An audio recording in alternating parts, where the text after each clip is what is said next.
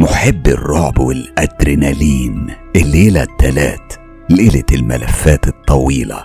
ساعات من الرعب والأدرينالين هتعيشوها مع مستر كايرو. يا ترى جاهزين لتجربة غير أي تجربة؟ الليلة حقيقة عدد ضخم من التجارب المرعبة اللي عاشها أصدقاء ومتابعي القناة واللي بدعوكم للاستمتاع بيها. خصوصا للناس اللي بتعشق الملفات الطويلة من محبي الاستماع ليها وقت السفر أو وقت النوم أو وقت الأعمال اليدوية. بقولكوا إيه؟ كفاية كلام. ويلا إيه؟ يلا بينا.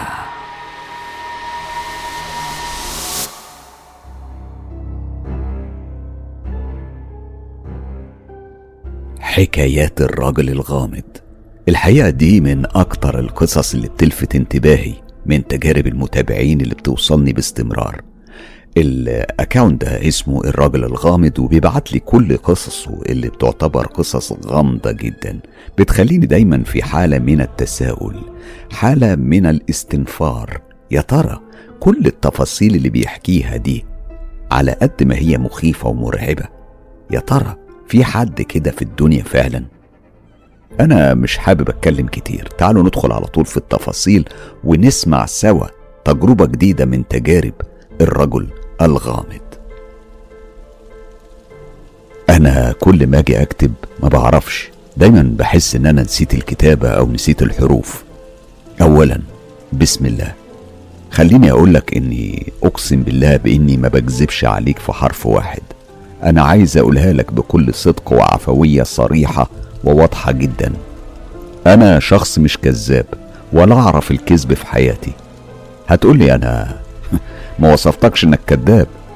هقولك أنا ما أقصدش أنت.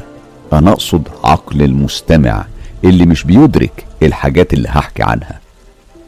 أول شيء حابب أتكلم عنه وأوضحه إن أنا مش متجوز من البشر. وحط تحت دي مليون خط أحمر لأني متجوز من الجن.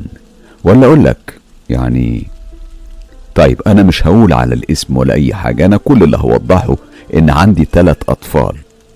أسميهم عمر علي وفاطمة.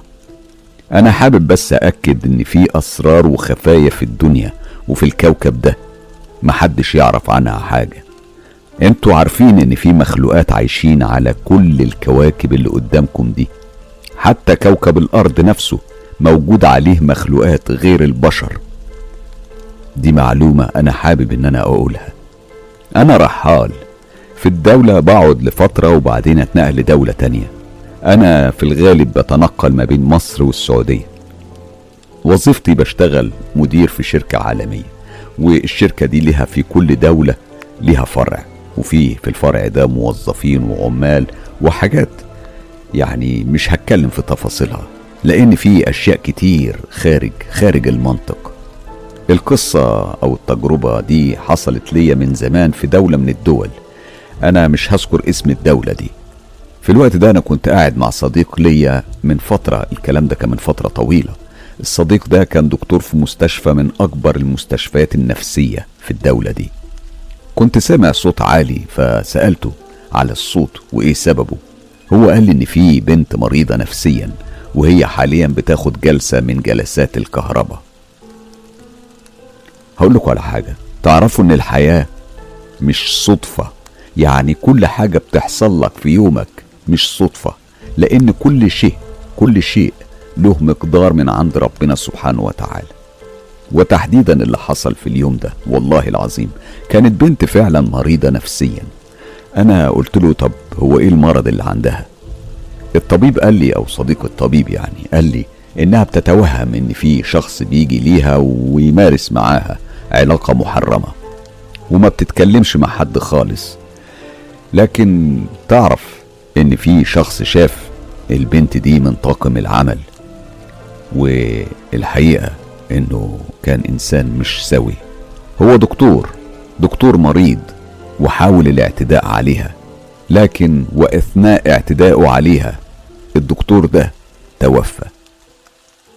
أنا حسيت إن ربنا بعتني للمكان ده علشان أنقذ الفتاة من الحادث ده.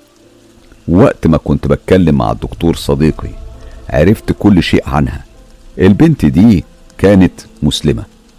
قلت له أنا حابب أروح أشوفها. ورحت فعلا للأوضة اللي هي فيها. وقلت له بس على فكرة دي مش مريضة نفسيا. دي مريضة بمرض مش موجود في كتب الطب النفسي. وجبت بشكير وحطيته على راسها وأنا واقف في مكاني. لو يعني أوصف لكم اللي شفته في اللحظة دي بتبقى يعني بالوصف البشري. كأني بصيت للماضي. بيظهر قدامي في خيالي حاجة زي الفلاش باك. بتبين لي أحداث اللي مرت بيها البنت دي في حياتها. وأنا شفت في الأحداث دي إن لها اتنين من الإخوات كانوا شباب. بيتهم كان موجود في منطقة فيها مقبرة أثرية. المقبرة الأثرية كانت مدفونة تحت البيت وهم استعانوا بدجال. على فكرة ما كانش دجال واحد كانوا دجالين كتير. وبعدين جابوا دجال أكتر خبثا يعني كان دجال خبيث كافر بمعنى الكلمة. لكن في كل مرة كان بيحضر على مين؟ كان بيحضر على أخت الشباب دول. وبعد كده طلبوا من الدجال إن هو ينفذ لهم خطة علشان يطلعوا الكنز اللي موجود في المقبرة الأثرية.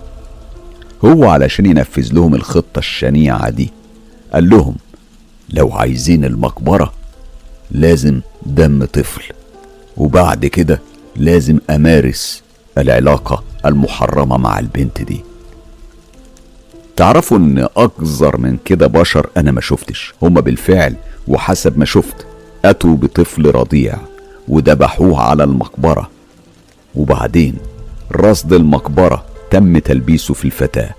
وبعد ما تمت العملية بنجاح أتوا بالفتاة للمستشفى على أساس إنها مريضة نفسيا. أنا طبعا لما شلت إيدي من فوق راسها وفقت من الحالة اللي أنا فيها دي أنا لقيتني قاعد ساكت تقريبا لمدة ساعة ما قدرتش أنطق حرف واحد. بعدها رحت رجعت للبنت وقفت قدامها وقلت له اتكلم. لما نطق نطق قلت له مين أنت؟ هو قال لي أنا عزازيل من قبيلة يهودية وأنا عشقت الجسم ده ومش هسيبه ابدا. قلت له أنت تعرف أنا مين؟ قال لي أيوه أعرفك كويس وعارف مين معاك وهم كلهم دلوقتي موجودين في الأوضة معانا. تخيل بقى إن الدكتور وقتها ما حدش من اللي موجودين ولا الدكتور ولا اللي حواليه سمعوا حاجة ولا حد عرف إيه الحوار اللي بيدور بيني وبين الكيان ده ولا أي شيء. طبعا هما أنا اتكلمت معاهم وقلت له أخرج بسلام ولا أذيك ولا تأذيني. هو قال لي أنا هخرج بس بشرط. قلت له اتكلم. قال لي إنهم يرجعوا بالذهب اللي أخدوه من المقبرة وإلا هينتقم منهم جميعا. قلت له لا. رد عليا وقال لي لا هنتقم منهم كلهم من الدجال ومن إخواتها. لما رجعنا للبيت أنا أخدت الدكتور ورحنا للبيت اللي كان فيه البنت وكانت عايشة فيه. والحقيقة ودي حاجة أنا هقولها وطبعا عارف إنها هتجد يعني حالة من عدم التصديق. لكن ده هو اللي حصل. إحنا لقينا إخواتها مقطوعين الرأس والدجال كمان كان ميت. إحنا طبعا حطينا الذهب كله في صندوق ورحنا الأوضة. وحطينا كل شيء في الحفرة وبعد كده اتقفلت الحفرة تماما. بعدها أنا قريت عليها تعويذة علشان إخفاء الحفرة ونقلتها لمكان تاني. في اللحظة دي كان معايا إخواتي من الجن دخلوها لمكان بعيد. بعدها أنا أخدت الدكتور ورجعنا للمستشفى. أنا طبعا ما فسرتش كل شيء لأن في أشياء خارج المنطق والعقل لكني أقسم لكم كل التفاصيل اللي حكيتها لك زي ما بقولك حقيقية. عارف إن كتير مش هيصدقوا لكن دي مشكلتهم هم مش مشكلتي أنا. أنا بحكي لك اللي بمر بيه وبعيشه ولك مطلق الحرية في تصديقه نشره أو رفضه. الرجل الغامض في العادة أنا لما بتعدي عليا رسائل من النوعية دي أنا برفضها. يعني بمعنى صح ما برضاش إن أنا اذاعها وأنشرها عندي في القناة. لكن لسبب مش مفهوم. حاسس إن في نوع من الصدق في كلامك وللسبب ده وحده أنا قررت أنشر القصة برغم غرابتها وبرغم يعني خروجها عن المنطق والعقل لكني عندي شغف إن أنا أعرف تفاصيل أكتر عنك وعن شخصيتك. يا ريت تبعت لنا باقي تجاربك. أنا حابب أناقشها مع الجمهور وأسمعها معاهم. التجربة دي من التجارب اللي برضو وقفت عندها كتير. معظم تجارب حلقة الليلة كلها تجارب جدلية وفيها أحداث بتخرج عن العقل والمنطق وتحديدا القصة اللي هنسمعها حالا من ليلى أنا مش هقول اسمها آه الحقيقي أو اسمها يعني واسم أسرتها. أنا بس هقتصر على نشر الأحداث زي ما بعتتها. هي بتقول إحنا كنا مسافرين. وجهزنا كل حاجة وكنا في انتظار السيارة علشان تيجي من البلد علشان نطلع من هنا مباشرة على الوجهة اللي إحنا رايحينها. لكن حصل شيء لأن السيارة خربت. بابا قال لنا إنه كمان لازم كده هنقعد هنا أيام زيادة. وقتها أنا فاكرة إني كنت متعصبة قوي لدرجة إني بدأت أعيط. كنت متحمسة كتير لأن إحنا نمشي من هنا ونطلع الرحلة دي. ما كانش عندي قدرة للتحمل إن أنا أستنى في المكان ده يوم تاني. ماما حاولت تهديني شوية وقالت لي ما تعيطيش. كلها أيام قليلة وهنروح وهنمشي من هنا. أكيد طبعا أنت مستغرب إزاي طفلة آه، في العمر الصغير ده هتفتكر كل التفاصيل دي. لكني مش هتبقى أنت الوحيد اللي مستغرب. أمي كمان أحيانا بتندهش من ذاكرتي الحديدية الفولاذية اللي بتجيب ذكريات لأشياء حصلت لي حتى في عمر الثلاث سنين بكل تفاصيلها الدقيقة. المهم بعد ما ماما هدتني شوية رحت أتمشى في الطبيعة مع الكلب الأحمر. أنا سميته كده لأن الكلب ده كان كلب غريب جدا. حتى إني عمري ما سمعت صوته بينبح ولو مرة واحدة.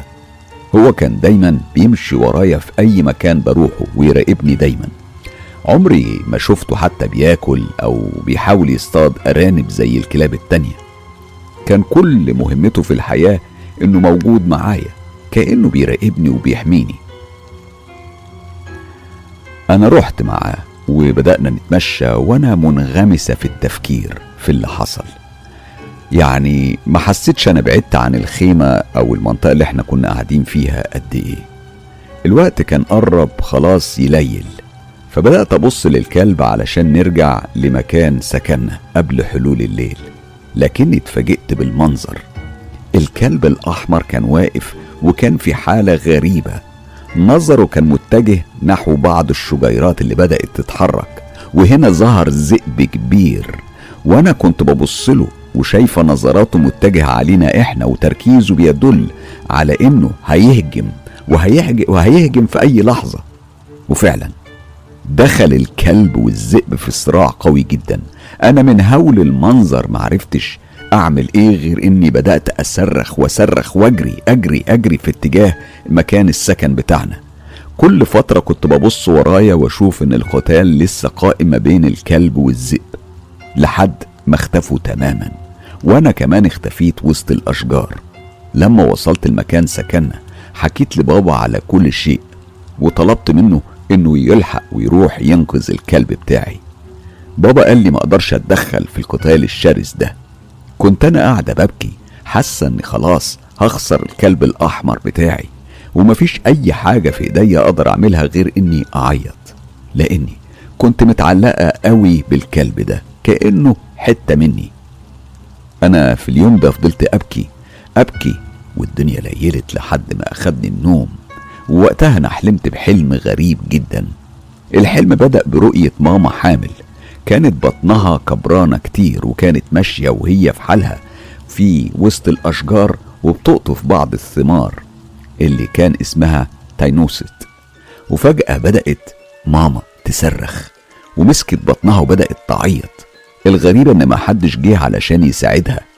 وبعدين اتفاجئت بظهور امرأة كانت أيضا حامل. وبدأت تساعدها لحد ما ولدت ووضعت المولود في حضنها ونظرت إليه وقالت كم هي جميلة أنا بسميكي منايا من النهاردة.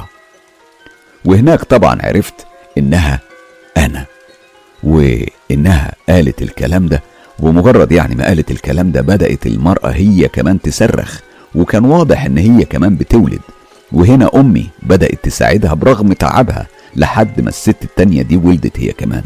ويبدو إنها ولدت طفلة كمان. الطفلة اسمها اسمها أيانم. لأنها قالت إنها هتسميها أيانم وأنا سمعت الاسم. ولو لاحظت إن اسم أيانم هو اسمي لكنه كان معكوس. وهنا حصل شيء غريب. أمي فقدت وعيها فجأة وبدأت المرأة تبدل الطفلتين ببعض.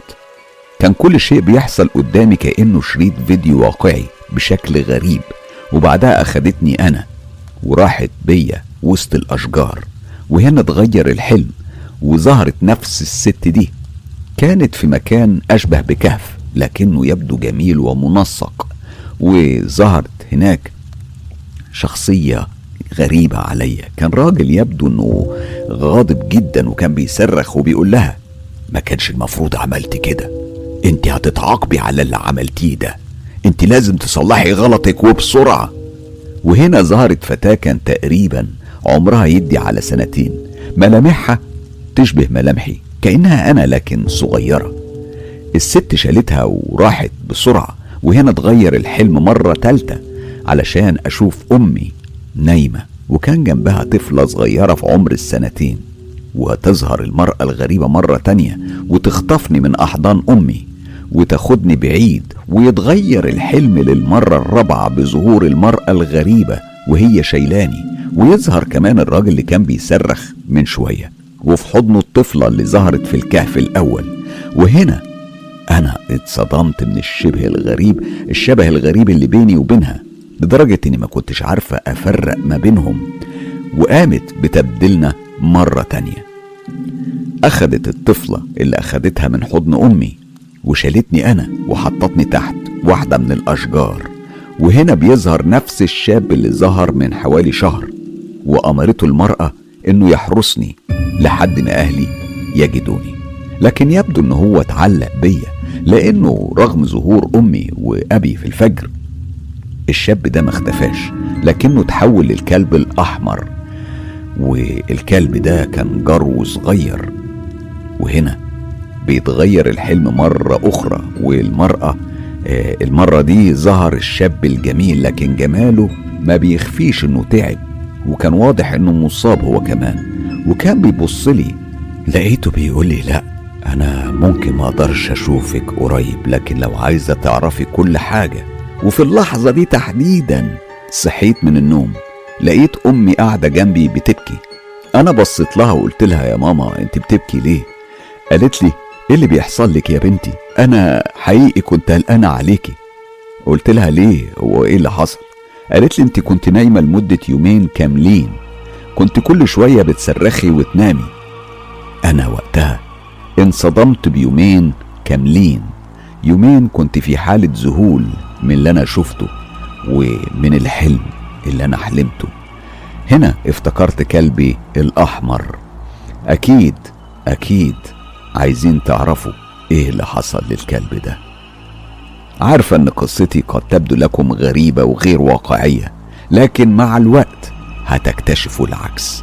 هيتضح كل شيء في المدن اللي أنا عشت فيها لأن في حالتين زيي تماما موجودين في المدينة أو في الدولة اللي أنا عايشة فيها حالة ولد وحالة بنت. التفاصيل هحكيها لكم لو قلتولي. كملي. يا ليلى. ليلى قصتك برضو يعني النهارده زي ما قلت هي عبارة عن مجموعة من التجارب آه، الخاصة بالأصدقاء تجارب المتابعين اللي بتكون غامضة لحد كبير. يعني الغموض هو النهاردة سيد الموقف بالكامل. وزي ما سمعتم في القصص اللي زعناها لحد دلوقتي آه، ال- الرابط أو الخط اللي بيربط ما بين كل الأحداث وكل القصص اللي بحكيها في حلقة الليلة هي الغموض والرعب. والحقيقة آه، التجربة دي تحديدا برضو من التجارب اللي أنا انتقيتها من مجموعة رسائل كتيرة اللي بتوصلني آه، علشان أحكيها لكم وأخصص لكم حلقة كلها غموض ورعب. التجربة دي مرت بيها الصديقة أنا هسميها الصديقة الغامضة لأن النهاردة الحلقة كلها عن الغموض والرعب. تعالوا نسمع الصديقة الغامضة وهي بتحكي لنا عن تجربة من أغرب التجارب أنا كنت بدرس الدكتوراه في محافظة ساحلية بعيدة وأول محاضرة كانت الساعة 8 الصبح. الوقت ده كان شهر يناير في عز العتمة والتلج. كنت هسافر مواصلات لأن المسافة بعيدة. كمان الشبورة صعبة قوي أنا فاكرة اليوم ده تحديدا كنت لابسة بنطلون جينز وكوتشي وكاب أسود. ووقفت على الطريق قبل صلاة الفجر مستنية أي عربية من اللي بيطلعوا بدري قوي اللي بتوع الخضار. الجو كان صعب زي ما قلت لكم تلج وعتمة. وفجأة لقيت قط في منتهى الجمال. لفت انتباهي بشدة. القط ده كان بيتمخطر قدامي في عز وخيلاء. لونه كان جميل الديل طويل جدا ومنفوش على الآخر. ويعني عايز أقول وأوضح إن ده كان واضح عليه إنه مش قط بلدي ده كان قط شيرازي. عينيه كانت ساحرة جميلة. نظراته ليا كانت نظرات بتاخد قلبي وروحي. ما تستغربش من كلامي لاني فعلا حبيته. السؤال دلوقتي القط يعني القط ده ما بيترباش في الأرياف. طب جه منين؟ أنا مش هقولك لقيته فجأة قدامي لأ ده كان بيعدي يتمخطر زي بنت عاجبها شاب فرايحة جاية بتعرض جمالها وتقول له أنا أهو بصلي اهتم بيا. القط عدى قدامي مرة واتنين وتلاتة ببطء وخيلاء فقررت إني أشيله. بس أنا على طريق سريع. إزاي همسكه وهو كله حيوية بالشكل ده؟ بس يعني القط ده عايز إيه؟ مشيت وراه وقعدت اعكسه هو قعد يراوغ ومجريش على الأسفلت. كأي قط يعني عايز يدعي اني أخدته بالقوة جيرة. كان في سلم لبيت طالع على مدخل صغير. يا دوب بفتح يعني في فتحة باب كده. هو دخل قال يعني بيستخبى. لكنه بيسهل لي بذكاء إني أمسكه. لكن هو يعني بيعمل اللي عليه من مراوغة. أتمنى يعني تكون فاهمني أنا بحاول أوصل لك اللي حصل. بصيت له وقلت له ما تخافش أنت عاجبني وأنا هاخدك البيت. تحب تيجي معايا؟ وهنا نزلت عليه علشان أشيله. أقسم لك إنه رفع إيديه ونط في حضني في قلب الكاب بتاعي. فرحت بيه فرحة لا توصف وأخدته للبيت ووقفت تحت. أقسم لك بالله العظيم. وأنا بقول يا ماما يا ماما. لقيته بيقول معايا يا ماما يا ماما. بحركات بقه الواضحة في مخارج الألفاظ وصوته. وهنا ماما فتحت الباب وجريت حطيت القط في أوضتي وقلت لماما أكليه وهي مستغربة. قلت يا ماما القط يعني ده مهم بالنسبة لي أنا حبيته جدا. وقلت ماما هو القط ده نادى عليكي ولا بيتهيألي؟ ضحكت وقالت فعلا يا بنتي كأنه بيتكلم. نسيت أقول لك ان لما قربت منه وسألت آه سألت القط يعني قلت له أنت قلت يا ماما وبصيت في عينيه وضحكت لقيته بص في الأرض نظرة كأي بنت خجلانة وأنا شايلاه وكأنه اتفضح. طبعا أنا هنا سبت القط في البيت وسافرت للكلية. كنت مشغولة كأني أم سايبة رضيعة في البيت مشغولة جدا. عدى اليوم ورجعت متأخر جدا ملهوفة. ماما ماما هو القط فين؟ وأكلتوه ولا لأ؟ وهنا ظهرت المفاجأة. القط أولا رافض يدوق أي حاجة من الفجر. على فكرة أنا لما روحت القط الصبح يعني لما خدت القط الصبح وديته ورجعت أركب كانت الناس خارجة من المسجد اللي على الطريق من صلاة الفجر. أنا بقول كده بس علشان أوصف الوقت بدقة لحضرتك. طيب قلت أولا رفض الأكل. ثانيا قابلني بفرحة ونط على رجليا ومسح وشه فيا. خلي بالك ده لسه ما قعدش معايا ساعة زمن. ثالثا النظرات أقسم بالله عينيه بتتكلم ناقص ينطق. الأغرب من كل ده اضطهاده وكراهيته لكل أفراد الأسرة. وحنينه معايا أنا وبس. نومه وقعدته بتكون في حجري. في يوم لقيته واقف على باب المطبخ. قطط بلدي كتير ورا الباب. السلك كانوا بيصرخوا معاه وعاملين أصوات مرعبة. أنا استغربت من سلوكه. آه طب أنا كنت عايز أعرف هو نوعه إيه؟ وهو فعلا يعني يعني نوعيته والسلالة بتاعته. أعمل إيه فيه؟ فأخدت القط معايا في العربية. طلعت على كلية طب بيطري وسألت أنا عايز أعرف كل حاجة عن القط ده. مين يقدر يفيدني؟ قالوا لي الدكتور فلان أستاذ ورئيس آه قسم البات أنيمال في الكلية. أقسم لك الكلية دي بعيدة وواسعة. أنا دخت جواها. يعني شفت خيول وجاموسة بتولد ومواويل كتير. ولفيت لما طلعت عيني.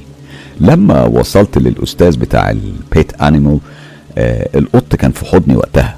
قلت له يا دكتور القط ده جاي لي هدية وعايزه أعرف نوعه. الراجل وقف واتسمر مكانه وقال لي أنت جبتيه منين ده؟ إزاي يعني؟ قال لي القط ده أصيل جدا ده شيرازي pure وصعب تلاقيه. أنت أصلا جبتيه منين؟ قلت له يعني يستاهل يا دكتور أهتم بيه وأديله التطعيمات. قال لي طبعا جدا جدا يا بختك. أنا فرحت قوي لكن كان بيساورني القلق. رحت على المكان اللي بيطعموا فيه الحيوانات زي الوحدة البيط... البيطرية بعد ما وصفوها لي. وهناك طلعت بطاقة مكتوب بطاقة الحيوان وسميته واديت له التطعيم. أقسم لك بالله كم شخص علشان يدوا حقنة للقط ده كانوا حرفيا القط كان هيموتهم. قالوا لي نقص ضوافره أو أنيابه. أنا رفضت طبعا ورجعت بيه واخدته شغلي. كان بيجري ويلعب ويجي يقعد فوق مكتبي. لحد هنا هتقول لي عادي. لا يا مستر كايرو مش عادي. هو يعرفني منين؟ ازاز العربية مفتوح. أنزل وأطلع ما حاولش إنه يهرب. وفي الشغل والبيت معايا. العجيب وكانت عجايبه الحقيقة كتير أكيد هنسى منها إنه لا أكل ولا شرب ابدا قدامي. لما رجعت البيت تعامله العجيب ده يعني بس اللي تتعامل معايا لازق فيا هو آه، فرش فرشت له في طبق بلاستيك كبير ينام لقيته على السجادة أو في حضني على السرير. سبته الصبح كالعادة ورحت شغلي. لما رجعت لقيت ماما بتقولي ده مش قط خلي بالك ده شيطان مشيه من البيت. وهو زي الست اللي بتطلع عين حماتها ولما ابنها يرجع تتسهوك قسما بالله كان بيبص لي بحنية واستعطاف هيخلع قلبي. ولما سألتها قالت القط ده أنا شفت واقف على الأرض على رجليه بس قدام كنبة. كنبة الأنتريه وعمل حمام وهو ماسك عضو الذكري وأكرمكم الله مسحه في الكراسي. القط ده راجل يا بنتي اوعي يعمل معاكي حاجة وانت نايمة. أنا طبعا ضحكت على الكلام ده وما اهتمتش الحقيقة. فضل معانا زي ما هو كلهم أعدائه وأنا حبيبته الوحيدة وهو طفلي المشاغب اللي مطلع عينيهم بالليل والنهار. دايما ألاقيه بينط على حجري ويتمسح فيا في أماكن غريبة وعينيه متعلقة بعينيا ومش عارفة إيه حنيتي عليه دي بجد. أنا بصراحة تعبت من استرجاع التفاصيل وأنا في شغلي إن شاء الله هكمل الحكاية اللي وجلال الرحمن حقيقية بكل تفاصيلها ويا ريت قادرة أوصل الحقيقة. أنا ليا صور عندي إن شاء الله أجيبها وأخلي حد يبص عليه يمكن يكتشف حقيقته وليه قلبي كان متعلق بيه كأنه وليدي. القط أنا سميته مشمش. كنت مسمياه مشمش ويا ريت تقول يعني إن أنا من محافظات الصعيد. كنت مسافرة بعيد ولأن كل جيراني وقرايبي عارفين القط وحكايته وشافوه قالوا ده جن مش قط. طبعا موقف مشمش ووقفته بالشكل اللي ماما شافته بيه كذا مرة يقلق لكن كأن فيه رابط بين روحي وروحه. رابط غريب كنت حاسة إن القط ده ملوش غيري في الدنيا. عينيه كانت بتشكيلي وهي متعلقة بعيوني ومن غير تريقة لأن دي حقايق. في يوم وهو واقف على باب المطبخ الباب السلك وكل القطط بتصرخ زي ما قلت قبل كده. وكان قالوا لي جوزيه لأنه كان بيعمل أصوات غريبة جدا. فأنا ظنيت إنه فعلا عاوز يتجوز. هرب مش مش لوحده واختفى حوالي أسبوع. إحنا قلنا موسم تزاوج وده ذكر وأكيد هرب مع قطط بلدي للتزاوج وخلاص بالطبع مش راجع.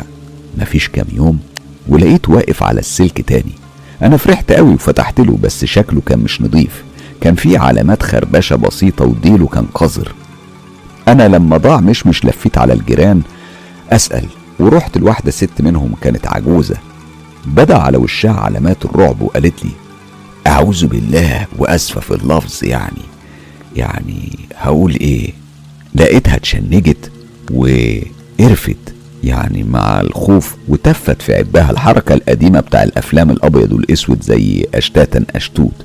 وكده يعني وقالت لي باللفظ هو دخل عليا فعلا. أنا يا ست يا عجوزة واترعبت واستعذت من الشيطان. أصل ده مش شكل قط ولا نظرات عيون قط ابدا.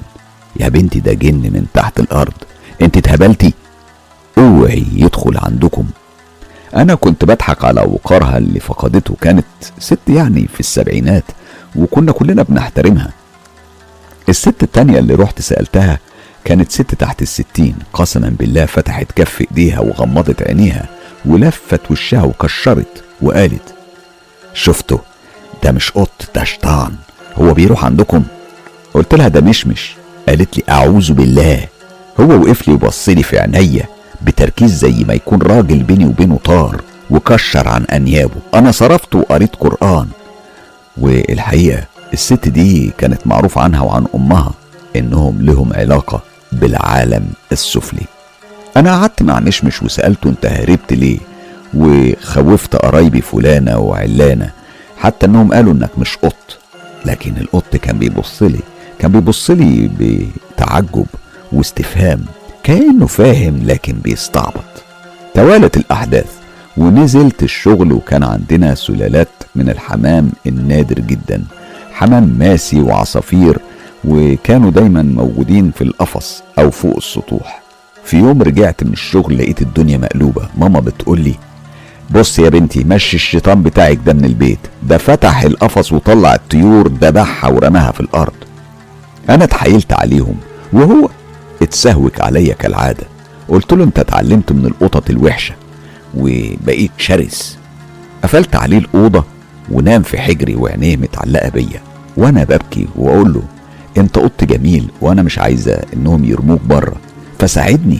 انت لو بتحبني بجد لو بتحبني لازم تساعدني. اتخيلوا لقيته بيعمل براسه كأنه إنسان وكأنه بيقول آه. أقسم بالله شفت الدموع في عينيه. قلت له خلاص اتفقنا. نعقل بقى ونهدى. يومين وطلع على السطوح خلى حمامة من نوع النادر بتطير على ارتفاع متوسط. لسه بتتعلم. كان أخويا فرحان إن النوع ده طلع.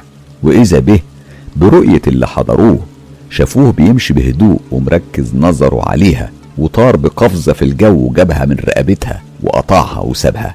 ما أكلهاش برضه ونزل كأي قاتل شرس كله شرور. لو أسد ما ينظرش ويمشي بالشكل ده أبدا. حصلت مشكلة في يعني مشكلة كبيرة في البيت وقلت لما أعرف أمسكه همسكه وأمشيه.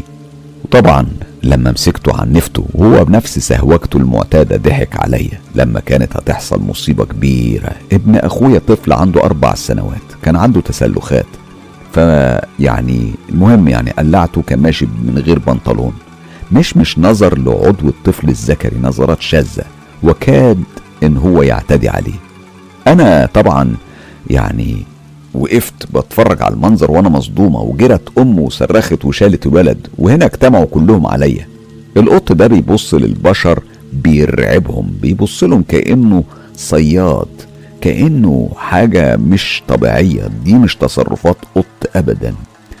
الغريبة إن عمرنا ما حطينا له أكل وأكل منه. جبنا له جبنة ولانشون ولبن ولا عمره ما أكل حتى لما نضف السمك. يقف جنبي. نزلت البطن والحاجات اللي بتبقى جوه السمك على كيس قلت يمكن عايز أكل. لكن لقيته بيبص لي بصة كأني أهنته يعني قمت بإهانته وبص للأكل بمنتهى القرف والغرور. وبالطبع اتفقنا إنه خلاص لازم يمشي. ده كان خلاص يعني هيأذي الولد الصغير. اتفقنا وقعدنا نتغدى سمك. أنا فاكرة. وقف على الباب السلك للمطبخ. ماما زعقت فيا وقالت لي قومي سكتي الزفت اللي انت جايباه ده ده عامل قلق مع قطط بلدي. أنا قلت مش قادرة معلش يا ماما اقفلي الباب. اقفلي الباب انت علشان ما يشوفوناش. و... ولو ما شافهمش ممكن يهدى. وهنا دخلت ماما المطبخ وإحنا بنسمي في الأكل. وسمعتها بتصرخ صرخة قوية. جريت لقيت إيديها متغرقة دم. والقط ده كان بيستهبل عليا بنظراته. قلبي اتخلع على امي العجوزة حرام. مسكت إيديها أقسم بالله العظيم إن نابو دخل من ظهر الكف معدي وخرم الكف وشكل الإيد كان مشوه. كل ده علشان ماما زعقت لي. اضطرينا ناخد ماما على المستشفى تاخد حقنة عضة الكلب. وكانت الطامة الكبرى. الدكتور لقى قطعة عظم مختفية وعاملة مكان فارغ في كف الإيد. إزاي الناب ده يعني لو ناب أسد مستحيل كان يعدي من الناحية دي ويطلع من الناحية التانية. يعني حاجة غريبة جدا. ده جاب ظهر الإيد بالكف والعظمة مختفية ولا مشقوق عليها ولا طلعت أصلا ولا أي حاجة. هو في إيه؟ خيط الدكتور وطهر ونظف وماما أخدت حقنة الكلب وقعدت أسبوع تقريبا كل يوم تروح وتاخد حقن عضة الكلب. وعضة القط طبعا ليها حقنة سعار زي علشان كده مسمينها اسم حقنة الكلب. ده للتوضيح. ماما رجعت المسكينة من المستشفى وهنا كان القرار حياة مشمش في بيتنا انتهت خلاص لأنه كان هيقتل ابن أخويا وقتل الطيور وشال عظمة من كف إيد ماما. فاضل إيه بس؟ يعني ده غير اللي كان بيحصل له وهو نايم جنبي. أنا مش حابة أوضح تحديدا بس هي حاجة يعني يعني عيب أقولها. أنا كل ده مش فاهمة عاطفتي تجاهه كانت ليه؟ طبعا كان مستحيل أي حد غير يقدر يمسكه. أنا نزلت جبت جبنة ولانشون وفينو زي أي أم حنينة ابنها الوحيد طالع رحلة. ودخلت الأوضة ودخل معايا. مديت إيديا نط في حضني. بعدها طلعت على العربية وفتحت الشنطة وحطيت الأكل. ومش مش في شنطة العربية من بالليل لأنه لو ما بيتنسكش غير في فترة الليل بس ولما يكون في حضني. غير كده عامل زي الذئب محدش يقدر يمسكه. ده غير بقى نظراته المرعبة وجزه على أنيابه. أقسم بالله العظيم كانت ليلة ليلة غريبة جدا. برد وبرق ورعد وتراب بدون أمطار. العربية كانت تحت شباك أوضتي قسما بالله العظيم لو محبوس فيها رجالة. ما نسمع الخبط والترزيع رزع ودبدبة عنيفة طول الليل ما نمت منها. وأنا بفكر أوضتي إيه ده؟ وإزاي؟ عدت الليلة والصبح جه ونزلت على الشغل وخفت من شنطة العربية افتحها ومشيت لمكان في طريقي يبعد تقريبا 12 كيلو عن بلدنا. أنا كنت عايز أنزله في مكان يقدر يعيش ويلاقي قوته فيه زي ما قلت يعني أمه وابنها الوحيد. ولما وصلت المكان ركنت وفتحت شنطة العربية وهنا نط على إيديا كالمعتاد بحزن. نزلته بس بعد ما حطيت اللانشون والأكل قلت له بنظراتنا اللي الأصدقاء كده أكيد فهموها وحزن وحنية الدنيا جوايا. أنت ليه عملت كده؟ مش قلت لك اهدى أنت خرجت الأمور عن سيطرتي بقى تخلع عظم كف أمي. أنت زعلتها من زعلتها منك جدا ولا أنت علشان زعلت منها لأنها زعقت لي بس ما كانش لازم تعمل كده. أنت قلت غبي غبي غبي. عموما أنا جبتك هنا في جنينة موالح وعصافير. تقدر بقى تصطاد وتعيش والأكل أهو يكفيك يومين لحد ما تتصرف. حسيت إن مش مش عارف قراري وبص للأكل بحزن وأقسم لك أنا كنت بعيط طول الحوار ده وهو بص لي بصة ودموعه سالت على خدوده زي الإنسان ونظر للأكل بحزن وليا وهو بيبكي وبعدها مشى بعيد يعني لا عايز منك أكل ولا حاجة. اللحظة دي كانت أصعب لحظة وداع. كنت ببص له وحاسه انه بيعيط وهو ماشي بيبعد. وأنا راكنه على شنطة العربية ببكي وبقول له انت اللي عملت كده؟ وقفت كتير لحد ما اختفى عن الأنظار. كنت حريصة أقول له إن هو الغلطان وإني ما كنتش عايزة الأمور توصل لكده. وركبت عربيتي ببطء ومش عايزة أبعد عن المكان وعياطي كان بشحتفة لحد ما قلت لنفسي جمادي بقى خلاص واجري بعيد. المكان ده لازم تبعدي عنه علشان تنسي. ويفقد تأثيره الأصلي. كنت بمشي بشويش ولو ظهر أكيد كنت هاخده تاني. والأدهى من كده فضلت أيام وأيام أبكي وأتوقع إنه ممكن يرجع. جيراننا اللي هم قرايبنا زارونا وكل شوية واحدة تسمعني كلام وأهلي يحكوا على عمايله والستات بيحلفوا إنه جن. وفعلا يعني أنا هدور على الفلاشة اللي عليها صورته وهبعتها لحضرتك. بس السؤال ده كان إيه؟ وليه يتصرف بالشكل ده؟ وليه روحي اتعلقت بيه؟ حد يا جماعة يقدر يفهمني؟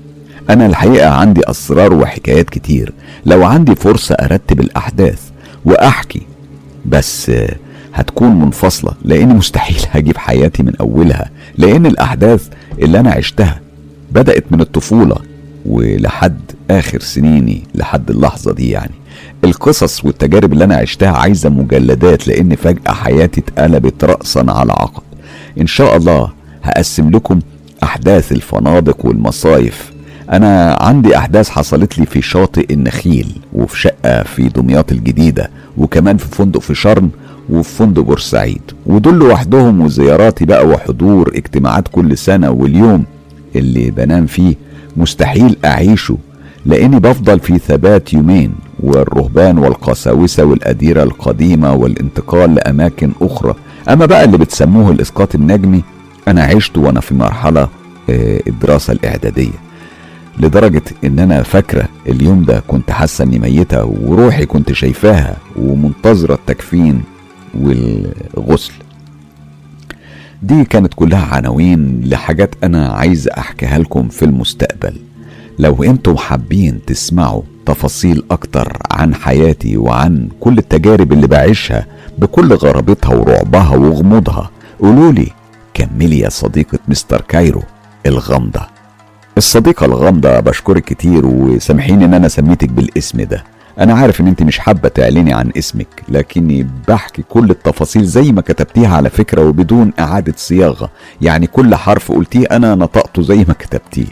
حبيت انقل للجمهور مشاعر إنسانة آه لها علاقة بالعالم الموازي بشكل أو بآخر وده هيتضح من التفاصيل اللي سمعناها النهارده ومن التفاصيل اللي ممكن هنسمعها لو الجمهور طلب إنه يسمع باقي حكايتك بشكرك الصديقة الغامضة.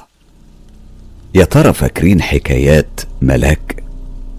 أنا هفكركم. ملاك هي بنت من دولة عربية. والحقيقة على فترات على مدار شهور آه، كل فترة بتبعت لي جزء من تجارب عاشتها. ملاك ليها اتصال بعالم الجن. كنت نشرت لها آه، تقريبا من فترة تجربة إنها نزلت في بطن الأرض واتقابلت مع الجن وعاشت في عالمهم. النهارده ملاك آه، هتكمل معانا فقرة جديدة من التجارب بتاعها اللي بتعيشها باستمرار بعلاقتها الغامضة والمريبة مع عالم الجن. تعالوا نسمع ملك بتقول إيه. من جديد أنا معاكم. جالي صديقي الجن في منامي وقال لي هفتح لك باب رزق قدامك. هخليكي من الأغنياء. قلت له إزاي يعني؟ وأنا ما بحبش أتعامل معاك. لقيته بيقول لي هتعملي وهتشتغلي معايا غصب عنك. وفعلا من غير شعور أنا اجتمعت مع الجيران. ضحكنا وتسلينا وشربنا القهوة. وهنا بدأ تصرف غريب من الجارات. لقيتهم آه بيطلبوا الفنجان. وأنا كنت بضحك وبقول لهم آه إيه يا جماعة في إيه؟ قالوا لي اقري الفنجان. أنا كنت بضحك لأني كنت واخدة الموضوع تهريج. كنت يعني ما بعرفش حاجة في الفنجان. يعني ما كانش عندي أي خلفية عن قراية الفنجان. لكني بمجرد ما مسكت الفنجان اكتشفت إني شايفة تفاصيل حياتهم قدامي وكل اللي هيحصل لهم هما كانوا بيلتفتوا لي ويقولوا لي فعلا الكلام ده حصل.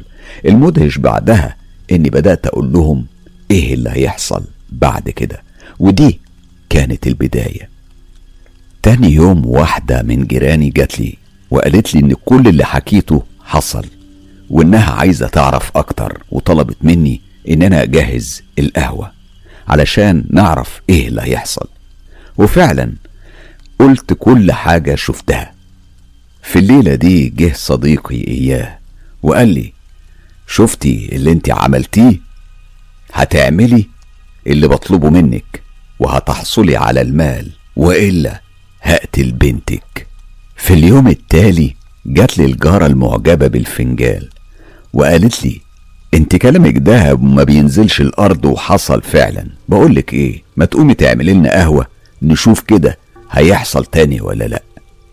كررت العملية وشفت الفنجان وبالليل هو جه. بالفعل جه وقال لي انت ليه ما أخدتيش الفلوس منها؟ قلت له صعب يعني آه، بالقانون هنا في الدولة دي هيتقطع راسي وهيتهموني بالدجل. ده مصير اللي بيعمل الفعل ده. هو قال لي تحملي بقى اللي هيحصل. وبدأ يخنق بنتي. قمت عليها أنا وجوزي وشفنا الزبد بيخرج من بقها.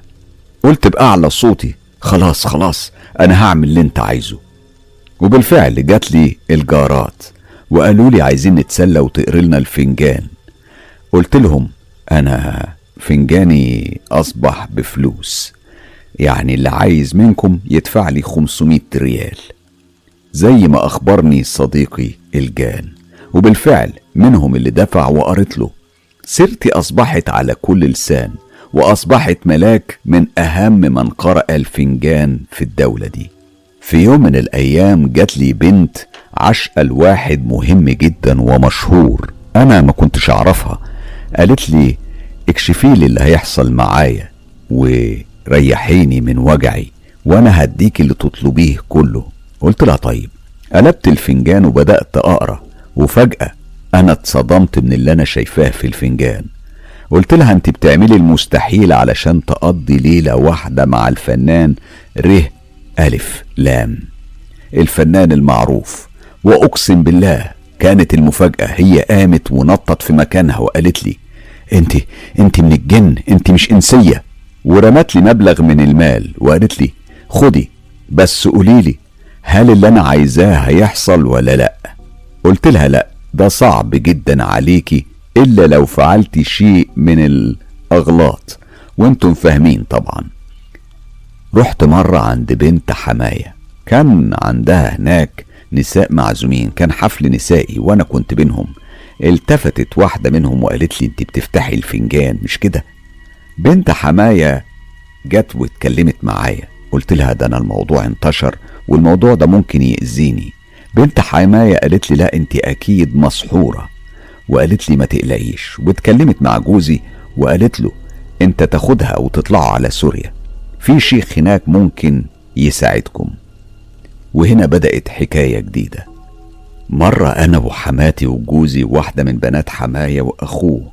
فعلا سافرنا لسوريا ورحنا للشيخ ده اللي بدأ بالقراية عليا وبعدين سكت والتفت لوشي بشكل مباشر وصدمني بجملة ما كنتش متوقعاها لأني لقيته بيقول لي أنت عاملة سحر لجوزك وحماتك وهيتم قطع لسانك من قبل الجان وهيذهب نظرك يعني هتتحولي لإنسانة عمية يعني يا ربي أنا جيت هنا علشان يقرأ عليا ويخلصني من وجعي أبص ألاقي نفسي متهمة.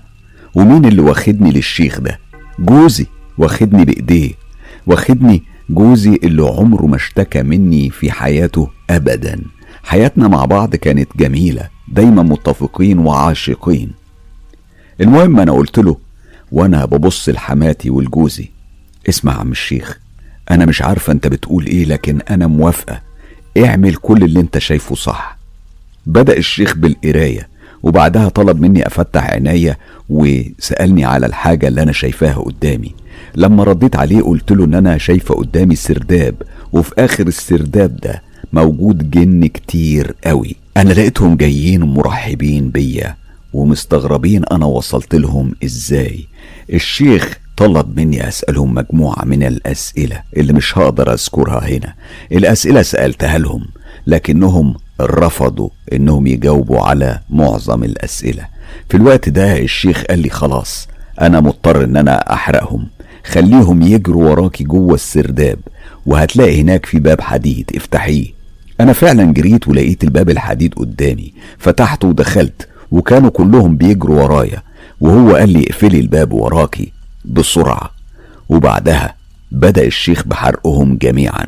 وأنا كنت ببص من بعيد وقال لي دلوقتي اخرجي وفتحي عينيكي. أنا فتحت عينيا وبصيت. قال لي دلوقتي شايفة؟ قلت له أيوة أنا شايفة. هو التفت لحماتي وقال لها البنت دي بريئة من كل التهم. والشيخ قال لي أنت الحالة التانية اللي شفتها في حياتي بالشكل ده. كان مبهور مني قال لي انت إزاي بتعرفي الحاجات دي؟ قلت له أنا بشوف كل حاجة بتحصل حواليا. بشوف اللي هيحصل للمرضى اللي بيستنوا حتى اللي مستنيين بره في الأوضة المجاورة. أنا عارفة هم عندهم إيه. قال لي مستحيل. قلت له طب خلاص دخل فلانة. دخلت وقعدت. وبعدين آه خرجت من أمر منه. قلت له على كل شيء عنها وكان من ضمن الحاجات دي إنها آه جاية علشان تعمل سحر للشخص هي بتحبه. بعدها هو دخلها وسألها إذا كانت فعلا جاية علشان تعمل سحر لشخص هي بتحبه؟ قالت له فعلا دي حقيقة. قال لها وانتي يعني عايزة تعملي الموضوع ده ليه؟ قالت له هو كرهني وأنا حابة أرجعه ويبقى معايا. الشيخ بصلي وقال لي انت كنز من كنوز الأرض. بعدها أنا مشيت للبيت مع أسرتي وأنا ببكي وراحت الأيام وجت أيام ورجعت للعاصمة بتاعت الدولة اللي أنا عايشة فيها. وقعدت مع حماتي الله يرحمها وكنا بنتكلم وشدت معايا في الكلام وقالت لي الشيخ قال إن أنت كذابة وهينتقم منك ربنا سبحانه وتعالى. قلت لها الشيخ ده قال الكلام ده عليا ربنا اللي هينتقم منه. وفعلا الشيخ ده مات في حادثة سيارة. مرت الأيام والشهور وكان بيجيني الجن صديقي في المنام بيقدم لي النصيحة والهدايا كان بيقول لي على اللي بيحصل من ورا ظهري واللي هيحصل بعد كده. وأنا كنت مطمئنة للواقع الجميل. كان بيخبرني عن أعدائي وعن حسادي. وفي الفترة دي أنا اكتشفت السحر الجديد اللي كان بيمنعني من الحمل لمدة خمس سنين. كنت دايما بلجأ لربنا بالدعاء. وأخيرا جالي خبر من صديقة إن في شيخ ممكن يقرأ عليا ويخلصني من الألم والوجع اللي أنا فيه. ورحت له فعلا أنا وجوزي. الشيخ ده لما دخلت اكتشفت إنه بيضرب كل واحدة بتروح له بشكوى عن وضعها بيضربها بدون رحمة. لقيته قال لجوزي يضع إيديه على راسي ويقرأ وكان هو بيضرب على ظهري بعصاية حسبي الله ونعم الوكيل. وبعدها كان بيحمي سيخ ويدخله في ضوافر رجلي وأنا كنت بستحمل اللي بيحصل والوجع كان شديد لدرجة إني في الآخر ما قدرتش أستحمل. ورفعت رأسي وضربت جوزي المسكين كف على وشه وقلت له قدام الشيخ لازم تطلقني أنا مش عايز أكمل معاك ومع عيلتك. ونزلت أجري في الشارع بهرب منه. الشيخ الدجال قال لجوزي ده من شر الشيطان اللي جواها. ونسى ان هو نفسه شيطان أكبر. طبعا أقنع جوزي يشتري عسل مقروء عليه وطبعا دي كانت هي الغاية اللي بيسعى ليها الشيخ عشان ياخد فلوس كتير من جوزي. حسبي الله ونعم الوكيل. لكن هنا خرج لي مساعدي الخفي لينتقم من هذا الدجال ويحصل له شيء مرعب أنا مش حابة أتكلم عنه. هو حصل له اللي يستحقه وكل عصا ضربني بيها هو تألم عشرات الأضعاف مقابل ليها. ربنا حقيقي انتقم لي منه لأنه كان سبب عذابي وعذاب ناس كتير وعايز أقول إن هو كان من أسباب تدمير مالي ونفسي وبيتي وبيوت ناس كتير. ناس كتير كل حياتهم أصبحت لعنة بسببه. الحمد لله أنا بنت جميلة وصادقة وحنونة ومحبوبة. مش بمدح في نفسي لكن دي حقيقة. كل اللي يعرفني حبني. وكل من كان عدو لي اتصدم بعقاب على قد الأذية اللي وجهها لي. عالم الجن عالم حقيقي فيه الألم والتعب. تم الحمل بعدها وانتهى السحر. السحر اللي كان موجه ليا من 15 ملك من الجان مسلطين عليا لكن المارد اللي كان بيحميني لسه معايا لحد اللحظة دي. وبيقول عن نفسه إنه هو من سلالة سيدنا الخضر وأتمنى لو أعرف هل أنا زهروية ولا لأ. أنا عندي علامات كتير لكني ما رحتش لحد عشان يكتشفها. كمان عندي قدرة قراءة الأفكار من يعني لو شفت حد قدامي بعرف بيفكر في إيه وأعرف هو بيقول إيه أو عايز يقول إيه وما بيقولهوش وأعرف هو عايز مني إيه. يعني أنا الحمد لله عندي مواهب وقدرات منحة من عند ربنا. ممكن أريح اللي قدامي وممكن أعذبه بطريقتي وأديله على قدر استحقاقه. في ناس ممكن ترتاح معايا وفي ناس بتخاف تتعامل معايا لأني عندي شفافية لأي شخص بيقعد قدامي. طبعا ده بيتعبني جدا. أنت عارف اللي في العقول وإنك تعرف اللي في النية شيء متعب للغاية. ملاك بشكرك على مشاركتنا في تفاصيل تجربتك. والحقيقة ملاك المرة دي أنا تعمدت إن أنا أقرأ تجربتها بدون أي إعادة صياغة يعني زي ما هي كتبتها حتى بالأخطاء الإملائية. أنا قريت كل حرف زي ما ملاك بعتته. أتمنى إن أصدقائنا في الكومنتات ممكن يعلقوا لنا ويوضحوا لنا إيه اللي ممكن بتعاني منه ملك التجربة دي من إيمي وإيمي من أصدقائي الغاليين على اليوتيوب. إيمي بتحكي لنا على تجربة مرت بيها نتيجة سحر بيتجدد. تعالوا نسمع مع بعض التجربة بتاعتها دي.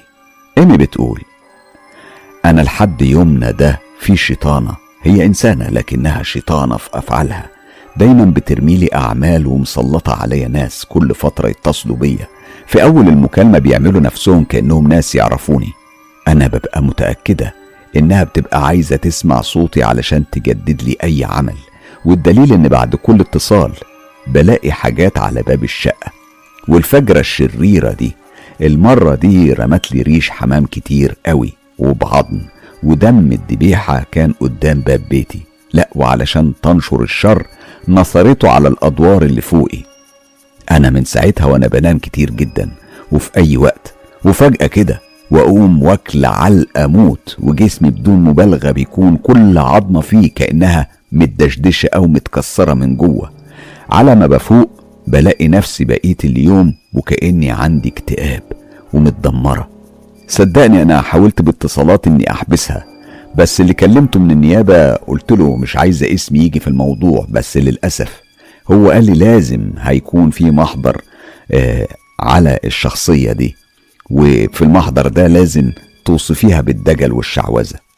وهتعرف طبعا مين اللي عمله فساعتها هيكون اسمها مكشوف وهيكون في مواجهة وغالبا هتكون قضية ووارد إنها تخرج منها.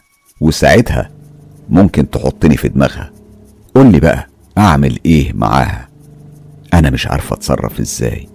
أنا من رمضان اللي فات وبرضه في حاجات بتترمى قدام باب الشقة. يعني مرتين بعاد عن بعض ريش حمام بالعظم والدم إلى آخره.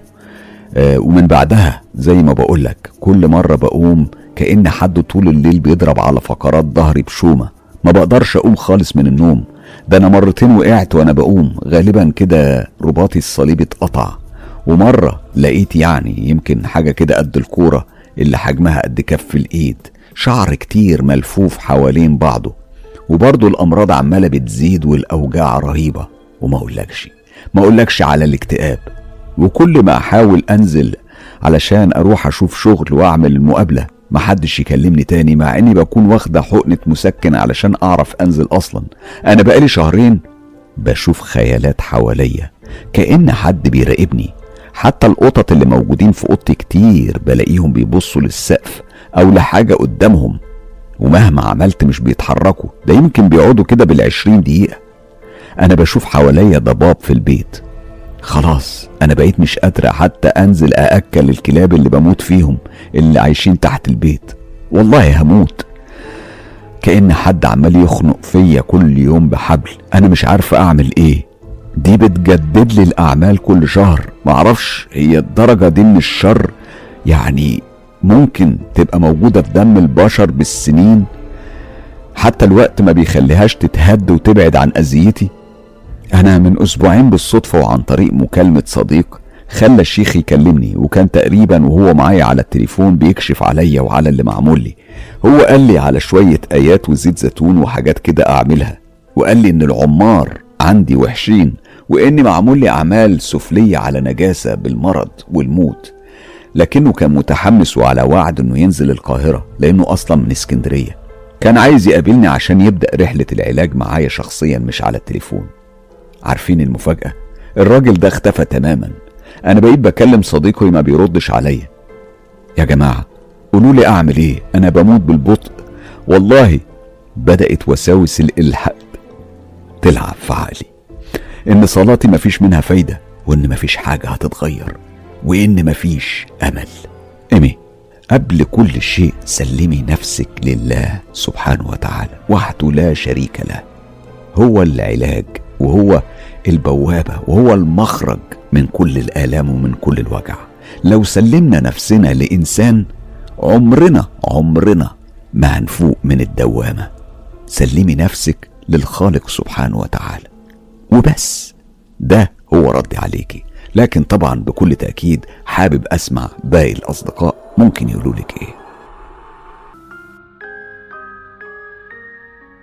التجربة دي تجربة غريبة قوي ومش معتادة. يمكن بعتبرها من أغرب التجارب المرعبة اللي وصلتني. بعت لي التجربة إبراهيم إبراهيم شاب اسكندراني مراته توفت وهي نايمة. ومن غير أي أسباب يعني دخلت تنام ما قامتش. ما كانش عندها أي أمراض أو أي شيء قدرها يعني. لكن هو حياته اتغيرت 180 درجة بعدها. بقول لكم إيه؟ كفاية كلام وتعالوا نسمع إبراهيم بيحكي اللي حصل لهم واللي عاشوا.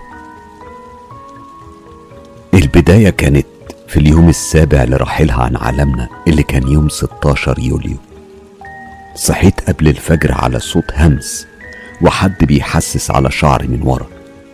الصوت كان بيقول لي وحشتني مشتاقش وحشتني. أنا فضلت أقاوم الصوت والإحساس لأني كنت مدرك إن دي أكيد هلاوس وتخيلات. وبالفعل أنا رحت في النوم من تاني.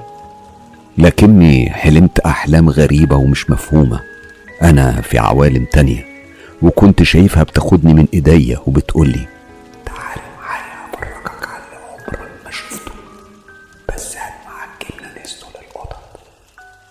الساعة كانت حوالي تمانية ونص الصبح لما صحيت اليوم ده لكني كنت صاحي واحد تاني. معرفش افسرها إزاي أو حتى اشرحها. أنا لقيتني قمت صليت ودعيت لنا إحنا الاتنين زي ما اتعودت اعمل طول سبع سنين. هي سنين جوازنا اللي كانت أحلى واجمل سنين عشتها في عمري كله. بعدها نزلت من البيت وجوايا احساس غريب. كنت بتحرك وكأني انسان آلي. مش عارف إيه اللي بيا. عديت على بقالة الكريون اللي جنب البيت وطلبت عيش وجبنة نستو مثلثات وأنا بحاسب شفت على الرف علبة تبشير. فافتكرت إن البيت جنبه في مدرسة ابتدائي ولقيتني بقول للبياع وزود لي علبة تباشير على الحاجة بتاعتي لو سمحت. حسبت وخرجت طلعت للشارع الرئيسي اللي اسمه شارع أبو قير. كل الإسكندرانية عارفينه. وقفت شوية كأني كنت بسأل نفسي وأنا بعمل إيه؟ مش فاهم. عدى قدامي أكتر من ميكروباص مشروع يعني. كنت مساهم وأنا ببص لهم لحد ما جه ميكروباص قديم ومهكع كان لونه أحمر مجرب. كان مشغل مهرجانات ومليان ناس ما فيهوش غير كرسيين فاضيين. لكن اللي لفت نظري كان الاستيكر اللي كان ملزوق على الإزاز بتاعه واللي كان مكتوب عليه افترقنا. وانقطع حتى السلام.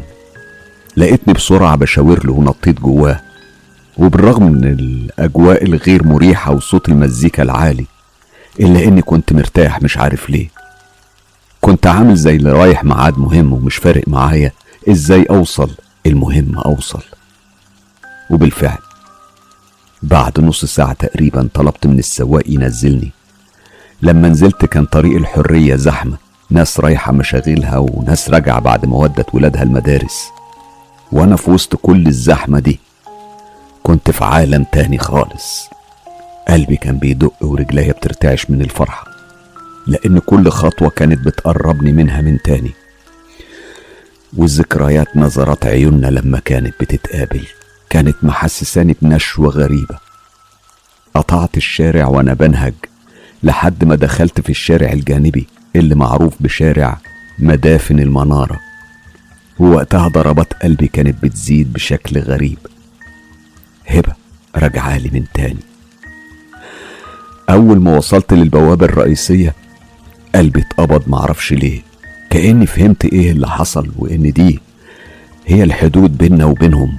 هما اللي فرقونا ومشيوا وإحنا اللي لسه موجودين. أنا وقفت اللحظات وأنا متردد وغرقان في الفكر.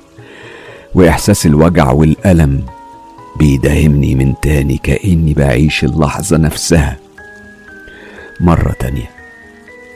افتكرت كل لحظة. من لحظة لما صحيت من النوم وبصحيها لقيتها راحت وسابتني لوحدي. هبة كانت سبعة وعشرين سنة ما كانش عندها أي حاجة ولا أي مرض. قبل ما ننام بالليل كنا بنتفرج على التلفزيون سوا وبنضحك. كانت متفقة معايا هنروح لجدتها الصبح نشقر عليها. هبة كانت أطيب إنسانة في الدنيا كلها. وبعدين الصبح. وجع. وجع بس وجع. مفيش كلمة تانية تقدر تعبر عن اللي حسيته ولسه بحسه لحد النهاردة. حاسب يا أخي أطلع من السكة.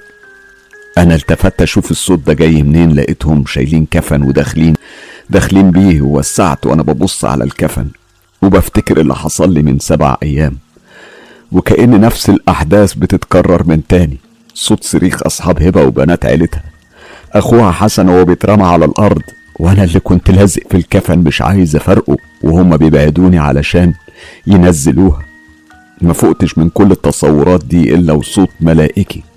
كان بيتكلم جوه دماغي وبيقول لي إيه يا هيم أنت هتخستع من أولها؟ أنا مستنياك. وحشتني. مرة تانية خطوات رجليا رجعت للمشي بشكل آلي في اتجاه بيتنا الجديد أقصد يعني قبر هبة. كنت بتحرك بثبات المرة دي مش عارف جبت منين الثقة دي كلها.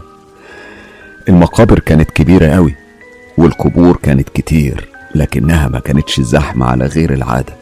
يمكن علشان كنا في نص الأسبوع بعد حوالي سبع دقايق من المشي الثابت كنت واقف قدام القبر. مفيش كلام في الدنيا ممكن يعبر عن إحساسي في اللحظة دي. الشمس كانت طالعة والهوا كان بيضرب في وشي بيحسسني بالفرق بين إحساسي وإحساسها هي وهي نايمة جوه. لكن اللي جوايا كان حاجة تانية حاجة ملهاش طعم يتوصف. فقد واشتياق جارف وحزن موجع بيوصل لقاع الروح. لو كان في حاجة اسمها كده. الدموع كانت بتنزل من عينيا بغزارة وكأنها زخات مطر في يوم من أيام شهر يناير العاصفة. وما حسيتش بنفسي إلا وأنا بلمس جدار القبر بإيديا كنت حاسس إن دي أقرب حاجة لإحساسي بيها وأنا بلمسها من تاني. معرفش قعدت على الحال ده قد إيه. أنا كنتش حاسس بنفسي إلا وإيدين بتطبطب عليا وصوت راجل عجوز بيقول لي إنا لله وإنا إليه راجعون يا ابني. كل من عليها فان ويبقى وجه ربك ذو الجلال والإكرام. قوم يا ابني مصيرنا كلنا نتقابل ونتجمع من تاني. أنت كده بتزعلها منك؟ أنا من غير منطق حرف واحد. لقيتني بستجيب لكلامه وبقوم من مكاني مرة تانية زي الإنسان الآلي. لكن وأنا ببص على القبر مرة أخيرة قبل ما أمشي لفت نظري مكتوب بالتباشير هفضل أحبك لحد ما نتقابل. استغرابي ما كانش من إني كتبت الجملة دي إمتى وأنا عارف إني ما اتحركتش من مكاني. استغرابي كان إنها كانت مكتوبة بخط هبة. أنا كنت ببص للجملة وأنا في حالة ذهول وعدم تصديق لكن الراجل الطيب أصر إنه يمشي معايا لحد بوابة المقابر. مشيت معاه وأنا كل شوية ببص ورايا على الجملة المكتوبة على القبر وهنا افتكرت إني ما أكلتش القطط. آه ماهبة كانت بتعشق القطط وبتحب تأكلهم. أنا لفيت وقلت للراجل العجوز هو في قطط هنا؟ ضحك وقال لي والله ضحكتني يا ابني. انت فيك إيه بس؟ والله همي يضحك وهمي يبكي. أيوه في قطط كتير ساكنة هنا. انت ناديهم بس وهتشوف بعينيك. وقبل ما ارد كان الراجل بيعمل اصوات ببقه ولقيت حوالي أربع أو خمس قطط جايين جري. قعدت جنب شجرة صبار قديمة ورميت لهم حتت عيش بالجبنة. والراجل واقف بيبصلي ومستغرب من تصرفاتي الجنونية حسب تخيله طبعا. ولا يمكن ولا يمكن أقدر أوصف إحساسي ساعتها. ما هو آه يمكن يمكن أكون كنت مجنون في الوقت ده وأنا مش عارف. حكيت للراجل حكايتي واللي حصل لهبة وإزاي سابتني ومشت من غير استئذان. بعد شهر تقريبا من اليوم ده اتكررت فيه زياراتي الأسبوعية لهبة. وكل مرة كنت برجع ومعايا رسالة جديدة منها بتكون مكتوبة بخط إيديها على جدار القبر بتاعها اللي اتملى بالكامل رسايل كلها من نوعية قد إيه الاشتياق بيتعب.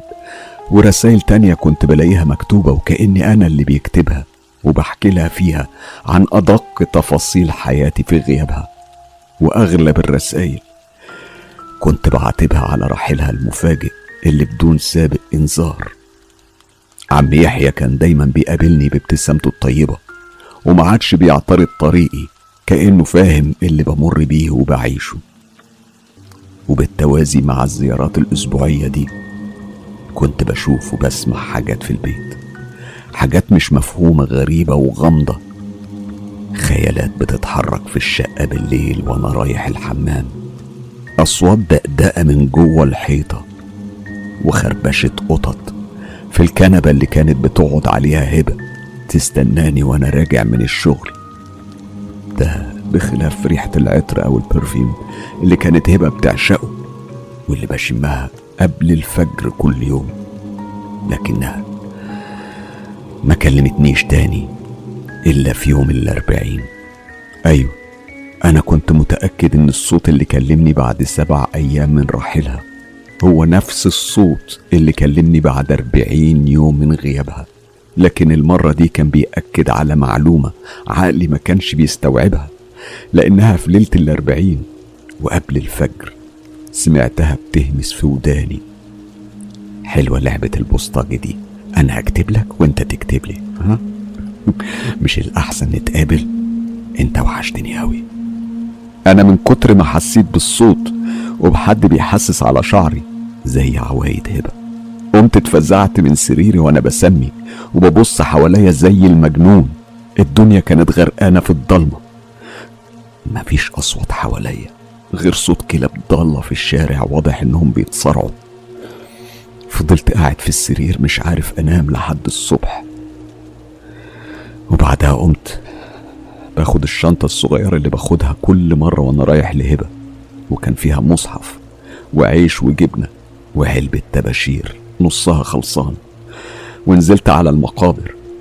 لما وصلت هناك كانت غير أي مرة. لأني كنت حاسس بنفسي فايق ومدرك كل اللي حواليا. كنت ببص على جدران القبر اللي كان مكتوب عليها مش أقل من 30 رسالة في منهم اللي بخطي ومنهم اللي بخطها هي. كانت عينيا بتقراهم بنهم وبتركيز لكن أكتر رسالة لفتت انتباهي. رسالة كان التاريخ اللي مكتوب تحتها كان من آخر زيارة جيت لها فيها وكانت بتقول هستناك بالليل نكمل كلامنا. الرسالة كانت مكتوبة بخط هبة فعلا. اسمح لي. اسمح لي ابعت لك باقي تجربتي الصعبة اللي عشتها كمان كام يوم لأن مجرد الكتابة بتقلب عليا المواجع.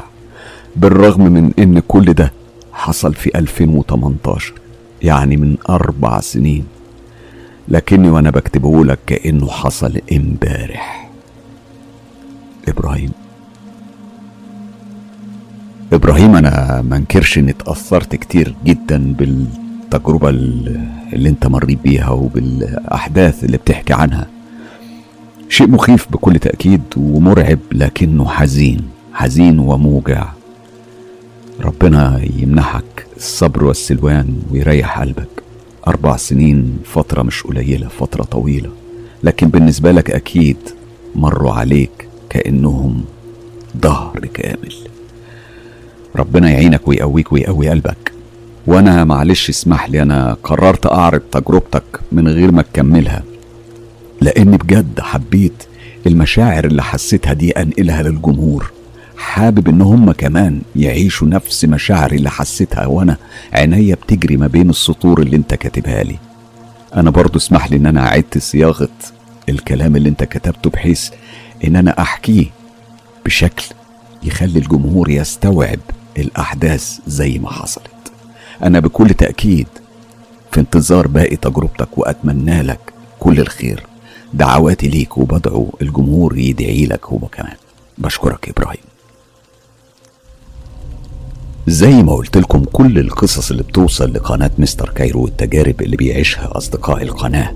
بنحكيها بكل تفاصيلها مع إعادة صياغة بسيطة بحيث تديها المذاق الأدبي والإذاعي اللي يخلينا نستمتع بالأحداث ونعيش زي ما عاشوا أصحابها الأحداث. دلوقتي هنسمع قصة أعادت صياغتها خلود محمد. وهي من أحدث كتاب القناة اللي بيعيدوا صياغة تجارب المتابعين. تعالوا نسمع القصة. إزيك يا أستاذ حسام؟ أنا عندي قصة حكتها لي معلمة. حقيقة أنا وقف دماغي كتير من كتر التفكير في الموضوع. إزاي حد يأذي حد بالشكل الغير إنساني ده؟ إزاي بني آدم خلق من ماء مهين وطين يفكر بالشر ده؟ ويكن كل الحقد والأذى ده أنا حقيقي ما لقيتش للناس دي وصف يوصف شرهم أكتر من إن هم ذات نفسهم الشر كله واللي متجسد على هيئتهم البشرية. أنا مش هطول عليك وهبدأ أحكي لك الحكاية. معلمتي قالت إنها كانت تعرف بنت. كانت تعتبر جارة وكانت جميلة قلبا وقالبا. المهم البنت دي جالها عريس عريس صالونات وحصل ما بينهم تفاهم واتخطبوا وبعدين اتجوزوا. العريس ده كانت أي بنت بتحلم بيه خلوق متعلم مثقف وابن ناس وغني يعني زي ما بيقول الكتاب بالظبط. المهم قرايبها من البنات كانوا غيرانين منها وكل شوية يذكروا فيها عيب أو يحاولوا إنهم يعقدوها منه. لكنها هي كانت بتصدهم ومش بتسمع لكلامهم خالص. هم كانوا متضايقين من كده وكمان علشان كانوا هم متجوزين جوازات مش كويسة ومش مبسوطين مع أجوازهم تقوم بنت عمها تتفق مع بنت عمها التاني إن هم لازم بأي طريقة يخلوها تسيبه. ما هي بقى مش أحسن منهم ولازم تتجوز جوازة زيهم يا إما ما تتجوزش أصلا. هم اتفقوا إنهم يعملوا لها السحر. بس بعد ما تتجوز علشان ما تكونش بنت وكمان تبقى مطلقة وتكون مش نافعة من الآخر لأي ارتباط. اتفقوا يعملوا لها سحر بالمرض والنزيف. وعدم الخلفة والقبح يعني جوزها يقرف منها ومن شكلها وما يقرب لهاش ويشوفها دايما قبيحة. وده فعلا اللي اتفقوا عليه. راحوا عندها واحدة أخدت أعزك الله يعني ملابس داخلية ليها وشعر من المشط بتاعها ودم حيض. وأخدوا كل ده وودوه لساحرة اسمها الحاجة آه زينات العمشة. أهل المكان كانوا مسميينها زينات العمشة علشان بصرها كان على قده. بس هي طبعا سماعها كان قوي جدا. المهم الست دي بعد ما أخدت اللي طلبته منهم قعدت تعزم وراحت جابت مصارين خنزير وقعدت تلف أثرها بيهم. بعد كده راحت دفنته في مقبرة فيها شخص لسه متوفي وحطته تحته. هتقولي عرفوا كل التفاصيل دي إزاي؟ أنا هقولك. بس اصبر معايا. المهم البنت اللي عملوا لها العمل اتجوزت ومن سابع يوم بدأت تحصل معاها هلاوس وتشوف تعابين وحشرات كتيرة طالعة من الحيطان. هي قالت لجوزها على اللي شافته قال لها أنت ممكن تكوني بتحلمي ومفكرة إن الموضوع حقيقي. هو ما صدقهاش. في يوم كانت قاعدة على السرير وبتبص جنبه لقى التعبان أسود ضخم بيزحف. قعدت تصرخ بصوت عالي وتعيط. وجوزها دخل وقالت له على اللي حصل إنها شافت تعبان. هو راح يشوف فين ما لقاش حاجة. قال لها تهدى. وقال لها إن شكلها ممكن يكون تعبانة شوية. المهم مر شهر على جوازها وهي كده عمالة تشوف الخيالات بتجري بسرعة على الحيطة وبتشوف حشرات ضخمة بتخرج من الحيطان والأرض وفضلت على الحال ده كل يوم بنفس الحال. الوضع ده أثر على جوازها وعلى جوزها اللي بقى بيشوفها بشكل وحش وما كانش بيرضى يتكلم لدرجة إن هو نفسه فكر نفسه بيحصل له حاجة. في مرة دخل عليها لقاها بتكلم نفسها وبصة في مراية وبتقول انت عايزني أموت وادفع تمن جمالي اللي ماليش ذنب في وجوده؟ لما جوزها دخل وشافها وهي بتعمل كده كان مذهول كان خايف يقرب منها بسبب إنها كانت في منظر بشع. هو قال في نفسه إن هو أكيد بيتخيل. قرب منها وحضنها وهداها. في مرة تانية برضه دخل ولقاها جايبة طين وشعرها منكوش وعمالة تدعك الطين في وشها وبتاكله في بقها. المهم طلع يجري عليها وأخدها للحمام علشان ينظف الطين ده من عليها. لكنها بصت له بصة خلت أركانه اتشلت واتفزع وبعد عنها.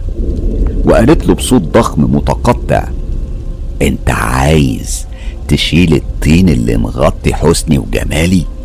أنا عايز أشوف وشي أسود وقذر.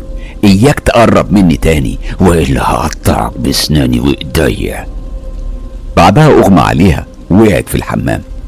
المهم هو غسلها وغسل لها وشها ونظف الطين اللي عليها وربط إيديها ورجليها علشان ما تعرفش تتحرك لأنه خاف منها لأنه اتأكد إنها مش طبيعية. هي أغمى عليها ووقعت في الحمام. كان هو غسلها ونظف الطين اللي عليها وربط إيديها ورجليها علشان ما تتحركش. واتصل على أمها وحكى لها كل حاجة وجت وجابت معاها شيخ.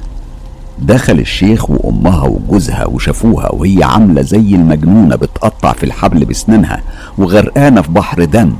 ولما شافت الشيخ بصت له اتعوجت رقبتها وقالت أنت مفكر إنك هتقدر تعمل لي حاجة؟ وارتفع صوت ضحكها المخيف اللي بث الرعب في قلوبهم. الشيخ حط إيديه على راسها وقعد يقرأ آيات السحر والجن والرقية الشرعية وهي كانت عمالة تصرخ بصوت ضخم بيهز الأوضة من قوته. بعدها اتكلم الكيان اللي جواها وقال لهم خلاص خلاص أنتوا كده بتعذبوني. الشيخ كان بيقول له اخرج يا نجس اخرج يا خبيث.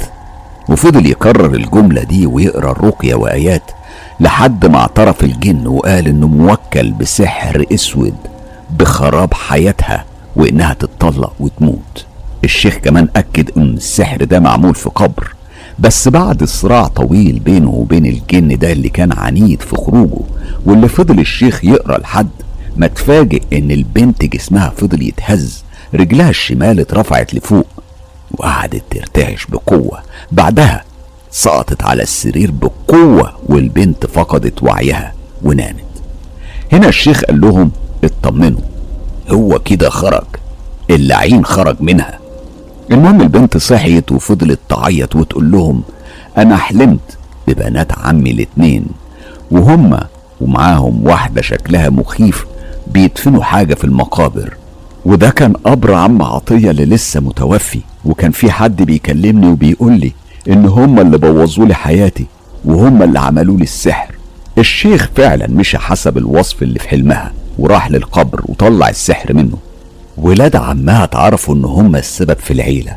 كل الناس اتجنبتهم حتى ابوهم ما بقاش يسأل فيهم ولا عايز يشوفهم ولا يكلمهم بعد ما اعترفوا بكل حاجة عملوها لبنت عمهم. بعدها كل الناس دي راحت علشان يمسكوا زنات ويخلصوا القرية منها. لكن العجيب انهم لقوها اختفت ملهاش اي اثر. وده أكيد بيعلمنا ان إحنا نخلي بالنا من اقرب الناس لينا لانهم ممكن يضرونا وإننا ما نديش الأمان لحد ولا ندي لحد ثقة كاملة. علشان ممكن يكون هو السبب في أذيتنا علشان حقد تملكه وغيرة وكره. هحكي لك بص قصة تانية. لواحدة أعرفها بس من بعيد وأقسم بالله كل كلمة هقولها حصلت. آه المهم هي القصة للست دي بنتها اتجوزت واتطلقت بست شهور وقعدت أربع سنين من غير جواز. كانت هتموت وتتجوز تاني. وكان كل اللي بيتقدم ناس كبيرة في السن أو حد معاه أطفال وعايزها تخدمهم. المهم أمها علشان تخلص من زنها لأنها كانت بتفضل تصرخ فيهم وتقول لهم جوزوني. هي كانت ميتة على الجواز بمعنى الكلمة. المهم أمها راحت لساحرة. علشان تجيب لها عريس. عريس يكون معاه فلوس. المهم الساحرة دي فعلا عملت لها عمل علشان تتجوز وتقدم لها ابن خالة أمها واللي أكبر من أبوها. وافقت عليه واتجوزته فلما أمها لقت إنها اتجوزت بقى خلاص ما دفعتش الفلوس كاملة للساحرة. الساحرة دي سلطت عليهم جن يحرق لهم في البيت. كانوا كل شوية بيلاقوا نار ولعت في البيت وأشخاص بتجري في الشقة. عيشتهم بقت رعب. لحد ما بعت لها جن في الحلم بيقول لها لو ما دفعتيش باقي الفلوس هعيشك في رعب طول عمرك وهعمل لبنتك فضيحة. من كام يوم سمعنا إن بنتها كانت على علاقة بشاب تاني عايزة تخلف منه علشان جوزها ما بيخلفش. وجوزها طبعا علشان مسحور ما قدرش يطلقها ولا يعمل لها أي حاجة وكان مخليها على ذمته حتى بعد اللي حصل. أعتقد إن ده أكبر دليل على إن الاعتراض على الأقدار وعدم الصبر على النصيب وإنك تحاول تصنع مصيرك بنفسك بطريقة مشتبه فيها ده بيضرك مش بينفعك. بشكر خلود محمد على التجربتين والحقيقة فعلا يعني اللجوء للصحراء دايما بنقول في قناة مستر كايرو هو آخر شيء ممكن تفكر فيه. دايما بنقول إن العلاج والراحة والأمان البوابة لحل كل المشاكل. اسمها لا إله إلا الله. سلم نفسك لربنا وبس. ما تسلمش نفسك أبدا لبشر. فاكرين الأسبوع اللي فات لما حكيت أول حكايات الصديقة الغامضة؟ النهاردة الصديقة الغامضة هتكمل معانا بتجارب تانية عاشتها. الصديقة الغامضة ليها علاقات غامضة برضو مع العالم السفلي وتحديدا مع الجن. تعالوا نسمعها وهي بتحكي لنا تجارب من نوع خاص جدا. صباح الخير يا مستر كايرو حسام الغالي. أنا هبدأ في سرد موقف من مواقف حياتي الغريبة اللي لسه بجد مش عارفة إيه هو. لأن الحقيقة تجاربي كتير وأنت شفت قرائن ودلائل بعينيك تعال نتكلم عن كام مكان كلهم اتعاملت وشفت الجن فيهم وهقولك إيه فيهم كان الأكتر رعبا حقيقة. وهسرد القصص حسب ترتيبها الزمني والأماكن اللي حصلت فيها. لكن أرجوك عايزاك تقرأ بعناية. وزي ما بنتعود مع بعض أحكي لك بطريقتي اللي حسيتها وعشتها. وتروي زي ما سمعتها. ولو في أي إضافة أو تنميق لجملة يكون منك أنت شخصيا لأني أثق جدا في أدواتك. ما بحبش أي حد يعيد الصياغة. ولو وصلت الموضوع صعب هوصله يعني مش عارف أوصله لك أطلب المساعدة وساعتها هحكي لك. أنا بطمن الصديقة الغامضة إن كل قصصها أنا اللي بعيد صياغتها بنفسي أو بمعنى أصح بقراها زي ما هي كاتباها. يا دوب بوضح بعض الكلمات مش أكتر. تعالوا نرجع للصديقة الغامضة اللي بتقول أنا مجمعه الأحداث اللي مريت بيها في مصايف وأماكن خارج البيت مع بعض كأن يعني كأني بحكي لكم فصول حياتي. أولهم كان في دمياط الجديدة في مصر. في الوقت ده كنت لسه في الجامعة. كان سكن أخويا وكان الشغل واخد لهم شقق علشان هم مغتربين وبينفذوا شغل في مدينة دمياط الجديدة. إحنا كنا ورا الصعيدي وسلطان بتاع الفطاير. الشقة كانت في الدور التاني. كنت محتاج أغير جو. والاتنين اللي في الشقة مع أخويا من زمايله كانوا نزلوا أجازات لمحافظاتهم. والتالت ده كان قريبنا ونقل لشقة تانية علشان أعرف أقيم مع أخويا. الحقيقة كانت أيام شتاء صعبة جدا. كنا بنستمتع فعلا وننزل الأسرة السعيدة يعني جو الأسرة السعيدة نركب عجل. كانت أيام جميلة يعني وفيها تفاصيل خاصة مفيش داعي أحكيها. أنا كنت بطبخ لأخويا وأعزم كل زمايله اللي في شقق تانية على أكل بيتي من إيديا. وكنت بنزل الجامعة وأرجع تاني. يعني ما كانش مصيف لا كان في ظروف بهرب منها ولازم أبعد عن البيت. كنت في تانية جامعة. عدت الأيام لطيفة ليل دمياط زي ما كل الناس اللي بتروح دمياط وراس البر عارفين. ليل مرعب وتلج. تلج المطر ما كانش ابدا نقطة زي ما عندنا لا كانت بتنزل زي الخيوط من قوة الدفع والغزارة بتغسل الجنينة الخاصة بمجموعة البلكونات اللي مبنية حوالين الجنينة. أقسم لك بالله كنت بشغل أربع عيون البوتاجاز والفرن وأسيبهم للصبح علشان يدفوا الشقة. الجو كان تلج فعلا. ده كان بوتاجاز أبيض من اللي هو بتاع المصانع المشهور مصانع الحربية من اللي عنده أمهاتنا زمان. الحقيقة الجو بالنسبة لي كان ممتع ورائع بل وأكتر من رائع. كان في بقى شقة لمدير كبير في شغل أخويا ومراته من دمياط. أو الناس دي مستحيل أسمح إن أهل دمياط حد يوصفهم بالبخل لأن بعد معرفتي بالأسرة دي المهندس رأفت وزوجته إيناس واللي أتمنى أتمنى إنهم يسمعوا القصة لإني بحكيها بالأسماء والتفاصيل. الناس دي حبوني جدا وحبيتهم كان أخويا بينزل وأنا أروح لزوجته أقعد معاها. ويوم الجمعة أخويا سافر البلد وأنا نادى المهندس ده عليا بكلمة هزار معهودة. تعالي أعلمك شراء السمك إزاي. ونزلنا جبنا السمك فعلا. وزوجته عملت لنا أكل بكميات بالرغم إنهم شخصين. وأنا كمان معاهم. لقيت انهم بيعملوا حساب أي حد بيجي صدفة من فرسكور أو الزرقاء من أهاليهم. الحقيقة كانوا أهل كرم. طبعا الأصدقاء أكيد ملوا. بيقولوا إيه اللت اللي أنا فيه ده؟ فين الرعب؟ لكن أنا لما أحكي موضوع بحكيه بحذافيره لأني بوثق أحداث حياتي عن طريق مستر كايرو. الغريب بقى واللي حصل لي بعد كام يوم أخويا نزل الشغل الصبح الساعة سبعة. وأنا نايمة من امبارح عادي جدا. شفت إيه أثناء النوم؟ أنا شفت حاجة غريبة جدا. زميل أخويا واللي هو قريبي كان واقف وبيتلصص وبيختلس النظرات عليا وأنا نايمة. طبعا الموضوع ده يطير يعني رقاب يعني في رقاب تطير فيها. لكن ابتسامة الولد لاحظت فيها إن له سنة معوجة بنسبة خفيفة كأن مكسور منها حتة. طول الوقت بيتفرج عليا معجب ومبهور بجسمي. أنا بصيت له جامد بقوة وقلت له أنت أنت مش صلاح؟ أنت جاي تعمل إيه؟ جاي تعمل فتنة؟ الحقيقة أنا مش عارفة إيه خلاني أفهم أصلا إن ده مش حقيقي وإن ده جن متشكل علشان يعمل مصيبة. وجريمة.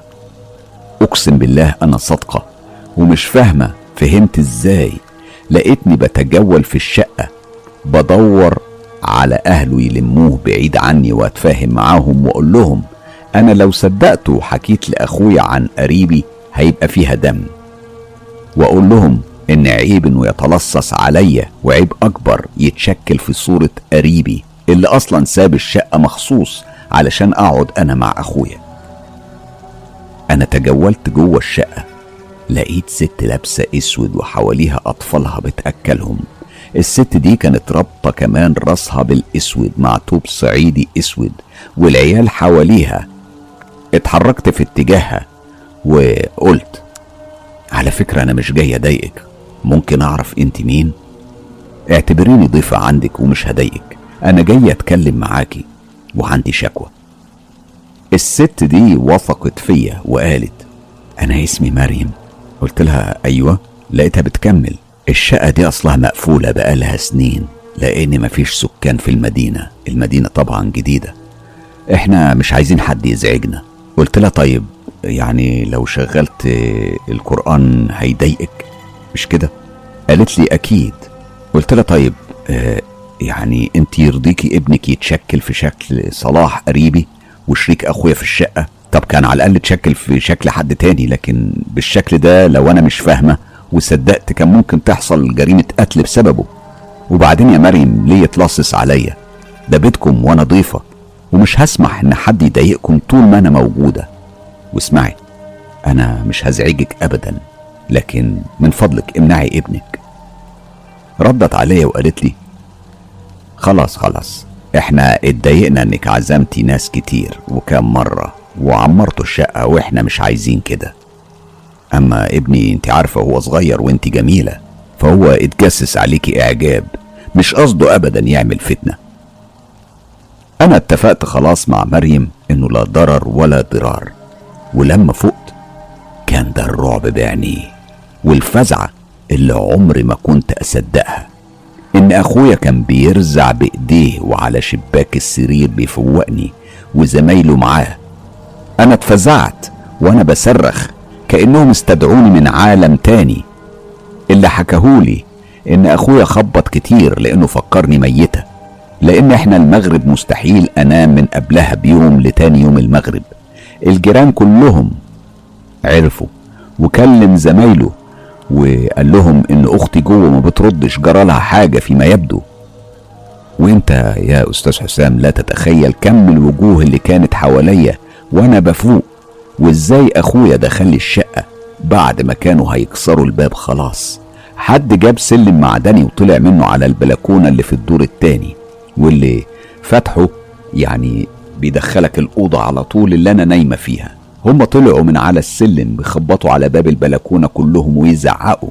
وأنا مش هنا ولا حاسة. هم استخدموا آلة حادة وحضرتك عارف باب البلكونة بيكون شيش. فتحوا ودخل أخويا الأول لأكون عريانة ولا حاجة وغطاني. ودخل. والله العظيم كل الأحداث دي ما حسيت بيها. وحكايتي مع مريم والمتلصص المتجسد ابنها كانت حقيقية. كنت مع ناس واتكلمت واتفقت وحليت مشكلة. أما الخبط والرزع وتجمهر الناس ده أنا معرفش عنه غير حاجتين. رزعة قوية على شباك السرير شهقت شهقة عالية وطويلة وصحيت اتخضيت من تجمهر الناس حواليا. أدركت إن الشمس يعني خلاص في الغروب وقرآن المغرب كان شغال. طب أنا كنت فين؟ ده طبعا موضوع مريم وابنها. أنا كنت هبهدل اللي حواليا لولا إنهم قالوا لي إحنا بنخبط على الباب أكتر من ساعة وإحنا فكرناكي ميتة فجبنا سلم. جريت على البلكونة أبص لقيت سلم معدني كبير بيستخدموه في شغلهم للأدوار العليا. لما فقت قلت لأخويا اسمع لولا إني بفهم وإحساسي عالي كان ممكن هيحصل مصيبة بينك وبين صلاح لأن اللي حصل كذا وكذا وكذا. أنا شفته بيبص عليا بس ما صدقتش. وحكيت الأحداث بالتفصيل. أصحابه قالوا لي إن فيه زميل لنا مسمينه عفروتو. كلموه فقال أشوفها. رحنا قعدنا عند الأسرة السعيدة اياها اللي حكيت لكم عليها. وحكيت له على اللي حصل. هو قال لي إن أنت عندك شفافية عالية ونجمك عالي وعلشان كده اكتشفتي. الحقيقة أنت تتجوزي أي حد زي كده وتخلفي عفاريت. الموضوع اتغير من رعب وقلق وتوتر لضحك. وبعد كده ما بقتش أشوف مريم إلا قليل قوي. كنت أبص لها وأبتسم وهي تبتسم. مريم كانت بترعى أطفالها. أما المراهق المتشكل ده ما شفتوش خلاص بعد كده. أمه وعدت ويعني الحقيقة آه، حافظت على وعدها. أنا قضيت المدة كلها بدون تشغيل قرآن في المكان. هي كانت آه، قالت إن كمان في حد اتقتل في الشقة دي بس مش عارفة هو مين اللي اتقتل. دي كانت قصتي في مدينة دمياط الجديدة اللي بعشقها واللي فات على الأحداث دي أكتر من عشرين سنة. بشكر الصديقة الغامضة على مشاركتنا بتجربتها الغامضة والغريبة والمرعبة. أكيد عمار البيوت بيبقى ليهم دور كبير في الأماكن المهجورة لسنين طويلة. خلي بالكم. دلوقتي هنسمع تجربة آه، بتحكيها لنا فاطمة الزهراء admin قناة مستر كايرو اللي بعتز جدا بكل مجهودها اللي بتعمله في القناة لكن المرة دي هي اللي أعادت صياغة القصة اللي هنسمعها حالا. ودي تجربة حقيقية حدثت بالفعل. فاطمة الزهراء بتقول أصدقاء مستر كايرو مساء الخير عليكم. القصة اللي هحكيها لكم النهاردة قصة حصلت من زمان يعني من أكتر من سبعين سنة. كان أبويا الله يرحمه بيحكيها لنا كل ما بنتجمع في عطلات الصيف مع العيلة والأقارب لما كانوا بيعملوا لنا زيارة. الوقت ده كان وقت جميل بننبسط فيه بأقل الأشياء وبنلاقي فيه طعم حلو برغم البساطة اللي إحنا كنا عايشينها. ومن خلال القصص دي كنا بنسافر لكل مكان ولعوالم مختلفة دنيوية منها أو للعالم الآخر عالم الجن والرعب. التجربة دي بتحكي عن راجل يسكن في الريف في منطقة جبلية. كانوا الناس في المنطقة دي بيركزوا في معيشتهم على الزراعة وتربية الأغنام وغيرها. أما بقى الضروريات الأخرى كانوا بينزلوا علشانها السوق مرة كل خميس. وبما إن السوق الأسبوعي ده بعيد جدا وبيبعد من حوالي 10 ل 15 كيلو يمكن أكتر شوية كانوا سكان المنطقة دي واللي كل واحد فيهم بيسكن بعيد عن التاني بمسافة طويلة نوعا ما. لكنهم كانوا متفقين إنهم يتقابلوا بعد صلاة الفجر ويطلعوا كلهم سوا ويرجعوا سوا بعد انقضاء وقت التسوق اللي هو يعني منتصف النهار غالبا علشان يرجع كل واحد لبيته بدري. المهم الراجل ده فاق وقام وصلى على أساس انه فاكر إن وقت الفجر. بس هو كان فاق بحوالي ساعتين قبل الوقت المنشود. صلى وطلع واتكل على الله سبحانه وتعالى. هو ما لاحظش إن الوقت مبكر جدا لأن القمر كان منور والطريق واضح. ونزل الجبل قاصد المكان اللي بيتقابلوا فيه. كان سامع صوت الديابة بتعوي من بعيد. بس بالنسبة له ده كان شيء عادي لأنهم متعودين عليه في القرية دي. هو عارف إنها مش هتقرب منه لأن في كلاب الأهالي بتحرس المكان والمواشي. وصل لمكان اللقاء واستنى مدة من الزمن لكن محدش وصل منهم. فقال بينه وبين نفسه لا أكيد أنا اتأخرت وهم مشوا من غيري. كمل المشي لوحده. إذا بيه بيشوف حصان أبيض من بعيد واقف على مد البصر. قال بينه وبين نفسه يا ريت أقدر أمسكه وأروح عليه السوق أو ينقص عليا المسافة وكمان ألحق الرجالة. لما قصد الحصان حس إن هو كل ما بيقرب عليه هو بيبعد ويبعد وإن رجليه بتتقل والعرق بينزل عليه. فوقف وشك إن ده مش حصان عادي وتراجع للخلف وجرى بأقصى ما يملك من قوة بعد ما لاحظ إن الحصان بيستعد للهجوم عليه وعينيه صارت حمرة نار. واضحة جدا من بعيد فتأكد إن الكيان ده هو مهر القبور اللي بيطلع على شكل حصان وبيهاجم الفريسة بتاعته يعورها وياخدها على المقابر يدور على القبور المحفورة واللي بيجهزوها ويسيبوها يمكن حد يتوفى فبيلاقوه جاهز. مهر القبور ده بياخد الضحية يدفنها وهي حية هناك. غريبة مش كده؟ المهم الراجل ده جرى بأقصى سرعة ليه ومن رحمة ربنا سبحانه وتعالى إنه كان في الطريق ده أشجار. اتشعلق في واحدة منهم وطلع لفوق وإذا بالحصان وصل لعنده بسرعة البرق ومسكه من البرنس وده لباس تقليدي بيتلبس من فوق بس ومن غير كم. وسحبه لعنده وهو بيصهل وبيطلع بخار من أنفه وبقى وعينيه حمرة كان بيضرب البرنوس بحوافره ويقطع فيه كأنه كلب مسعور ويرجع للراجل ده اللي معرفش يعمل إيه غير إنه يشيل يعني دراعيه وكل مرة كان بيرميله حتة من لبسه علشان يلهيه لغاية ما بقى عريان تماما وما حلتوش إلا سترته سترته الداخلية. ويرجع للشجرة يخبطها علشان يوقع الراجل لكن الراجل كان ماسك في غصن الشجرة بكل قوته وبيتشهد على روحه لأنه عارف إن نهايته قربت. فضل على الحال ده حوالي ساعتين لغاية ما شاف إن الشمس ابتدت تطلع. وهنا تراجع الكيان ده لورا وراح وتلاشى مع تلاشي الظلام. كأنه ما كانش موجود بالأصل. الراجل من كتر الرعب ما قدرش يتحرك. فضل مكانه لغاية ما شاف الرجالة فايتين. بقى بيصرخ بأعلى صوته اللي كان متبقي. يا فلان يا علان الحقوني.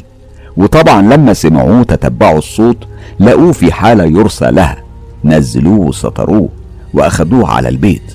وفضل بعدها مدة من الزمن مريض. وكل ما يشوف حد رايح يطلع بالليل كان بيقول له لا. ما تطلعش مهر القبور بره هيخلص عليك. لغاية ما جابوله شيخ عالجه وعمل له حجاب آنذاك. وكان شيء عادي في الوقت ده. وبعدها خف ورجع لطبيعته لكنه عمره عمره ما طلع بالليل أبدا. بشكر فاطمة الزهراء على التجربة المرعبة لكن طبعا في عصرها أكيد كانت مرعبة أكتر ما هي مرعبة دلوقتي. الحقيقة في في التجارب والموروث الشعبي تجارب من النوع ده كتير جدا. لو فكرنا فيها وفكرنا بمنطق مفيش دخان من غير نار هنتأكد قد إيه القصص دي حقيقية. والكيانات دي ما راحتش بعيد. الكيانات دي لسه موجودة حوالينا بس إحنا اللي مش شايفينهم. التجربة دي من فواز العطار صديقي الغالي اللي بعتز كتير بكل تجاربه والحقيقة أنا هقراها زي ما فواز كتبها وبدون إعادة صياغة. تعالوا نعيش مع بعض تجربة فواز. أنا حطيت سماعات المحمول على وداني وشغلت مزيكا هادية مرعبة علشان أعيش الجو وبدأت أكتب في صفحة مستر كايرو على إنستجرام. مساء الخير على الجميع. أنا هحكي ثلاث مواقف بسيطة. في يوم كنا قاعدين في صالة عزا. أنا وأخويا عبد الله اللي أصغر مني اللي نادرا جدا ما بنقعد مع بعض بسبب اختلاف الالتزامات بتاعت كل واحد فينا. كنا بنتكلم عن مواضيع كتير وأثناء الكلام دخلنا في موضوع الجن. وافتكرنا التجربة اللي حصلت معايا من عشرين سنة وهو كان شاهد عليها ووقتها كنا أطفال طبعا. أنا سبق وأرسلت التجربة لقناة مستر كايرو. وبعدين قلت له هو صحيح. قول لي هو أنت سمعت حاجة غريبة أو حصل معاك موقف خوفك غير اللي حصل معانا وإحنا أطفال؟ هنا هو غير قعدته بكل جدية. قال لي أيوة حصل. ومن يومين تقريبا. قلت له ما دام من يومين يبقى تحكي لي بالتفصيل لأني عارف أنت عارف أنا قد إيه بهتم بتفاصيل التفاصيل. أخويا قال لي إنه من حوالي يومين كنا سهرانين أنا والشلة بتاعتي عند صاحبنا صالح. وبعدين روحت على الساعة واحدة ونص وصلت البيت دخلت الحمام كنت مستعجل فسبت الباب مفتوح. ملحوظة الحمام على سلم البيت ما بين الدور الأرضي والدور التاني. كمان في ستارة على باب الحمام من جوه. عبد الله بيقول وأنا داخل الحمام سمعت فجأة صوت زي زي حد بيطبل بصوابع الإيدين على باب. آه، على الباب بتاع الحمام. ومن بره أنا كنت سامع الصوت. أنا استغربت لأني ما سمعتش صوت حد بينزل ولا بيطلع. الكل في البيت كان نايم زي ما أنت عارف. وكمان كل الأنوار كانت مطفية في الدور الأول والتاني. أنا خلصت وكنت متردد أخرج بس الصوت وقف. وأنا كنت مشغل ضوء الفلاش بتاع الموبايل. خرجت وبشوف فوق وتحت ما كانش فيه حد خالص. طلعت بسرعة على أوضتي وقعدت أتصفح الإنترنت لحد ما رحت في النوم. أنا طبعا لما سمعت الكلام ده قلت طيب ما أنت عارف إن الحاجة دي يعني بتحصل عادي يعني مرة أو مرتين في الشهر خصوصا صوت الجري على السلالم وكنا دايما بندور وما بنلاقيش أي حاجة. وأنت عارف إن باب الدور الأول وباب الحوش وباب ما بين الدور الثاني والثالث وأبواب الغرف اللي تحت واللي فوق مع المطبخ كل الأبواب اللي في البيت مستحيل أي باب منها. ما يصدرش منه صوت واضح جدا عند فتحه أو إغلاقه حتى لو بشويش خصوصا في فترة الليل والدنيا هادية لأنها أبواب قديمة وكل صوت له نغمة معينة. كل اللي في البيت يعرفها كويس جدا حتى مشية كل شخص بنعرفه بطريقة الصوت بتاع الخطوات. انتهى الحديث واتكلمنا في مواضيع تانية.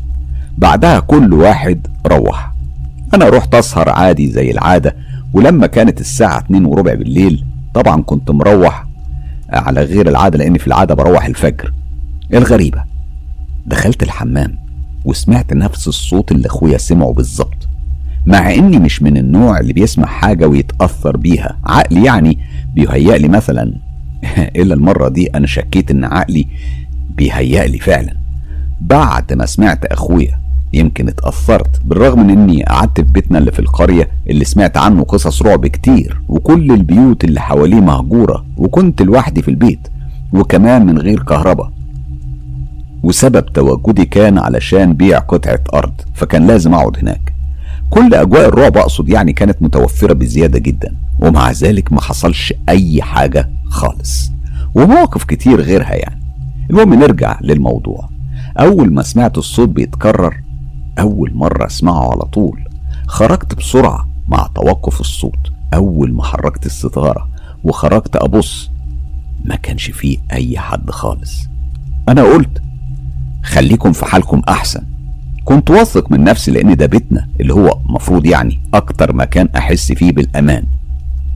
عارفين بقى إيه أكتر موقف ما أشكش فيه ابدا ولا أكذب نفسي لما يحصل؟ زي الموقف اللي حصل معايا في محافظة الحديدة. وباختصار شديد أنا وأسرتي كنا رايحين نصيف. قعدنا يوم واحد في فيلا بتاعت صاحب أبويا اللي أصر إن إحنا نقعد عنده. كان قاعد فيها لوحده علشان كان معاه شغل مهم. آه كان اليوم ده يوم مليان باللعب والضحك في الفيلا. وبعدين نمنا وصحوني الصبح وكانوا مستعجلين علشان نروح البحر. قمت وكل نشاط ورايح على الحمام اللي كان مشغول. على طول نزلت ورحت على الحمام اللي في الدور التالت علشان أخرج بعدها على السطوح وأشرب سيجارة من غير ما حد يشوفني. ما إحنا طبعا آه لفينا في الفيلا كلها وبقيت عارف كل شبر فيها. دخلت الحمام وقفلت من جوه لأن ما كانش فيه مفتاح. فتحت حنفية المية وبغسل وشي إلا وأسمع خبط على باب الحمام. أنا قفلت الحنفية وقلت استنى أنا لسه داخل حالا. كنت مفكر إنه أخويا لكن الخبط استمر. فجأة سمعت الصوت الترباس اللي من جوه الحمام وهو بيتفتح لوحده. كان بيتفتح بقوة وبعدها الباب اتفتح. أنا على طول وبدون أي تفكير جريت بأقصى سرعة ونزلت في السلالم ووصلت ولقيت كل الأسرة موجودين. طبعا ما حبيتش أقول لهم على أي حاجة إحنا في رحلة وما كنتش عايز أوترهم أبدا. التجربة اللي بتكون من النوع اللي ما سبقهاش أي نوع من أجواء الرعب بتكون بالشكل ده. بيكون الشخص فيها رايق أو مشغول بأي حاجة ومفيش ولا حتى بنسبة واحد من ألف أي حاجة مرعبة أو غريبة بتدور في دماغه. وفجأة بيحصل معاه موقف مرعب وملوش تفسير. أكيد بيكون حقيقي جدا ومش من عمل العقل. اللي بيتهيأ أو بيهيأ نفسه يعني للحاجة بعد ما يسمع عنها بلا شعور. المواقف الصغيرة كتيرة. موقف تالت بيقولوا آه، بكراهة النوم على عتبة الباب. بس طبعا الكلام ده ما وصلنيش إلا بعد ما حصل لي وعرفت ليه مكروه. كان عندنا ضيوف من الأهل كتير علشان تجهيز حفل زفاف. المهم لما كان نص الليل وبدأ الجميع يترص على الأرض علشان يناموا.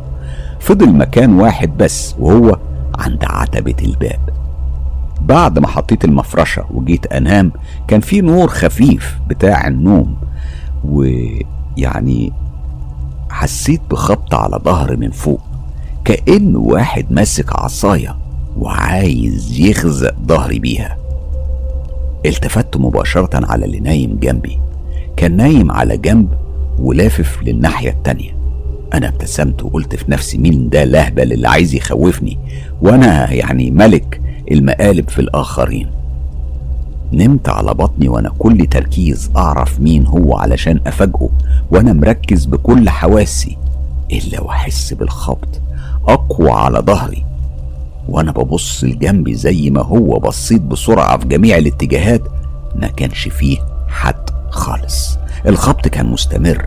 وقتها أنا مش عارف أنا يعني كل اللي حصل إني شفت نفسي واقف وبنط على طرف الأوضة اللي كان واحد من القرايب لسه ما نامش اتفزع وقال لي مالك؟ في إيه؟ قلت له على اللي حصل. قال لي أنت مش عارف إن النوم على عتبة الباب مكروه. واحمد ربنا يا عم علشان كانوا محترمين معاك وصحوك بالطريقة دي. قلت له محترمين إيه بس؟ ده كان هيخزق ظهري. ابعد لي يا عم كده ووسع خلينا انام جنبك. ونمت من غير ما اتحرك أي حركة علشان ما كانش في مجال أصلا. للعلم. أنا فاكر إني أوهمت بعض الأصدقاء في سن المراهقة وقلت لهم إن معايا جن وهبعته ليهم. الكل صدق وكانوا بيترجوني إني أبعد الجن ده عنهم. حتى في واحد منهم جت أمه تشتكيني لعند أمي وصدقت إن معايا جن من كتر الوهم اللي أصيبت بيه من ابنها. الخلاصة. العقل ممكن يصيب صاحبه بالرعب أكتر من الجن نفسه. علشان كده لازم نفرق ما بينهم كويس قوي.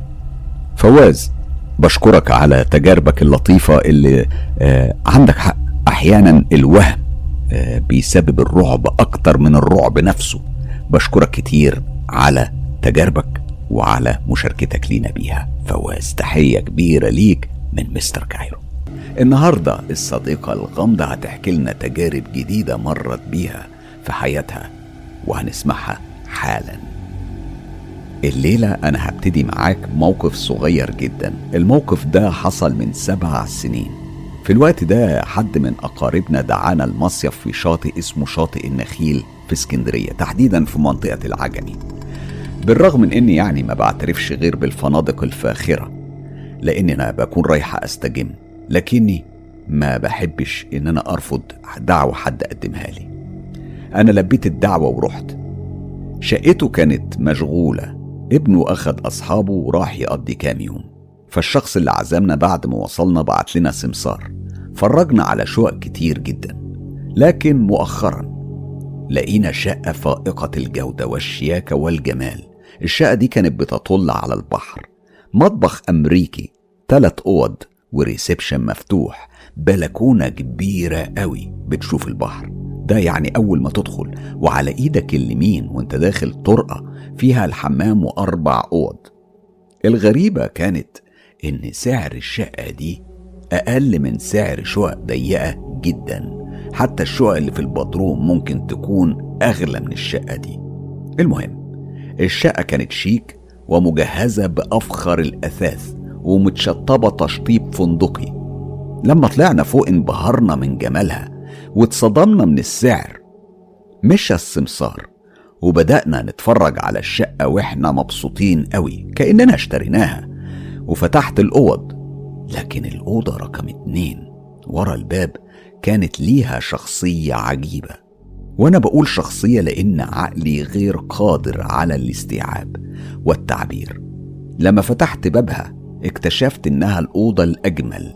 كان فيها سريرين ودولاب وبلكونة لكن تدخلها كأنها فرن فرن مقبض. الحياة والزمن جواها واقفين. أنا مش عارفة أوصف أكتر من كده لكن كمان جسمي كله أشعر. وهنا عرفت ومش عارفة إزاي إن فيه أنثى مش راجل من العالم الموازي. أنا شفتها زي عروسة البحر. وكأن الأوضة دي مملكتها. وهنا كلمتني بالتخاطر وده شيء أنا اتعلمته على يد شيخ فاضل من سنين طويلة في جزء خاص بعلاقتي بالمشايخ والدجالين اللي تدخلوا علشان يفصلوا بيني وبين العالم الموازي. أكيد هحكي لكم عنها في يوم من الأيام. لكن دلوقتي تعالوا نرجع تاني لشقة شاطئ النخيل.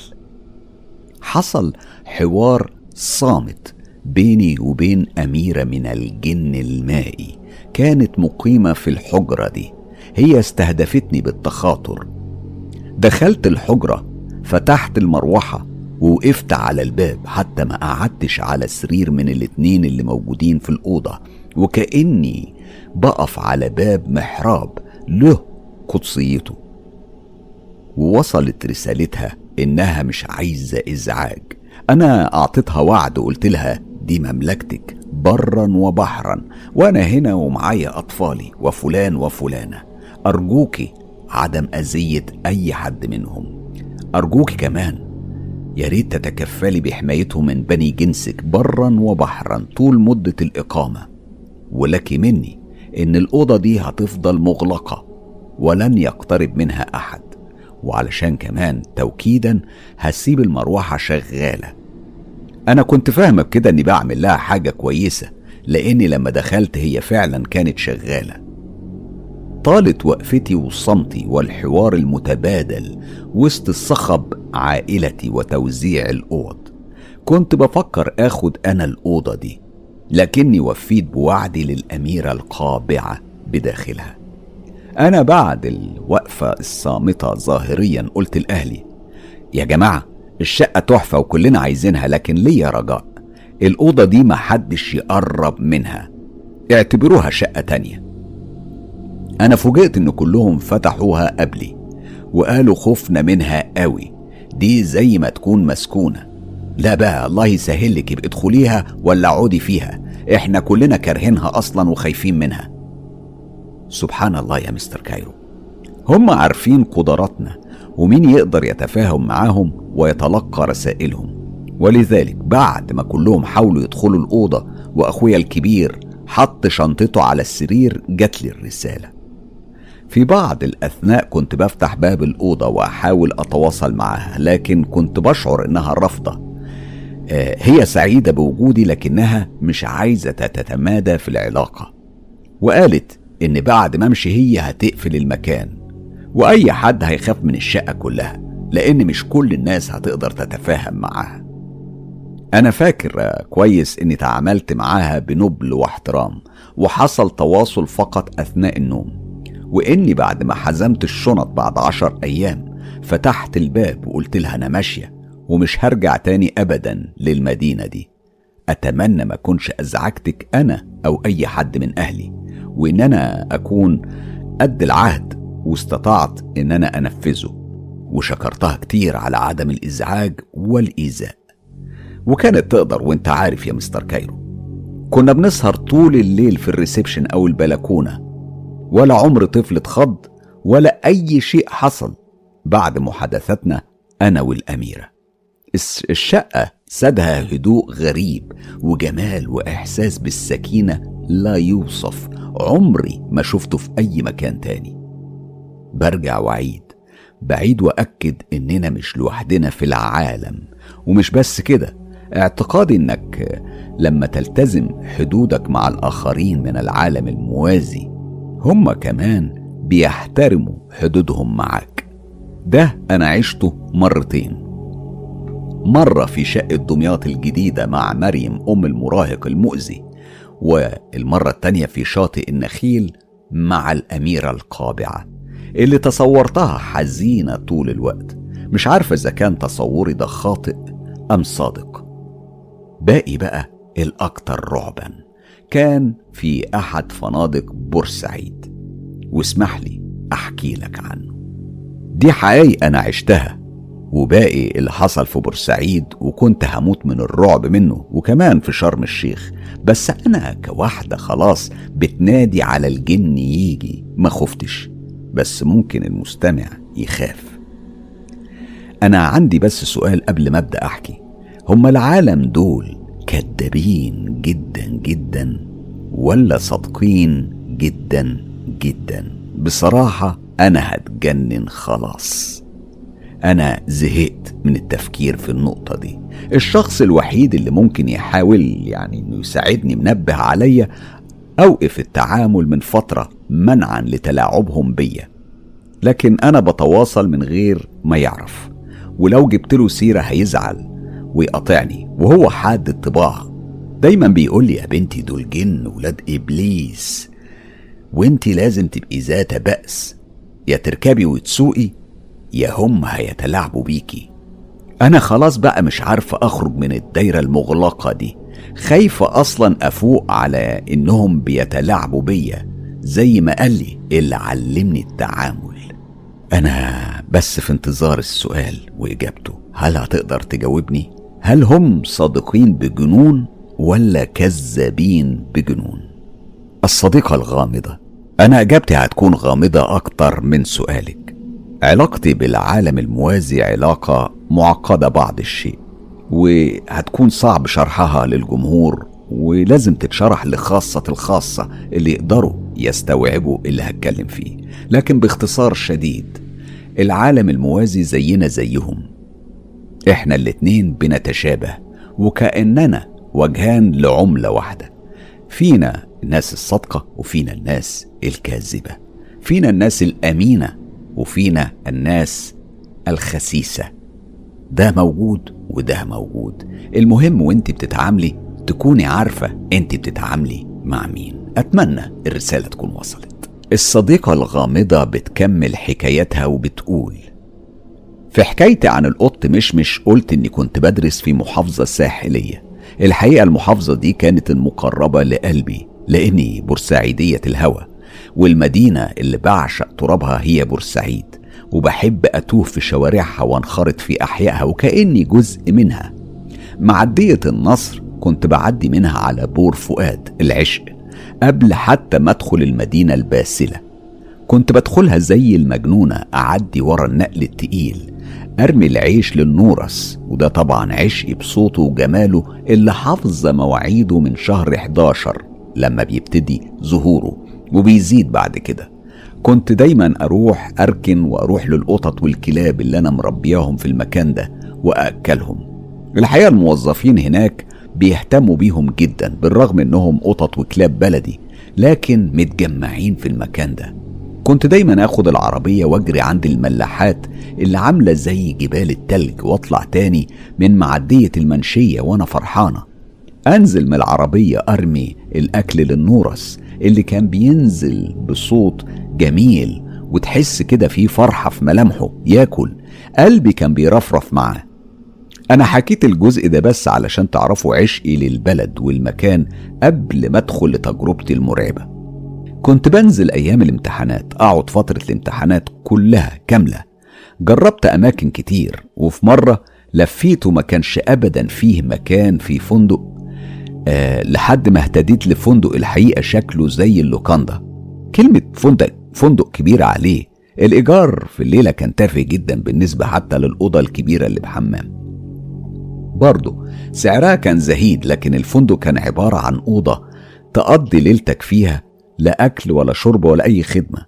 الراجل القائم على الفندق ده شكله مريب تحس إنه مغيب ومقرف. بيدخل أي أوضة ينام فيها في أي وقت تكون مش مشغولة.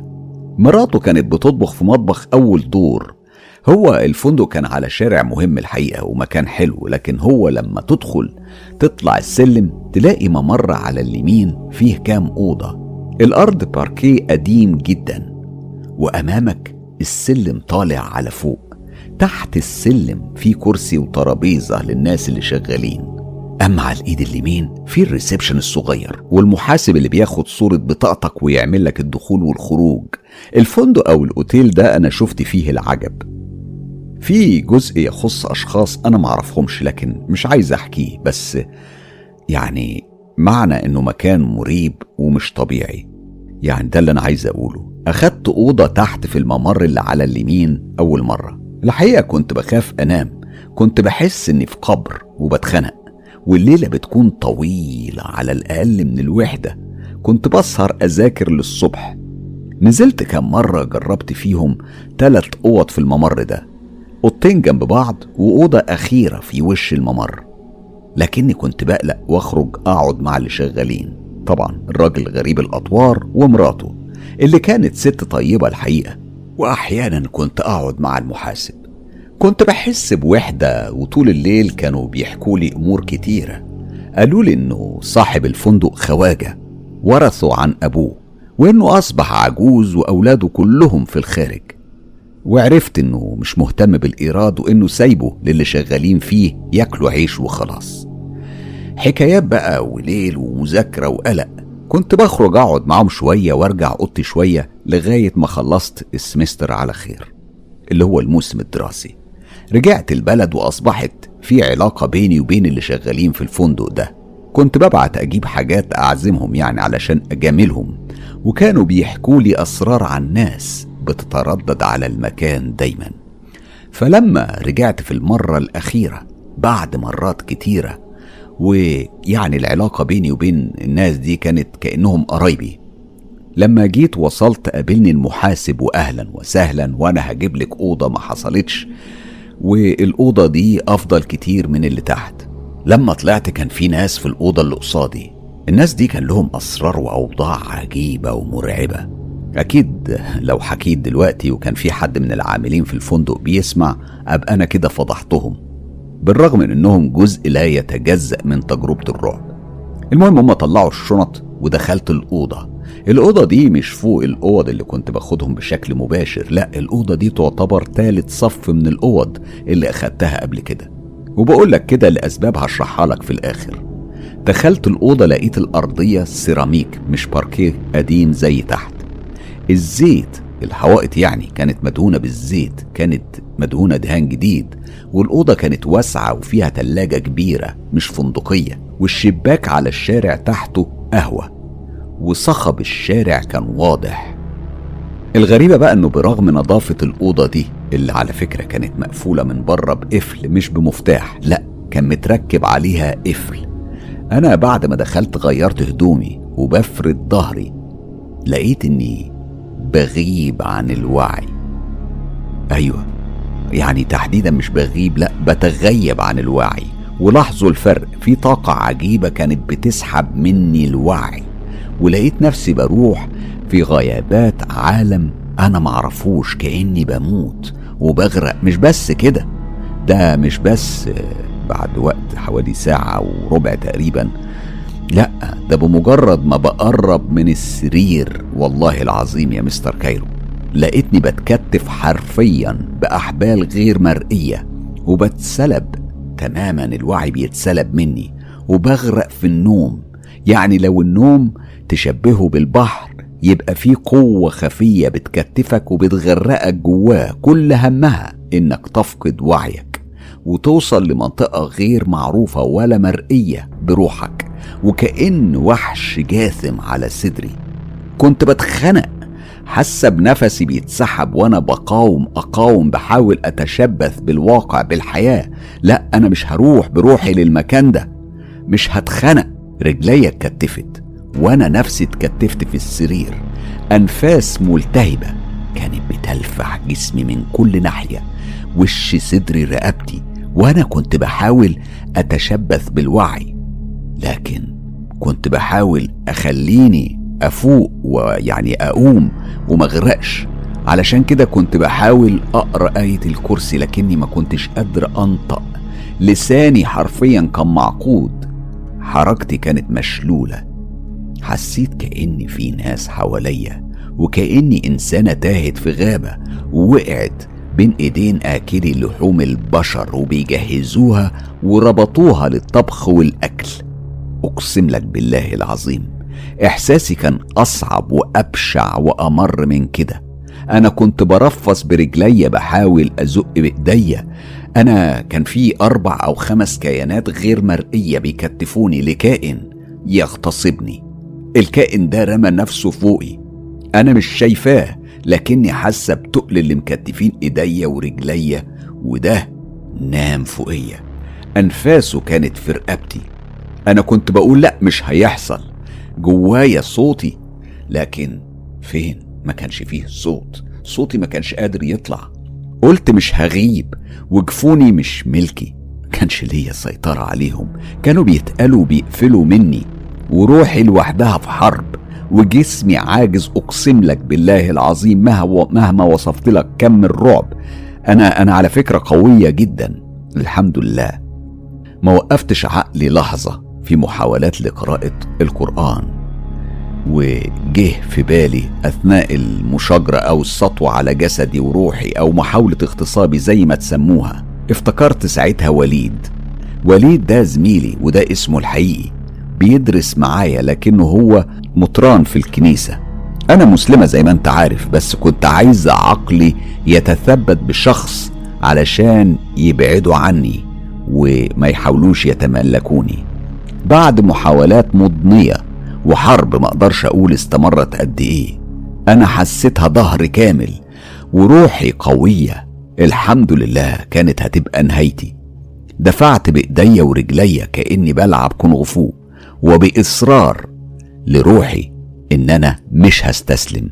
استجمعت قوتي ورفعت جفوني وأنا بنهج. كنت بنهج بصوت عالي مسموع كأني كنت بحارب جيش كامل لوحدي. وجمعت تركيزي على التليفون وفي دماغي وليد. كلمت وليد وأنا نفسي مقطوع وقلت له وليد أنا هقول لك كلام حصل لي أنت بس اللي ممكن تصدقني. وليد أنا مش مجنونة. اهدي يا بنتي بس نفسك. عالي انت كنت بتجري ولا إيه؟ قلت له لا. في ناس كتفوني ومحاولة اغتصاب وحرب وتنويم بالقوة. ناس ما تشوفهمش ومش تحسهم. أنا عارفة إن أنت متدين وتقدر تقول لي الأوضة دي فيها إيه؟ وليه طلعوني هنا؟ وليه أنا خايف أخرج؟ الطرقة ضلمة وخايف أستنى لا يخطفوا روحي ويتحكموا في جسمي تاني. وليد قال لي دول جن الأوضة يا مسكونة. الأوضة دي مسكونة. أنا كنت خايفة أنزل ولو استنيت. هيسلبوني إرادتي وإدراكي وتحكمي في نفسي. هيعملوا اللي فشلوا فيه. وليد قال لي انزلي انزلي. اوعي تستني. أنا جريت في الطرقة كانت ضلمة. وأنا منورة بالموبايل نزلت جري. جسمي كان متلج نفسي مقطوع. وقلت للي شغالين الأوضة على فكرة اللي أنتم قاعديني فيها دي مسكونة. الأوضة مسكونة غيروها لي بسرعة. قالوا لي إزاي؟ دي, دي, دي أحسن أوضة عندنا. هو ده يعني ذنبنا إن إحنا بنجاملك؟ أنا لقيتهم زعلوا وقعدوا يقولوا لبعض ما تقول لها يا أستاذ محمد الأوضة دي ما بنرضاش نديها لأي حد. فضلوا يرغوا زعلانين. أنا صرخت فيهم وقلت لهم اسمعوا أنا مش هطلع. قالوا لي اطلعي هاتي حاجتك. أنا رفضت. كنت مرعوبة. اطلع أنت يا صلاح لم هدومي وأرجوك اوعى تنسى فرش السنان والمشط وكل حاجة لأني مستحيل هرجع الأوضة دي وآخد منها أي حاجة. أما أنت بقى يا أستاذ محمد ما تتحركش من جنبي. فعلا نزلوا حاجتي وهما بيمصمصوا في شفايفهم على غبائي وإني ما قدرتش الجميل. أنا جسمي والله كان عامل زي لوح التلج وأنا ما بخافش. أنت شايف تجاربي اللي فاتت في دمياط الجديدة وفي شاطئ النخيل لكن هنا أنا كنت هتجنن أو هموت من الرعب. والحمد لله إني قدرت أستجمع قوتي وأخلص من المأزق والرعب ده. أنا الصبح رحت قعدت في الريسبشن معاهم على شنطتي وفي الليلة دي عرفت الأوضة كمان اللي تحت كانت مسكونة. كانوا عايشين فيها وبيخرجوا ويدخلوا ويتعاملوا كبشر. وأنا سامعة وساكتة. وقتها قلت للأستاذ محمد يعني أنت عندك أوضتين دول مسكونين كمان اللي قدام الريسبشن؟ لقيته بيقول لي وانت عرفتي إزاي بقى الاوضتين دول يعني مسكونين؟ هو فعلا بيطلع منهم أصوات غريبة طول الليل وبصراحة بنخاف نسكنهم بعد كذا موقف حصلوا فيهم. طبعا أنا عرفت اللي فيهم بأسمائهم ومن الساعة خمسة الصبح كنت نزلت شنطتي للعربيه وفضلت صبرة بصعوبة لطلوع النهار علشان الشبورة. بعدها طلعت طيران. أخدت قهوة من كافيه صغير على جانب الطريق عند الكارتة وفي ساعة وربع كنت في بيتنا بتنفس الصعداء. برغم إن الطريق ثلاث ساعات لكني وصلت في وقت قياسي. دي كانت قصتي في فندق بورسعيد الملعون والنون آخر حرف من اسم الفندق على فكرة. أنا مش حابة أصرح باسم الفندق بالكامل. والمرة اللي جاية هحكي لك على تجربة كده في شرم الشيخ. تجربة لصديق كبير عاشها عمره 82 سنة وحكاها لي. ولما شاف إني ببعت لك أحداث قال لي احكي قصتي في قناة في قناة مستر كايرو بس بلاش تذكري اسمي وأنا هحكيها لك. الصديقة الغامضة أعتقد مجموعة التجارب اللي عرضتيها النهاردة بتأكد المعنى اللي دايما بنتكلم عليه. هم موجودين حوالينا وإحنا مش حاسين بيهم في أغلب الأحيان لكنهم في كل مكان حوالينا. التجربة دي للصديقة الغالية جدا حنان الشواف. حنان من أصدقائي اللي بيتابعوا القناة من بدايتها والحقيقة حنان آه، عمرها ما شاركتنا بتجارب عاشتها قبل كده. النهاردة حنان بتفتح كتاب الأسرار وبتحكي لنا على تجارب عاشتها بشكل شخصي. تعالوا نسمعها. أستاذ حسام أنا من وقت ما كنت عندي خمس سنين حصل لي حاجات لحد النهاردة أنا فاكراها حرفيا. أنا لسه فاكرة مشاعري في الوقت ده وعمري ما قدرت إن أنا أنسى أبدا. أنا ترتيب التالتة بين إخواتي يعني عندي أخت وأخ أكبر مني بخمس سنين وست سنين. كنا بننام مع بعض في أوضة واحدة في الطابق الأول.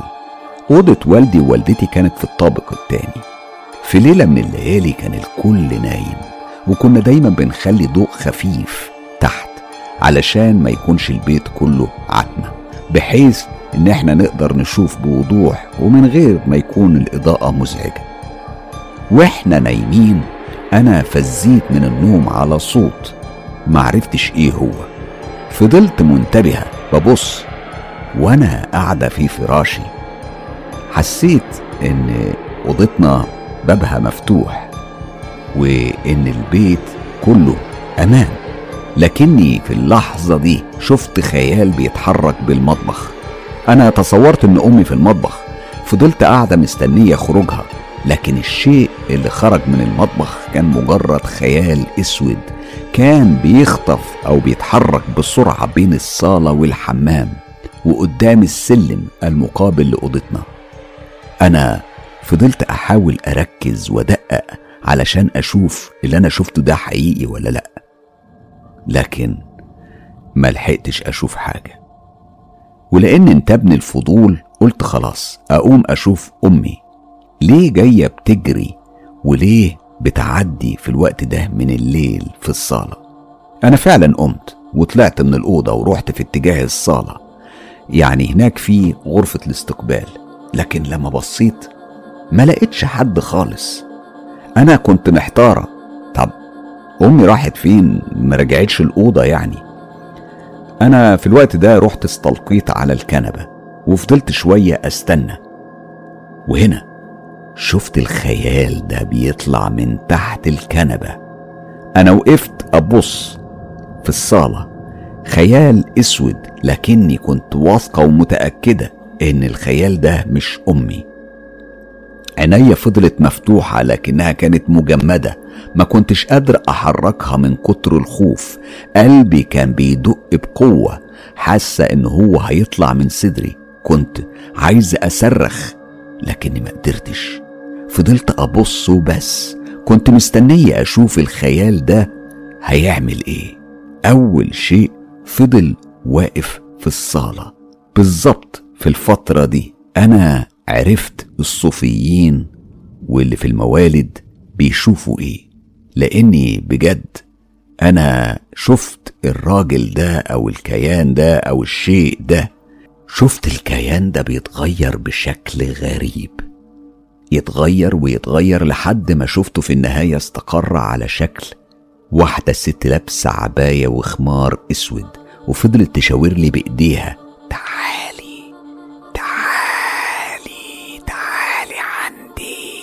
لكن أنا طبعا ما اتحركتش. أنا كنت خايفة جدا. وبعدين قلت لأ. يعني أنا مش عارفة دي مين. هي لما لقتني ما بتحركش لقيتها اتقدمت عليا وشالتني بين إيديها وفضلت تتحرك بيا في وسط الصالة وتلف. كانت لابسة تنورة كانت بتكبر وتروح وتيجي. أنا فضلت أبكي وأبكي. وكانت بتخليني ما صرخش. هي كانت بتلف وتلف وتقولي ما تخافيش ما تخافيش ما تخافيش. بعدها وقفت اللف ورجعتني للكنبة وراحت اختفت. عارف راحت فين؟ أنا شفتها بتدخل تحت السلم. أنا كنت عارفة إن تحت السلم ده المكان الوحيد اللي قطتنا بتستخبى فيه. ما يقدرش يدخل فيه إنسان بطول وعرض زي الكائن اللي أنا شفته ده. هي دخلت وأنا فضلت أبكي وأبكي طول الوقت من الخوف لحد ما سمعت أمي. وهي نازلة على السلالم. كنت شايفاها نازلة من أوضتها وشافتني مش في سريري وسمعت صوتي وأنا ببكي. جت شافتني فتحت النور وقالت لي أنت بتعملي إيه هنا وبتعيطي ليه؟ وليه مش نايمة؟ أنا طبعا حكيت لها على اللي حصل بأسلوب الأطفال العفوي. أمي سمعتني وما ردتش وأخدتني معاها أوضتها نمت معاها في سريرها بينها وبين والدي لحد الصبح. وبعد كده صحيت وخدتني على الحضانة. أنا فضلت أفكر بالشيء اللي شفته طول اليوم ولا لعبت مع الأطفال ولا عملت أي حاجة. كنت مقضية اليوم كله ساكتة. ولما رجعت حكيت لأمي لكن هي قالت لي كل اللي شفتيه ده كان حلم. كل ما أشوف حاجة كانت تقول لي حلم أو متوهمة. لحد ما كبرت وعرفت إن اللي شفته ده عمره ما كان حلم هو كان حقيقة لأنه مش حلم. لأنه لو حلم كنت نسيته تماما خصوصا إني كنت طفلة وكبرت. دي كانت أول قصة ليا أو أول تجربة أشوفها في حياتي وأتعامل فيها مع الجن المتشكل.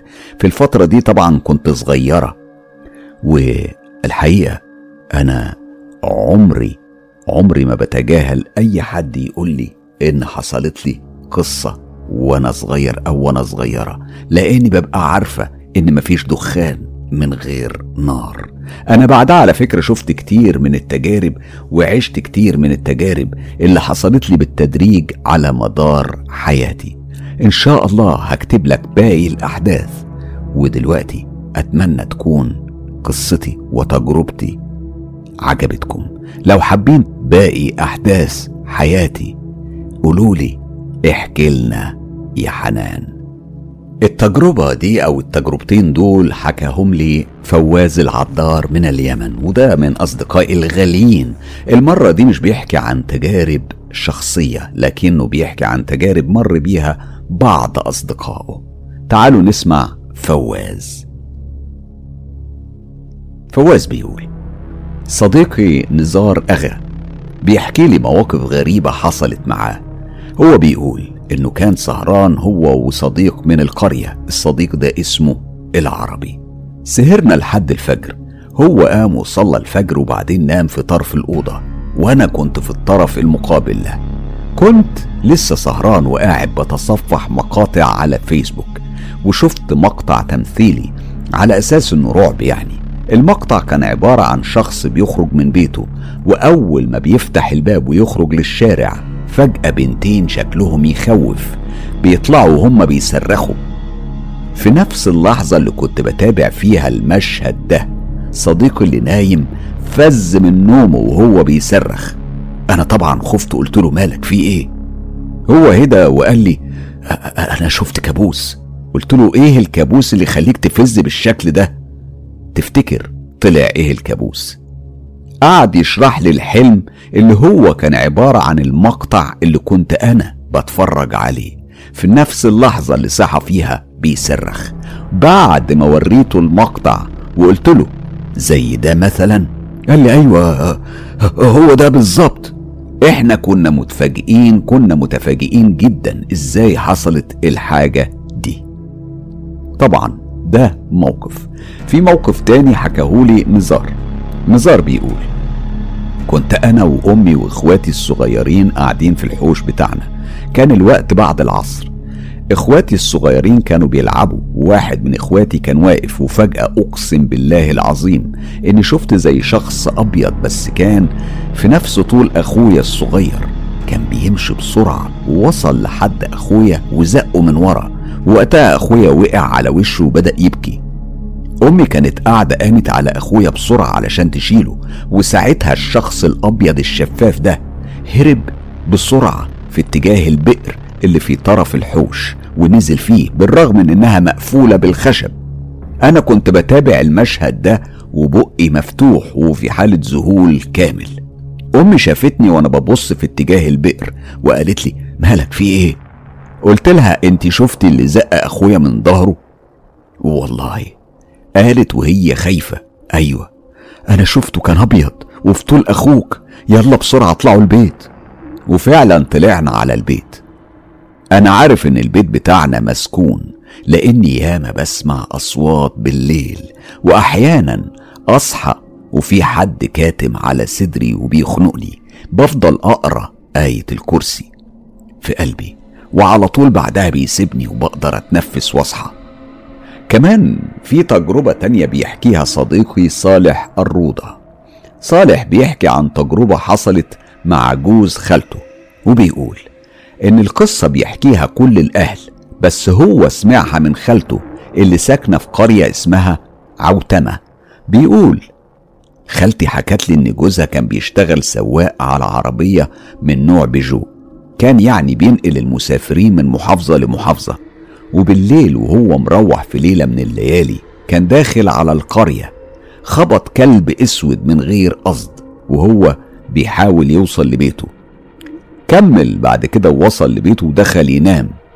تاني يوم على طول كان مريض جدا وهو حكى لخالتي إنه صدم كلب. قعد مريض تلات أيام بعدها توفى.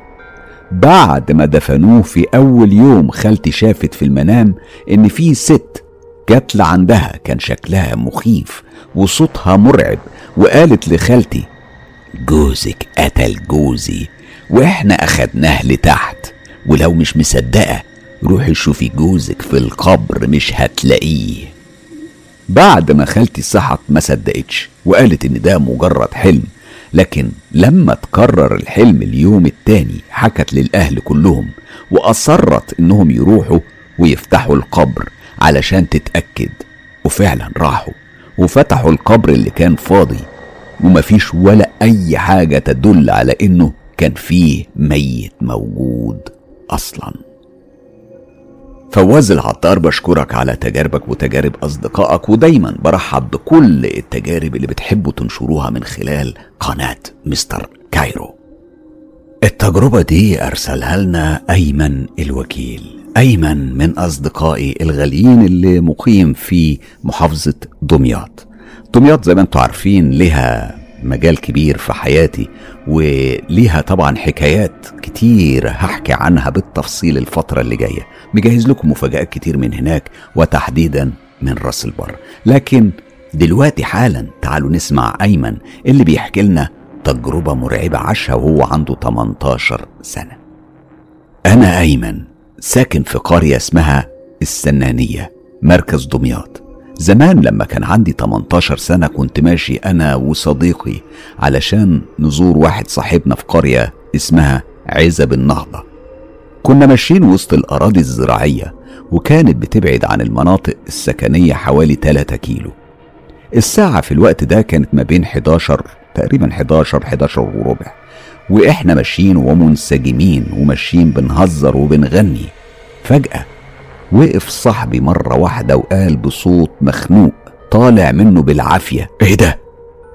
إيه ده؟ أنت شايف؟ عون عون عون هناك أهو. ولأني ما كنتش أعرف يعني إيه هو العون أنا بصيت مكان مكان بيشاور أقسم برب العزة. أنا شفت راجل راكب أعزك الله حمار ارتفاعه عمارة عشر أدوار. أنا لما شفت المنظر ده وداني سخنت وشعر جسمي وقف وصوتي راح. ورحت مكلبش في صاحبي. يعني حضنته جامد من شدة الرعب اللي كنا فيه ساعتها. وفجأة ربنا سبحانه وتعالى ألهم صاحبي وأرى المعوذات وآية الكرسي. ومجرد ما رمشت بعينيا اختفى. إحنا طبعا كملنا الباقي المسافة جري. وبعد حوالي خمسين متر ظهرت ترعة صغيرة. المفروض كنا نعدي الترعة من خلال معدية معمولة من جذوع النخيل. المعدية دي بتسع شخص واحد. يبقى واحد متقدم والتاني وراه. على الضفة التانية من الترعة كان واقف شاب راكب حمار عادي جدا. وقال لنا يلا عدوا بسرعة على طول. أنا عقلي ترجم إن اللي إحنا شفناه ده كان مجرد خداع بصري مش أكتر. بعد ما عدينا ووصلنا للعمار قلت لصاحبي تصدق وتأمن بالله؟ قال لي لا إله إلا الله. والواد اللي كان راكب الحمار كان هين عليه أرميه في الترعة هو والحمار. قصاد الفزعة اللي اتفزعناها دي. صاحبي رد عليا وقال لي أنت عبيط. واد مين الله يصلح حالك. ده العون. ده نوع من الجن. بعد الموقف ده أنا قعدت فترة أحلم بكوابيس من ساعتها وأنا حافظ آية الكرسي ودايما برددها من وقت للتاني. أتمنى تجربتي الصغيرة دي تنال إعجابكم. أيمن الوكيل. أيمن بشكرك على مشاركتنا بتجربتك وطبعا كلنا عارفين إن الكيانات السفلية موجودة في القرى بشكل أكبر من وجودها في المدن. دايما المناطق الريفية بيكون فيها مجال أكتر للكيانات السفلية إنها تتواجد وتعيش. دايما بيحبوا يعيشوا بعيد عن الأماكن اللي فيها زحام وعمار وبيفضلوا الأماكن الهادية والنائية. التجربة دي من إيران وتحديدا اللي بعتها لنا كريم. كريم من أصدقاء قناة مستر كايرو ومتابعينها اللي بيحكي لنا عن تجربة غريبة حصلت له هناك. تعالوا نسمع كريم. مرحبا مستر كايرو. أنا من متابعينك في اليوتيوب اسمي كريم. من الأهواز. إحنا عرب لكننا جزء من إيران وبندرس بالفارسية.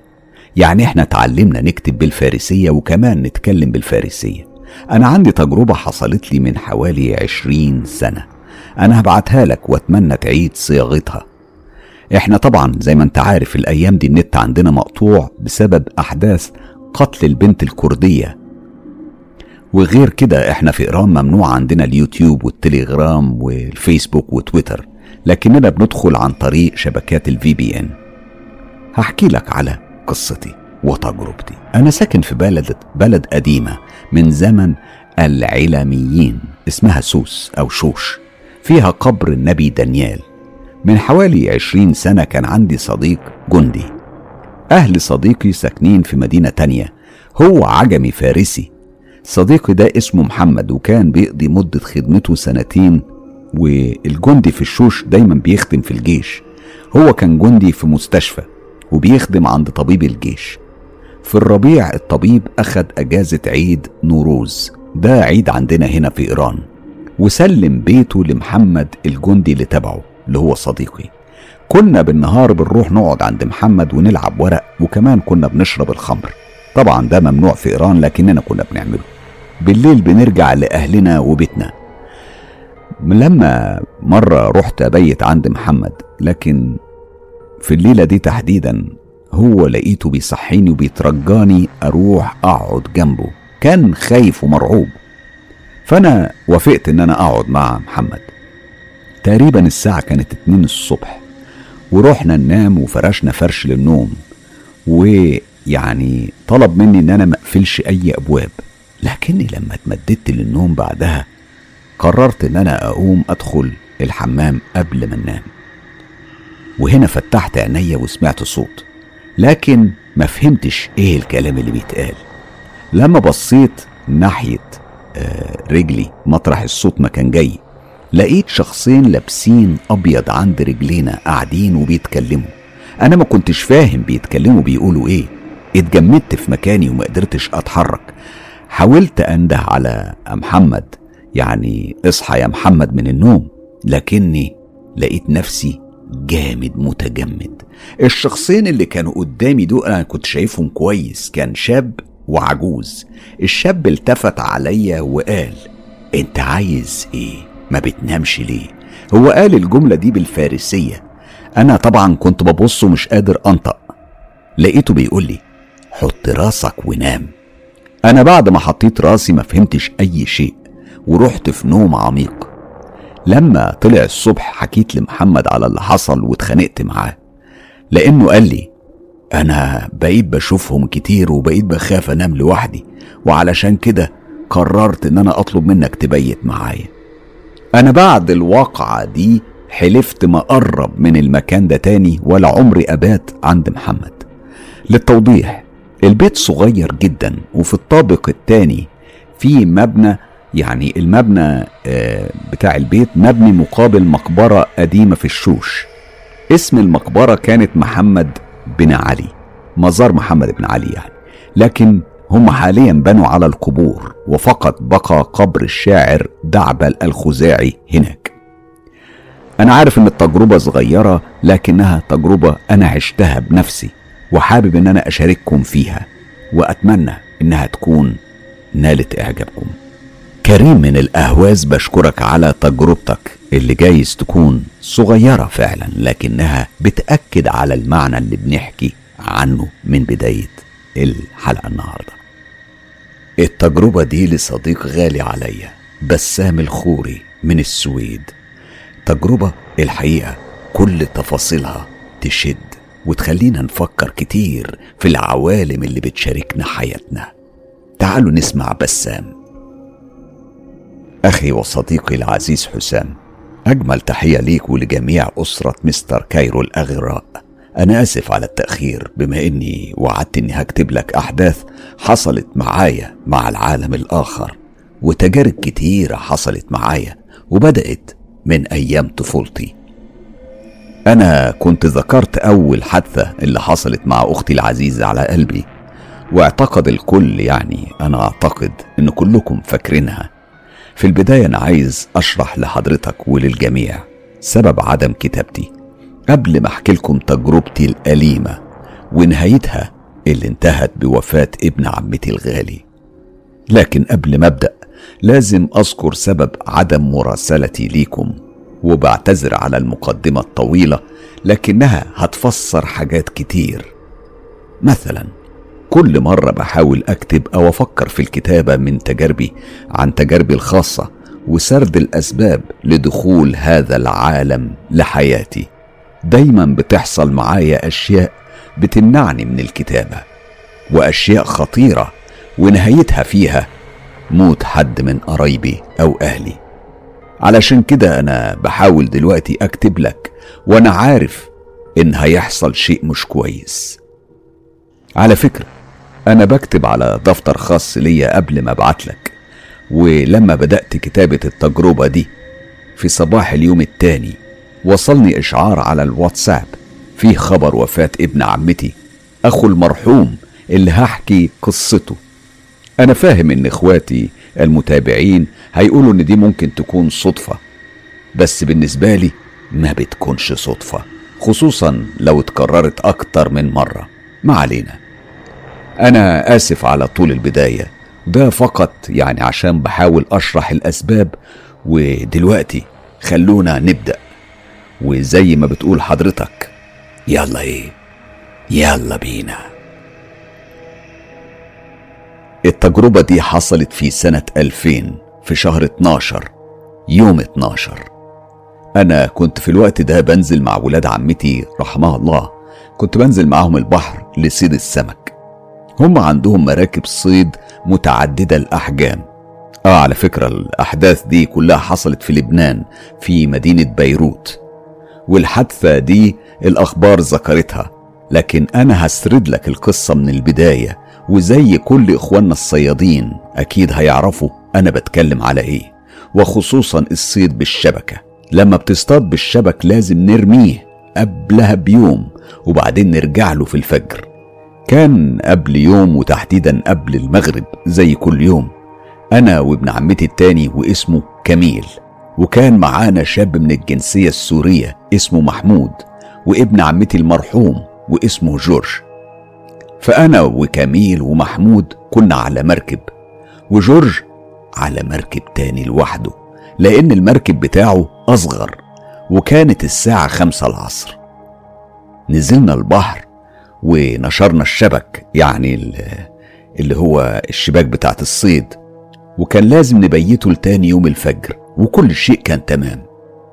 بعدها رجعنا البر وفي صباح اليوم المشؤوم الساعة خمسة الفجر. نزلنا المينا واتقابلنا كلنا بالقرب من المراكب. كان في صيادين غيرنا فطلعنا أنا وكميل ومحمود مركبنا. وجورج رحمة الله عليه ركب المركب بتاعته وطلعنا ورا بعض. في الوقت ده كان البحر ساكن زي المية تماما مفيش هوا ولا موج. عارف لما يبقى يتقال عليه زيت؟ بحر ساكن زي البلاط لا موج ولا أي شيء. وزي ما بيقولوا دايما ده بيكون هدوء ما قبل العاصفة. قبل ما كل مركب يروح في اتجاه المكان اللي رامي فيه الشبك أنا بصيت لجورج وقلت له خلي بالك خلص بسرعة قبل ما الطقس يتغير. جورج بصلي وهز راسه بالإيجاب وبالفعل وصلنا لمكان الشباك وبدأنا نسحب أنا وكميل كنا بنسحب الرصاص وكمان بقينا بنشد الفل كل الصيادين أكيد هيبقوا فاهمين المصطلحات دي. لما وصلنا لنص الشبكة يعني المسافة نصها تقريبا هنا بدأت الرياح تقوى. في الوقت ده أنا كنت شايف جورج على المركب التاني. يعني تقدر تقول المسافة ما بيننا حوالي 400 متر. كانت الساعة تقريبا ستة الصبح وفجأة تلبدت السماء بالغيوم وأصبحت معتمة وبدأ الموج بالارتفاع تدريجيا. أنا قلت كميل إحنا لازم نسرع أكتر من كده قبل ما البحر يقوى علينا. هو جاوبني بسرعة همة أكتر. وأنا كنت في نفس الوقت ببص على المركب اللي فيه جورج وبعدها بصيت لجهة البحر وشفت موج عالي بيتشكل بالأفق. أنا ندهت على كميل وقلت له بص وراك دي, دي شكلها عاصفة. بسرعة ومفيش دقيقة بصيت مرة تانية وهنا شفت جبل ضخم من المية جاي ناحيتنا. إحنا كنا على وشك رفع آخر الشباك. وفيها بيكون حجر الثقال اللي هو الرصاص. وكل الوقت ده الموتور بتاع المركب كان شغال. بسرعة نزل كميل أو يعني جاب القورة يعني مكان الدفة وراح وزود سرعة المحرك للآخر علشان يظبط التوازن في المركب. أنا قلت لمحمود اقعد على قد ما تقدر قدام في المقدمة وما تبصش وراك. لفيت ناحية كميل وببص لورا. وشفت منظر مستحيل ممكن أنساه طول عمري. أنا شفت موجة ضخمة بارتفاع عمارة تلات أدوار ولون أسود قاتم. شاورت الكميل بدون كلام يعني بص وراك ولما بص بسرعة نزل جسمه في الفجوة الخلفية للمركب وصرخ بأعلى صوته يا الله رحمتك يا رب وأنا كمان قلت نفس الشيء. نجينا يا رب نجينا يا رب وبدون شعور. أنا بصيت ناحية جورج وحسيت إحساس غريب كأنها آخر مرة هشوفه فيها.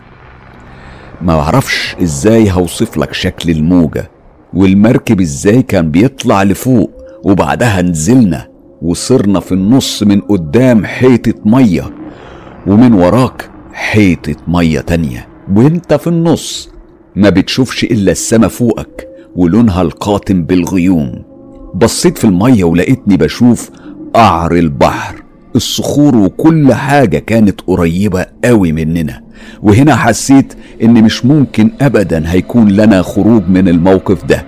وفي ثانية لقيتني واقف على مقدمة المركب وفاتح إيديا وبصيت ورايا. وهنا شفت الموجة التانية هتتكتر على المركب وتاخدنا معاها واللي حصل؟ الموجة طبقت على النص الخلفي من المركب وفي جزء من الثانية أصبح المركب المية فيه لحدود الحافة. يعني تقدر تقول حوالي خمسة سنتيمتر بس من المركب كان طافي على وش المية. في الوقت ده البحارة الموجودين على المينا كانوا بيراقبوا اللي بيحصل لنا وبيدونا إشارات بإيديهم إن إحنا نسرع بالدخول للمينا اللي ما كانش بيفصلنا عنها إلا أمطار معدودة. المشكلة كان فيه موجة ورانا أضخم من اللي قبلها وقدامنا في جدار الرادع للميناء وطالع منه قضبان حديد والمدخل على الجهة اليمين. وهنا أصبحنا بين الموجة من ورانا. لو دفعتنا هنكون مواجهين للقضبان الحديدية. لكن رحمة الله تعالى واسعة. في آخر ثانية بداية الموجة صدمت مؤخرة المركب وزاحته باتجاه اليمين ودخلنا المينا أخيرا. أول حاجة طبعا عملناها سألنا عن جورج والصدمة كانت إنهم بعد آخر موجة ما عدلوش أي أثر لا هو ولا المركب.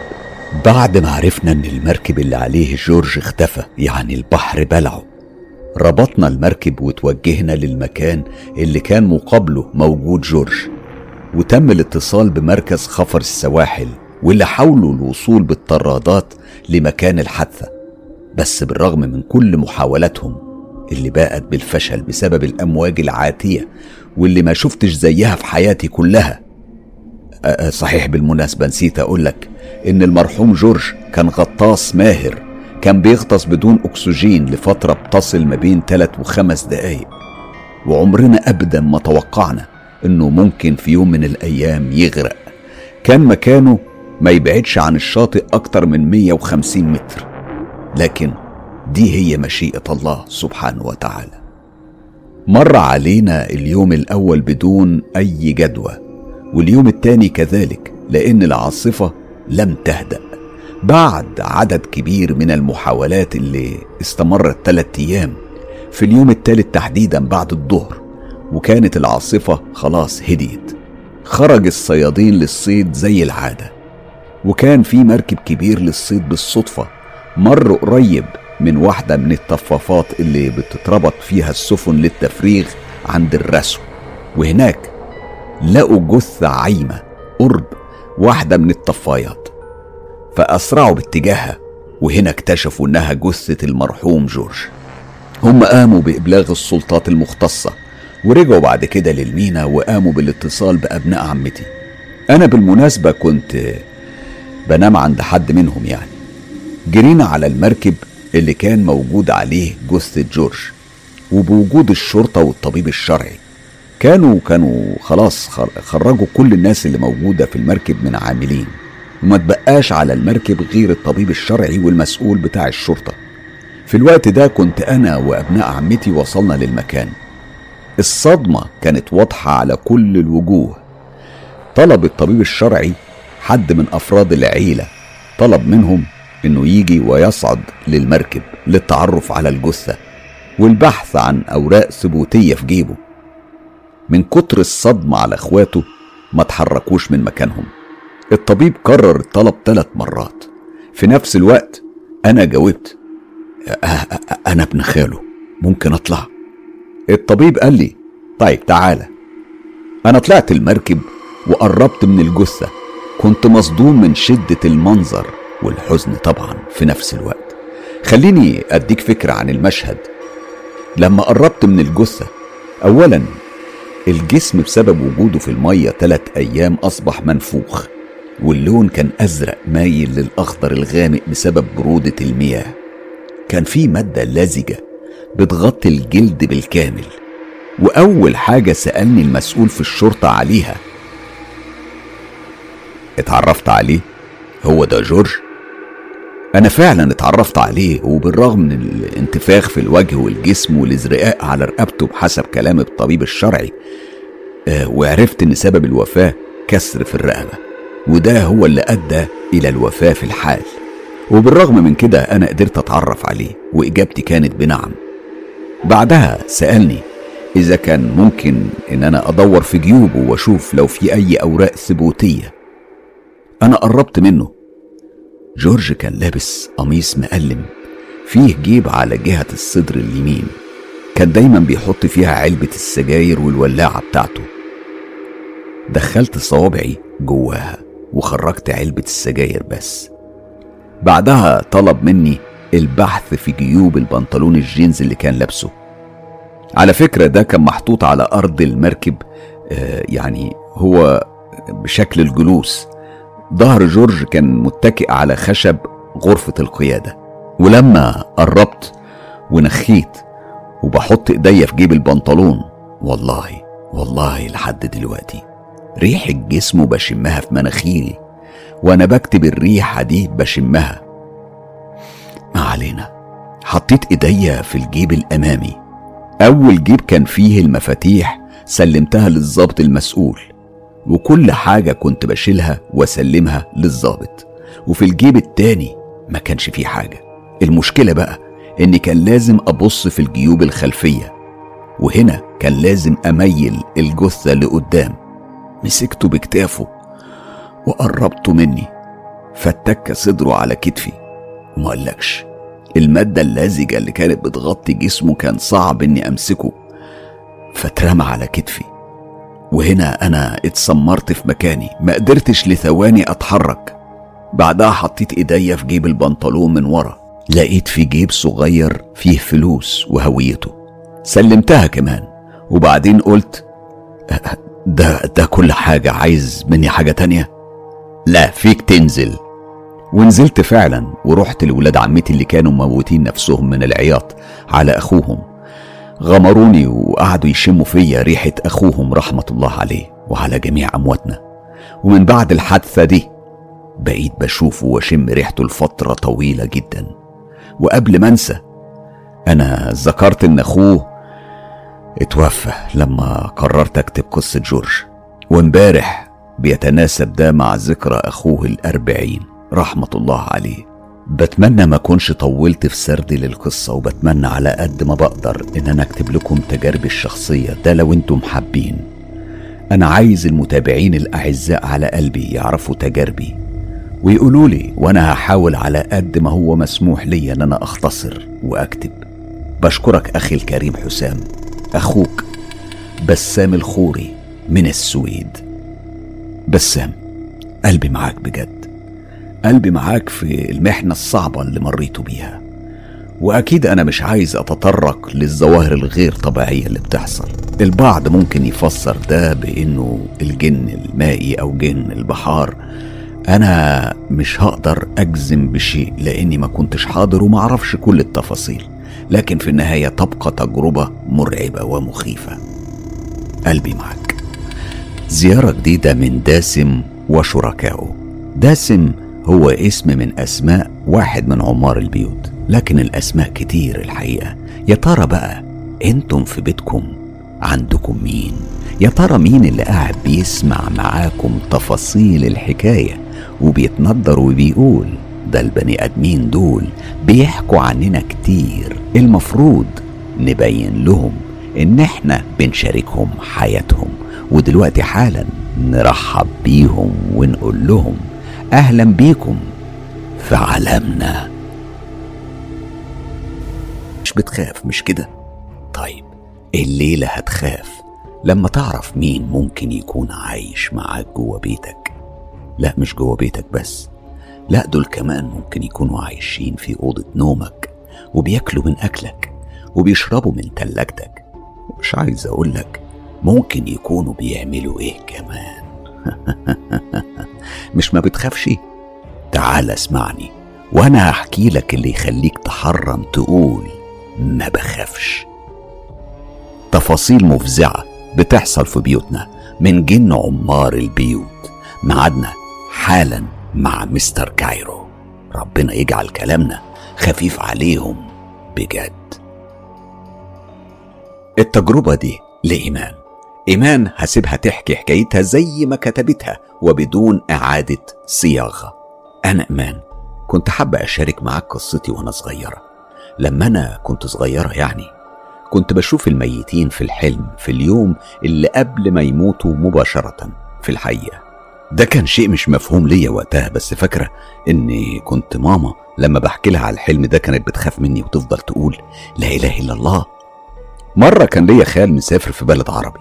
وحلمت إنه بيتخانق وفي ناس كتير بتجري وراه. وقلت لماما وقتها وفي الحقيقة إنه رجع بعد أيام مترحل بعد ما عمل حادثة واتخانق وحصل له مشاكل كتير. وما قالش لحد خالص إلا لما عدى شهر بعد ما نزل.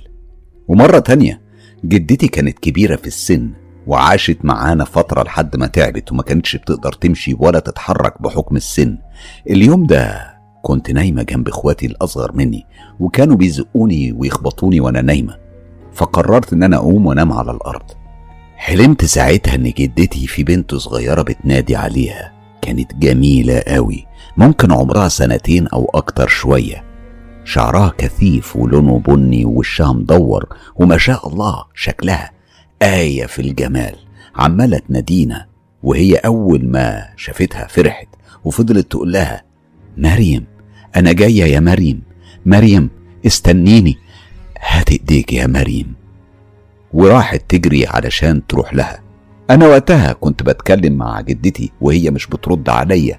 كانت بتبصلي كأنها مش موجودة. وفجأة مسكت إيد البنت دي ومشيت معاها. والبنت دي مرة واحدة لفت وشها وبصت لي وابتسمت ولفت تاني. وقتها أنا اترعبت وفضلت أنادي جدتي أنت رايحة فين يا جدتي؟ ما تمشيش معاها. كنت بزعق ومفيش أي فايدة فمشيت وراهم لحد ما شفتهم دخلوا مكان. المكان ده كان طوب أحمر بس وكان ضيق بس مش قوي يعني تقدر تتحرك فيه لكن كان كله تراب وعنكبوت وحاجات متكسرة وكان مرعب ومقبض جدا. فضلت أنادي عليها وهي مش بترد عليا برضه كان في كنبة خشب كده عليها تراب وقتها زقت التراب بإيديها كده. واخدت البنت دي ونامت جنبها وادت لي ظهرها. البنت دي قامت بصت لي كده شوية وهي ساكتة ورجعت نامت مكانها تاني. وفجأة لقيت ماما بتصحيني من النوم وبتقول لي يا بنتي قومي إيه اللي منيمك على الأرض كده. شهقت وكنت بتنفس بصعوبة وقلت لها الحقيقة يا ماما آه مريم ماسكة في ستي مريم ماسكة في ستي؟ قالت لي مريم أختك نايمة أهي مالك بس فيكي إيه؟ قلت لها لأ. ماما دي مريم تانية مش دي مريم التانية. ماما برقت ساعتها وقالت لي لا إله إلا الله. يعني خلاص كده لا حول ولا قوة إلا بالله. طيب نام يا بنتي. ودخلت ماما تطمن على جدتي في أوضتها. والغريب بقى إن جدتي اللي مش بتقدر تمشي ولا تتحرك ما كانتش موجودة في أوضتها. ماما اتخضت. دورت عليها في كل مكان وفي الحمام. يمكن تكون دخلت ووقعت ولا حاجة. ما لقتهاش في الحمام. فتحت باب الشقة ونزلت تحت دورت في الدور اللي تحت وما لقتهاش. جت تبص عند باب البيت لقت الشبشب بتاع جدتي قدام الباب من جوه. والباب مفتوح ومتوارب كده ومفيش أي حد في الشارع. إحنا في وقت متأخر ممكن كانت الساعة اتنين أو تلاتة بالليل. طلعت بسرعة فوق وصحت بابا وقالت له أمك مش في البيت وشبشبها تحت. نزلوا بسرعة يدوروا عليه وشافوا الشبشب تحت وفضلوا ينادوا عليها مفيش أي رد. طلع بابا يلبس بسرعة أي حاجة علشان يطلع يشوفها بره فقال يبص تاني عليها. فوق يعني. بص لقاها نايمة في مكانها ومتغطية بس كان عليها تراب من كل حتة. ماما قالت لها أنت كنت فين يا حاج؟ أنا ما لقيتكيش من شوي مش عارف. أنا رحت مع مريم أوضة كده متكسرة وكلها تراب وعنكبوت. ووصفت اللي أنا حكيته لماما من شوية. ماما شعرها وقف من الخضة وسابوها تنام. وتاني يوم جدتي ماتت. مع العلم إن أنا وقتها ما كنتش أعرف إن ليا عمة اسمها مريم وماتت وهي صغيرة. حاجات كتيرة تانية كانت بتحصل معايا. لحد دلوقتي مش عارفة تفسيرها إيه. كان في شخص كنت بشوفه وأنا نايمة كان بيقول لي اللي هيحصل تاني يوم. وكان له وشين وشخصيتين. الشخصية الأولى كان في الحلم بيجيلي كل اللي نفسي فيه. وبعدين يبلغني خبر حلو أو حاجة هتحصل. الشخصية التانية كان بيعذبني ويخوفني. وكان شكله بشع جدا. كان بعد العذاب اللي بيوريهولي يقول لي خبر وحش أو حد هيموت أو أبعد عن حد. أنا فضلت كده سنين وما كنتش بقول حاجة لحد ما في يوم قلت أنا بعرف مين ووصفت شكله. ما بقتش بشوفه تاني بعدها ومعرفتي قلت لحد ما انتهت. هو آخر مرة جالي عاتبني وعذبني إني حكيت ولما صحيت يومي كان وحش جدا وعملت حادثة واتخبطت في دماغي. بشكرك إيمان على كل التجارب اللي شاركتينا بيها وأكيد شيء مفزع. النهارده طبعا ده كان نموذج لبعض القصص اللي هنسمع زيها من خلال تجارب الأصدقاء مع عمار البيوت. عمار البيوت اللي ممكن يكونوا موجودين معاك حالا أو معاكي وبيسمعوا معاكي الأحداث اللي بتتحكى عن قرايبهم اللي موجودين في كل بيت. أكيد اللحظات اللي هنكمل بيها النهاردة مع بعض هتكون لحظات مرعبة جدا. تعالوا نسمع باقي حكايات الأصدقاء وتجاربهم الحقيقية مع عمار البيوت. التجربة دي لصديقة مغربية بعتز بيها كتير وأعادت صياغة التجربة. كاتبة قناة مستر كايرو صباح نصري الأديبة المتألقة. القصة لحنان برقوقي. هي عاشتها بالفعل بكل الأحداث اللي هتسمعوها الليلة. ويلا إيه؟ يلا بينا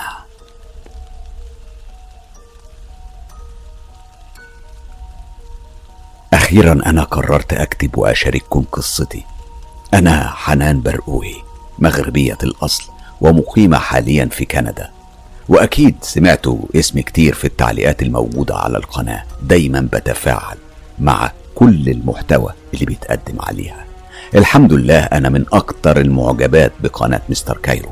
ومن محبي قصص الرعب وكل حاجة ليها علاقة بالجن وقصص الجن. والسبب هتعرفوه لما تسمعوا حكايتي.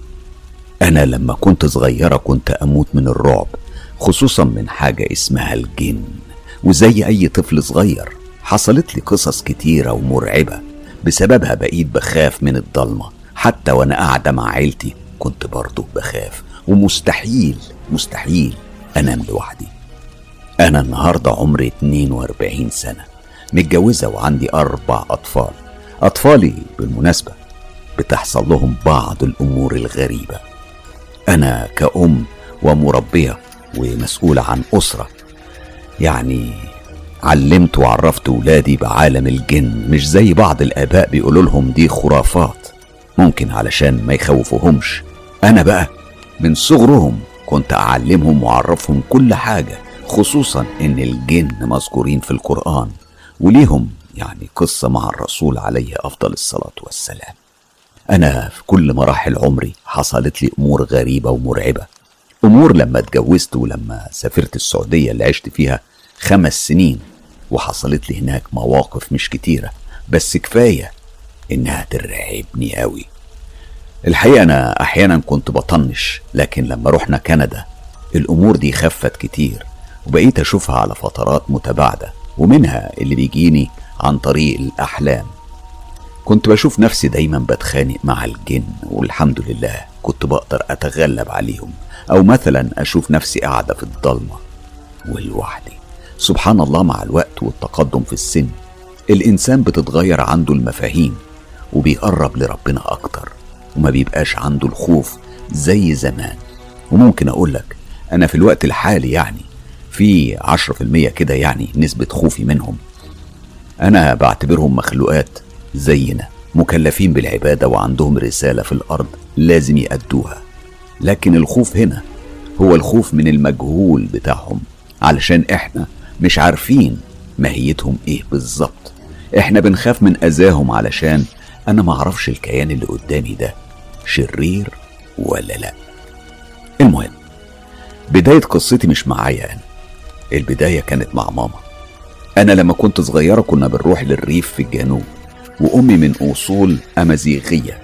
جدي الله يرحمه في كل عطلة صيف كان بيحب إن ولاده كلهم يجوا يقضوا معاه الأجازة. مرة أمي حكت لي وقالت لي إنها لما كانت في سن المراهقة صحيت بالليل علشان تروح الحمام. الحمام كان بعيد وخارج البيت. هي فكرت إنها تختصر المسافة. وتمشي من قدام زريبة الحيوانات.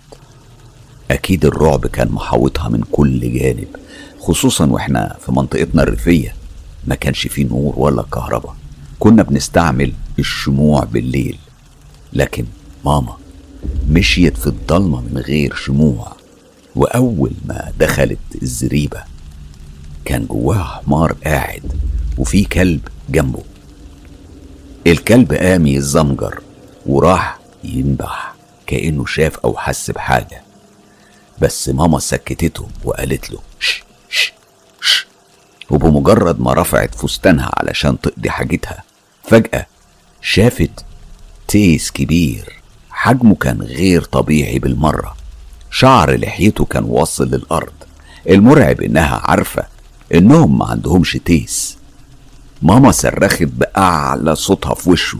وطلعت تجري وهي بتقول بسم الله الرحمن الرحيم بسم الله الرحمن الرحيم. وحاجتها كملتها أثناء الجري. هي قالت لي أنا كنت بلهث ولساني خارج بره كنت بحاول أصرخ ومش قادرة لحد ما قاموا أهل البيت على صوت خبطي وكانوا بيسألوني فيك إيه مالك؟ أنا ما كنتش قادرة أتكلم كنت بقول بس تيس تيس. بعدين راحت عند خالها وحكت له على كل حاجة. ضحك خالها وقال لها ما تخافيش ده واحد من عمار البيت وإحنا عارفين إنه موجود هنا من زمان هو ما بيأذيش والحمد لله إنك ما ضربتهوش أضربه؟ ده أنا يا دوب شلت رجليا وهربت. وقتها رجليا خانوني وحسيتهم تقال كأني كنت في منام وبجري ببطء شديد من قوة الخوف. المهم ماما كملت حكايتها وقالت لي في يوم كانت عندي قضية في المحكمة ورجعت منها متضايقة قوي علشان الأمور ما كانتش في صالحي زي ما كنت عايزة لما دخلت البيت فطرت أخوكي الصغير وكنت لسه متعصبة. دخلت الحمام وكان قدامي جردل المية مش نظيف قمت فتحت باب الحمام ورميت المية بكل قوة. وبعد دقايق رحت علشان أكمل أكل لأخوكي. في نفس الوقت كنت أنا كمان باكل لكني حسيت بحاجة غريبة في وشي. حاجة غير عادية أبدا. أنا كل ما كنت أحط المعلقة في بقي ما لاقيش بقي في مكانه. ولما أحسس على وشي بإيديا ألاقي بقي جنب خدي. أنا ما كنتش فاهمة حاجة. أنا من كتر الرعب جريت للمراية بس اللي شفته كان غريب فعلا. لما يكون بقي مقفول أحسه طبيعي وكويس ولما أفتحه بيروح لجهة الخد. أنا اترعبت من منظري قدام المراية واتخضيت قوي ورحت رحت رحت لماما وقلت لها بصي يا ماما بصي بصي شكلي عامل إزاي؟ وإيه اللي حصل لي؟ ماما من خوفها ودتني شيخ وقرأ عليا وقال لي اللي عليكي ده مس من الجن وبسبب رميك للمية الوسخة ولسوء حظك المية دي اترمت فوق فستان أميرة من الأمراء لما كانت بتمر من هناك ووسخت هدومها. الشيخ قال الحمد لله إنها مش ضربة قوية وإنها يعني يا دوب زقتك بإيديها لدرجة إن بقك اتعوج. الشيخ وبطريقته عالج ماما ورجعت الأمور لطبيعتها. أنا فاكرة كويس لما كنا عايشين في البيت إياه. كان مظلم والمنطقة كانت خالية. وقتها أنا كنت في الصف الرابع الابتدائي. ماما كانت تعبت واتصابت بمس من الجن وإحنا مش عارفين إمتى وازاي يتمست بالظبط. ماما كانت بتقعد معانا عادي وفجأة تبدأ تتكرع وتطلع أصوات غريبة وتتكلم بصوت مختلف. الصوت ده كان غير صوتها خالص. كنا أنا وأخويا بس اللي معاها علشان بابا بيشتغل بعيد وكان بيغيب لأيام. في الوقت ده كنت أنا وأخويا بنموت من الرعب من صوتها وكمان من شكلها. ولحسن الحظ بيت عمي كان قريب ولازق مع بيتنا. أنا رحت جري لعمي علشان أندهله ولما جه عمي ودي كانت أول مرة بيشوفها بالشكل ده. ماما كانت بتتلوى في الأرض وبتتشنج وبتتكلم بصوت غير صوتها. عمي معرفش يتصرف كان فاتح بقه بيبص عمال يبص عليها وهو متنح مش عارف يعمل إيه. أما أنا مش عارفة إزاي جاتني الشجاعة. يعني أنا وقتها يعني عارفة نفسي كويس أنا خوافة. أنا اتقدمت لماما وقريت آية الكرسي. كنت بكرر فيها لدرجة إن ماما قالت سيبوني سيبوني. وأنا وعمي كملنا قراية لحد ما سكتت خالص وكأنها صحيت من كابوس مرعب. ماما كانت بتبص لنا وإحنا دايرين عليها وملامحنا متغيرة. بس هي سألتنا وكأنها مش فاكرة حاجة ورجعت لطبيعتها. إيه مالكم؟ بتعملوا إيه هنا؟ الموضوع ده أخد معاها فترة لدرجة يعني أنا بقيت بخاف أروح معاها لأي مكان علشان ما أعرفش إمتى هتجيلها الحالة دي. في مرة سافرنا لمدينة مكناس علشان نحضر فرح خالتي. وقتها كنا متقسمين لمجموعتين والناس فرحانة. كنا بنجتمع لمدة أسبوع مش ليلة وبس. البيت اللي كنا فيه مكون من ثلاث طوابق. كان فيه موسيقى وحركة كتير وكل شيء كان ماشي تمام. وإحنا كنا مندمجين مع الفرح والجو. فجأة ماما تغير حالها وبدأت تعمل حركات وتتكرع. أنا أول ما شفتها فهمت إن الحالة جاتها. بسرعة جريت لخالتي أنده لها وأنده للناس اللي كانوا معانا. كانت معانا واحدة ست بتفهم وبتعرف في الحاجات دي. ساعتها دخلناها الأوضة واتجمعنا عليها. ماما كانت بتتكرع بصوت وبشكل قوي أقوى من المرة اللي فاتت وأنا كنت ماسكة رجليها وبقرأ في القرآن. أما الست كانت بتتكلم معاها وهي بتتشنج وتضحك ونظراتها كانت تخوف. أنا في لحظة ظنيت إنها مش ماما بسبب وشها اللي اتغير وأصبح مرعب. الست كانت بتحاول تتكلم مع الكيان ده اللي كان لابس أمي لكن من غير أي فايدة لأنه كان أقوى. ماما فضلت مدة طويلة بالحالة دي وأنا بصراحة مش فاكرة إزاي اتعالجت ماما. الفترة دي كانت فترة مرعبة جدا وصعبة ويمكن من أصعب الفترات اللي مرت في حياتي كلها علشان ماما كانت بتتحول وأنا كنت صغيرة وما عرفتش أتصرف غير إني أجري لعمي أو أي شخص كبير علشان يساعدني. كانت سنوات رعب وما كنتش أعرف حاجة غير إني كنت أقرأ آية الكرسي عليها. كل ده مع الوقت أثر علينا وأنا صغيرة.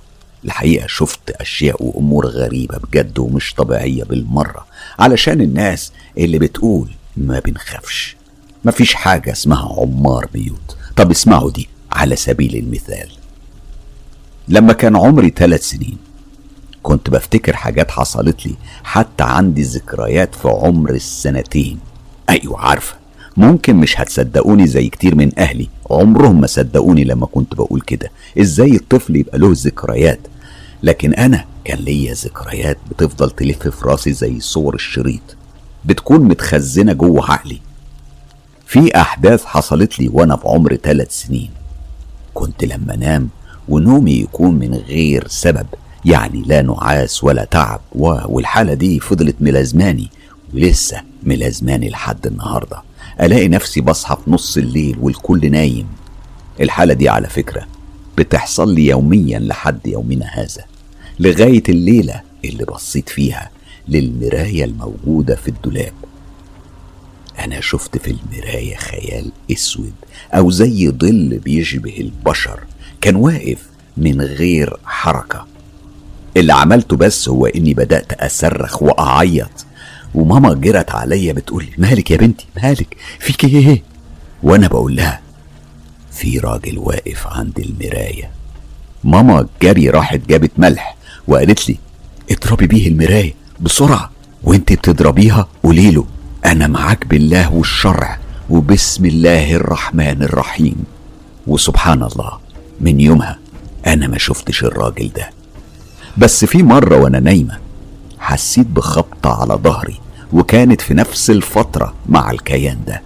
ومن يومها وبسبب الخبطة دي تحديدا أصبح عندي فوبيا إني أنام وفي جهة فراغ ورا ظهري. يعني لما بنام لازم يكون ورايا حاجة زي حيطة مثلا. كنت بتخيل إني لو مد ظهري للفراغ هتحصل لي حاجة أو يضربني أي حد على ظهري بنفس القوة. في مرة كمان وقتها كنت صغيرة وكنت في بيت جدتي وصحيت بالليل وشفت المرة دي تلات رجالة مش واحد. واحد منهم في مراية واللي المراية اللي في النص واتنين منهم كل واحد واقف على باب من أبواب الدولاب. أنا اتكومت في سريري. ما كنتش قادرة أعمل أي حاجة غير الحاجة الطبيعية اللي هيعملها أي طفل الصريخ. قعدت أصرخ وأصرخ ونفس الشيء ماما جت جري. مجهزة الملح معاها وطلبت مني أعمل وأقول نفس الكلام. الحمد لله مرت الفترة دي على خير زمان في بيت الجدة. كمان زمان في بيت الجدة وإحنا كأطفال كانوا بيفرشوا لنا كلنا على الأرض. ولما كنت نايمة صحيت بالليل بس أنا وقتها شفت وش بيطفو أو زي ما يكون طاير في الهوا. الوش ده كان فيه فراغ حواليه من غير جسد. شعره كان بني ناعم وممشوط. الوش ده كان بيدور حواليا وبيبصلي وهو مبتسم ابتسامة خفيفة. أنا من الخوف خبيت راسي تحت الغطا ولزقت في العيال اللي نايمة معايا.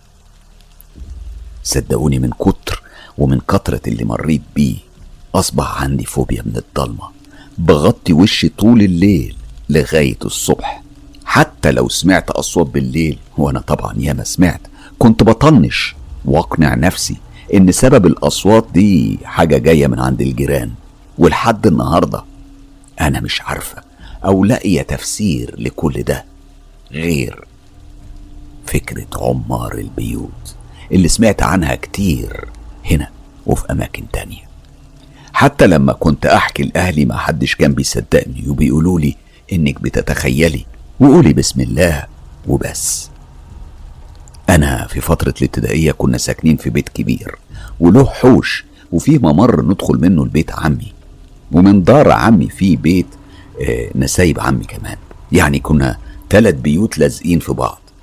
في ليلة من ليالي الصيف وفي المنطقة دي بالذات كانت عندنا حالة وفاة لراجل وبقينا إحنا الأطفال بس في البيت وكانت معانا ست كبيرة كانت بتشتغل طباخة عندهم. أنا فاكرة كويس ليلتها كانت الست دي محتاجة ملح أو أي شيء تاني من البهارات فقالت لي حنان ادخلي البيت وجيبيها لي النبي بسرعة. المشكلة طبعا هم عارفين إن أنا خوافة من الأمور دي خصوصا في فترة الليل.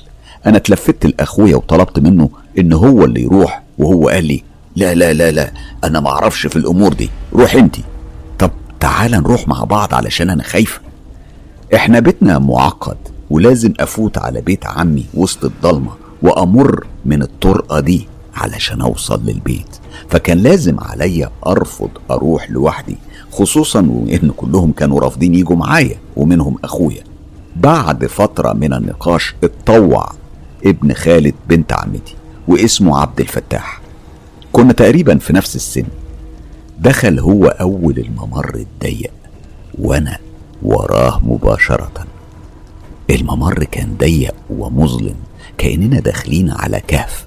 ولما وصلنا جبنا الحاجة اللي طلبتها الست ورجعنا بسرعة كأن في شخص بيلاحقنا وبيمشي ورانا. لما فجأة سمعنا صوت خبط قوي. مش عارفين مصدره منين. وقفنا اللحظة كنا بنبص لبعض من كتر الرعب وبدأنا نتسابق في الممر الضيق. وكل واحد فينا بيحاول يخرج ويمسك ويشد في ظهر التاني علشان يفوت الأول. الممر ضيق والدفع والخوف سيطر علينا. لما خرجنا اختلط علينا الضحك والرعب. لغاية النهاردة كل ما افتكر الموقف ده أموت من الضحك. لكن الغريب هو إيه اللي وقع الحلة على الأرض؟ وخلانا نجري نجر في بعض ووقع ما بينا صراع مين اللي هيخرج الأول؟ حقيقي ملهاش تفسير. إحنا تاني يوم لما رحنا بصينا نشوف يعني في ضوء النهار إيه اللي وقع لقينا حلة اتحركت من الرف. كانت محطوطة عليه بإتقان حسب كلام أهل البيت لكنها وبشكل غريب ومش مفسر. كانت موجودة في نص الأرض على في نص الأوضة على الأرض. شيء مفزع يخلينا ما نفهمش. أنا فاكرة إحنا حرفيا خرجنا من الممر ده وإحنا مرعوبين. الممر كان مظلم وشوشنا كانت صفرة. ملامحنا اتغيرت بسبب الفزع. ولما سألونا مالكم حكينا على اللي حصل. وكمان ما صدقوش. طبعا كل ده يعني اتحول لتعجب لما تاني يوم الصبح رحنا وشفنا الحلة وهي وقع على الأرض في نص الأوضة وباقي الحلل محطوطة بإتقان فوق الأرفف اللي مستحيل حاجة تقع من فوقها. كلام طبعا كان بالنسبة لهم شبه صدمة. هم قالوا أكيد لما خبطوا الباب الحلة وقعت على الأرض. طبعا مين اللي هيصدق تفسير زي ده؟ أنا عارفة إن هو موقف يرعب ويضحك في نفس الوقت لكن اسمعوا دي في مرة كمان وفي نفس البيت الموجود بين البيوت المعزولة في القرية وبعيدة عن بعض والقرية دي معدومة من أعمدة الكهرباء وفي عز الصيف والحر جت بنت خالي علشان تقضي معانا أيام العطلة. بنت خالي كان شكلها مختلف شوية إحنا كنا بنسميها الضفدعة علشان عينيها كانت خارجة لبرة وبارزة وكنا طول النهار نندهها ونقول لها يا ضفدعة هي كانت بتتضايق مننا قوي. لما صحينا الصبح صحينا على صوت ماما وهي بتنادي علينا وبتقول لنا قوموا شوفوا شوفوا أنا لقيت إيه. إحنا شفنا أكبر ضفدع في حياتنا في نص البيت. ما كناش عارفين جت منين ودخلت إزاي مع إن ماما بتنظف وترتب البيت كل يوم. ماما قالت لنا ده بسببكم أنتم من كتر ما اتكلمتوا على الضفدعة أهي جات لكم بنفسها. بالرغم إن الباب مسدود ومقفول ومفيش مكان تدخل منه. إحنا من يومها حرمنا نقول لبنت خالي الضفدعة ومتنا من الخوف. طبعا دي كانت ظاهرة غريبة بالنسبة لي. وأنا مراهقة ولما وصلت مرحلة الثانوية وقتها أنا فاكرة في يوم كنت تعبت وحبيت أنام شوية. لكن لما نمت صحيت لقيت بقع من الحنة في إيديا. ريحتها كانت واضحة أنا جريت قلت لماما ولجدتي قالوا لي أكيد أنت لمستيها في مكان أو حاجة. طب إزاي هلمسها وإحنا أصلا ما بنستعملهاش؟ وهي كمان مش موجودة في البيت عندنا. لما شموها لقوها صح حنة. أنا فاكرة إن في واحدة ست صحيت من النوم ولقت إيديها ورجليها متحنيين وبعدها بمدة قليلة ماتت الست دي. هما بصولي وهم ميتين من الخوف والقلق لكن مرت على خير والحمد لله ونسينا الموضوع وما تكررش معايا من تاني. في مرة كمان في بيت خالتي اللي هي الأخت الوحيدة لماما كنا بنحب نزورها دايما علشان كبرنا مع ولادها وتربينا مع بعض. كنا متقاربين قوي. بيت خالتي عربي تقليدي واللي تلاقي فيه صالونين للرجالة والنساء ويكون مفروش بالكنب وحاجات تانية. في مرة جه بابا الله يرحمه يبات معانا. علشان بكرة أو تاني يوم هيروح لشغله. هو من طبعه كان بيبات في صالة كبيرة لوحده ويبعد عن الفوضى والدوشة. هو من النوع اللي ما بيخافش وكمان عمره ما صدق بالأمور دي وكان بيعتبرها خزعبلات لما بابا نام وصحى قال لماما عارفة حصل لي إيه لما جيت أنام؟ أنا أول ما حطيت راسي على المخدة شفت راجل كبير دخل من الباب. راح أوصف الصالون في بيت خالتي علشان تتخيلوا الوضع في طرقة على اليمين بتودي مباشرة للصالون اللي من غير باب يعني باب على شكل قوس. بيدخلك على صالون تاني كبير مقسوم على اتنين بحيط صغير.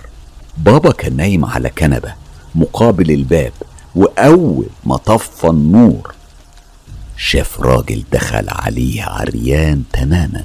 كان جاي من جهة البلكونة ومر من قدامه.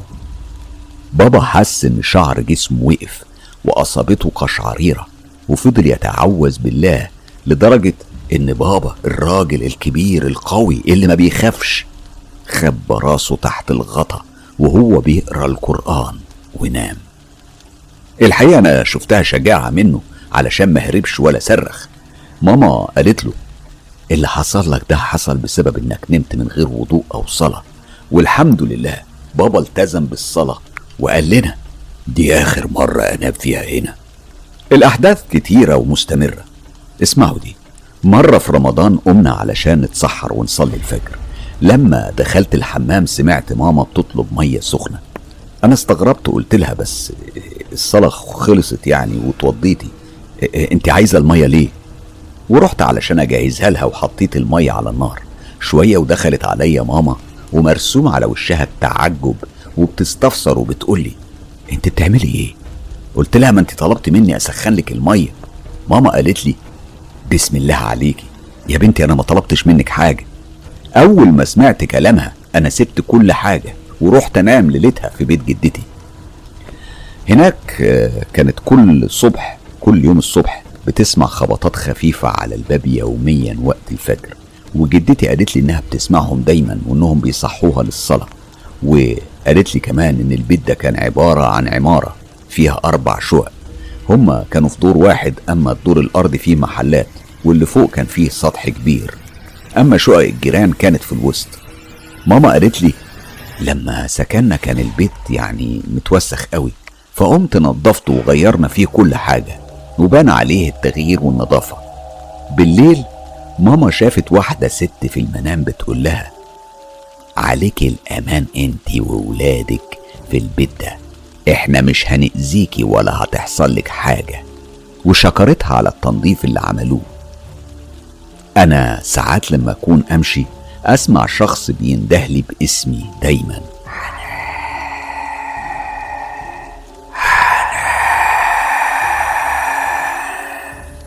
ولما التفت ما بلاقيش حد مع إني متأكدة إني سمعت اسمي ماما قالت لي ما تتلفتيش وراكي يا بنتي لما تسمعي اسمك وإياكي تردي عليه وتقولي نعم. ده بيكون قرينك. أنا بعد جوازي سافرت من المغرب للسعودية لعند جوزي الأردني علشان هو كان محضر شقتنا الزوجية كدور أرضي وكل العمارات هناك لهم منور. اللي هو عبارة عن فجوة بتدي التهوية للشقة. كنت دايما أسمع صوت خربشة. في الأول أنا كنت مفكرة إنها خربشة فيران وعمري ما ربطت الخربشة دي بالعمار أو الجن. وفضلت على تفكيري ده لحد ما سمعت قصص قناة مستر كايرو بتتكلم على موضوع الخربشة دي. قلت لنفسي مش يمكن الخربشة دي تكون من عمار البيوت؟ أنا أول مولود جه ليا آه ماما جات لي وابن أخت جوزي وفي يوم كنا بنتعشى وفجأة سمعنا صوت غريب جنب الشواية. أنا كنت حاطة علاقة فيها معلقة عليها معلقة. لما رحت أشوفها لقيتها واقعة على الأرض قمت شلتها وعلقتها من تاني. لكنها وقعت من تاني. جت ماما وشالتها من تاني. وقعت مرة تانية. مع إن العلاقة متينة جدا وإيد الشواية أو المعلقة رقيقة مستحيل تقع كده. أو تتشال من مكانها من غير سبب ومن نفسها إلا بإيد فاعل. فضلت تقع وأنا رجع فيها لحد ما حسيت بقشعريرة وقررت إني خلاص هشيلها خالص ومش هعلقها. قعدنا نتكلم ونحاول نلاقي أي تفسير. قلنا ممكن عمار المطبخ مش حابين الشواية تتعلق. كل دي أمور مستمرة معانا. ولما كبرت بنتي وأصبحت بتتكلم قالت لي على حاجة حصلت لها لما كانت صغيرة في السعودية. أنا طبعا مش قادرة أستوعب التجربة اللي هي حكتها وبسيبها للجمهور يعلق ويقول لي ده ممكن يكون إيه. هي قالت لي أنا كنت بلعب جنب المطبخ وشفت طفلة صغيرة واقفة في المطبخ جنب التلاجة. طبعا مكان التلاجة جاي قدام العلاقة اللي كنت بتكلم عليها اللي بنعلق عليها الشواية. البنت دي كانت بتبصلي وعاوزاني ألعب معاها. بس أول ما دخلت المطبخ حسيت روحي طايرة في السماء رجلي ما كانتش على الأرض. أنا قلت لها ممكن يا بنتي كنت بتحلمي. ردت عليا. لا يا ماما أنا فاكرة كويس ده ما كانش حلم. قلت لها طيب ليه ما ندهتيش عليا وبلغتيني وقتها؟ قالت لي علشان أنا ما كنتش خايفة. أنا كنت حاسة بالاطمئنان ومستمتعة قوي باللعب مع البنت دي. وأنت يا ماما كنت نايمة. أنا بصراحة مش عارفة إزاي أفسر الموضوع ده. يعني هل هو حلم ولا حقيقة؟ يعني أنا مستنية رأيكم. أنتوا تقولوا لي هل دول كانوا برضه العمار مرة كان الجو حر وكنا في الصيف ومشغلين المكيف. حتى هدومي كانت خفيفة. وقتها كنت بتكلم في التليفون مع ماما وأخويا بس حسيت بالجو اتغير فجأة. كأن في برد بيلف حواليا. برد واضح. برد على برد لدرجة إن جسمي كله أشعر من غير سبب. أنا فكرت إنه ممكن يكون بسبب التكييف وهدومي الخفيفة وخفت وبقيت أسمي باسم الله سبحانه وتعالى. وأخويا كان سامعني هو على التليفون وبيسألني مالك يا بنتي مالك في إيه؟ لما شرحت له الموقف وإحساسي قال لي روح البسي كويس وشغلي قرآن. الجو كان بارد بطريقة مش طبيعية برد كان مختلف. خلاني أحس بإحساس رهيب. إحساس إن في حد معاك في الأوضة. الحد ده مش بس معاك لأ ده بيراقبك. طبعا كلها تجارب عن عمار البيوت ودي تجارب أنا عشتها بشكل شخصي وبحكيها لكم بالتفصيل زي ما عشتها. وسايبة لكم أنتوا الحكم في التعليقات. تقولوا لي أتعامل معاهم إزاي؟ واللي حصل ده حصل لي ليه؟ الجاسوم بقى. أول تجربة للجاسوم كانت تجربة ليا معاه لما ولدت ابني تاني. وقتها جسمي كان متكتف بالكامل. كنت في حالة شلل تام مستحيل كنت أقدر أتحرك أو حتى أفتح عينيا. الحالة كانت صعبة جدا لدرجة إني ما قدرتش أقرأ حتى القرآن. وبصعوبة بالصعوبة شديدة جدا قدرت أقرأ آية الكرسي في قلبي. السبب إن لساني كان تقيل ما كنتش عارفة المدة بالظبط وأنا في الحالة دي. لكني قدرت أخيرا أتخلص منها ومن حالة الربط اللي كنت فيها. وقمت وتعوذت بالله وحمدت ربنا سبحانه وتعالى. صدقوني أنا في اللحظة اللي حصل فيها الموقف ده أو في الوقت اللي حصل فيه الموقف ده جسمي كله كان بيرتعش من الخوف. أنا بقى بيجيني الجاثوم مرة ورا مرة. وامر بنفس الإحساس والخوف. وقتها أنا ما كنتش فاهمة حاجة ولا لاقي أي تفسير للحالة دي بسبب قلة معرفتي. وكمان وقتها ما كانش فيه نت زي دلوقتي. لكن مع الوقت قدرت أجمع معلومات. وعرفت إن سبب كل ده هو الجاثوم اللي ما كنتش أعرفه زمان. أنا عارفة إن كل التفاصيل اللي بحكيها عبارة عن قصص ومواقف متفرقة. لكن أنا قلبي مع كل حد بيمر بتجارب مع عمار البيوت لأن أكيد اللي بيشوفوه محدش هيقدر يحس بمدى الفزع والرعب إلا اللي عاشوا تجارب شبه دي.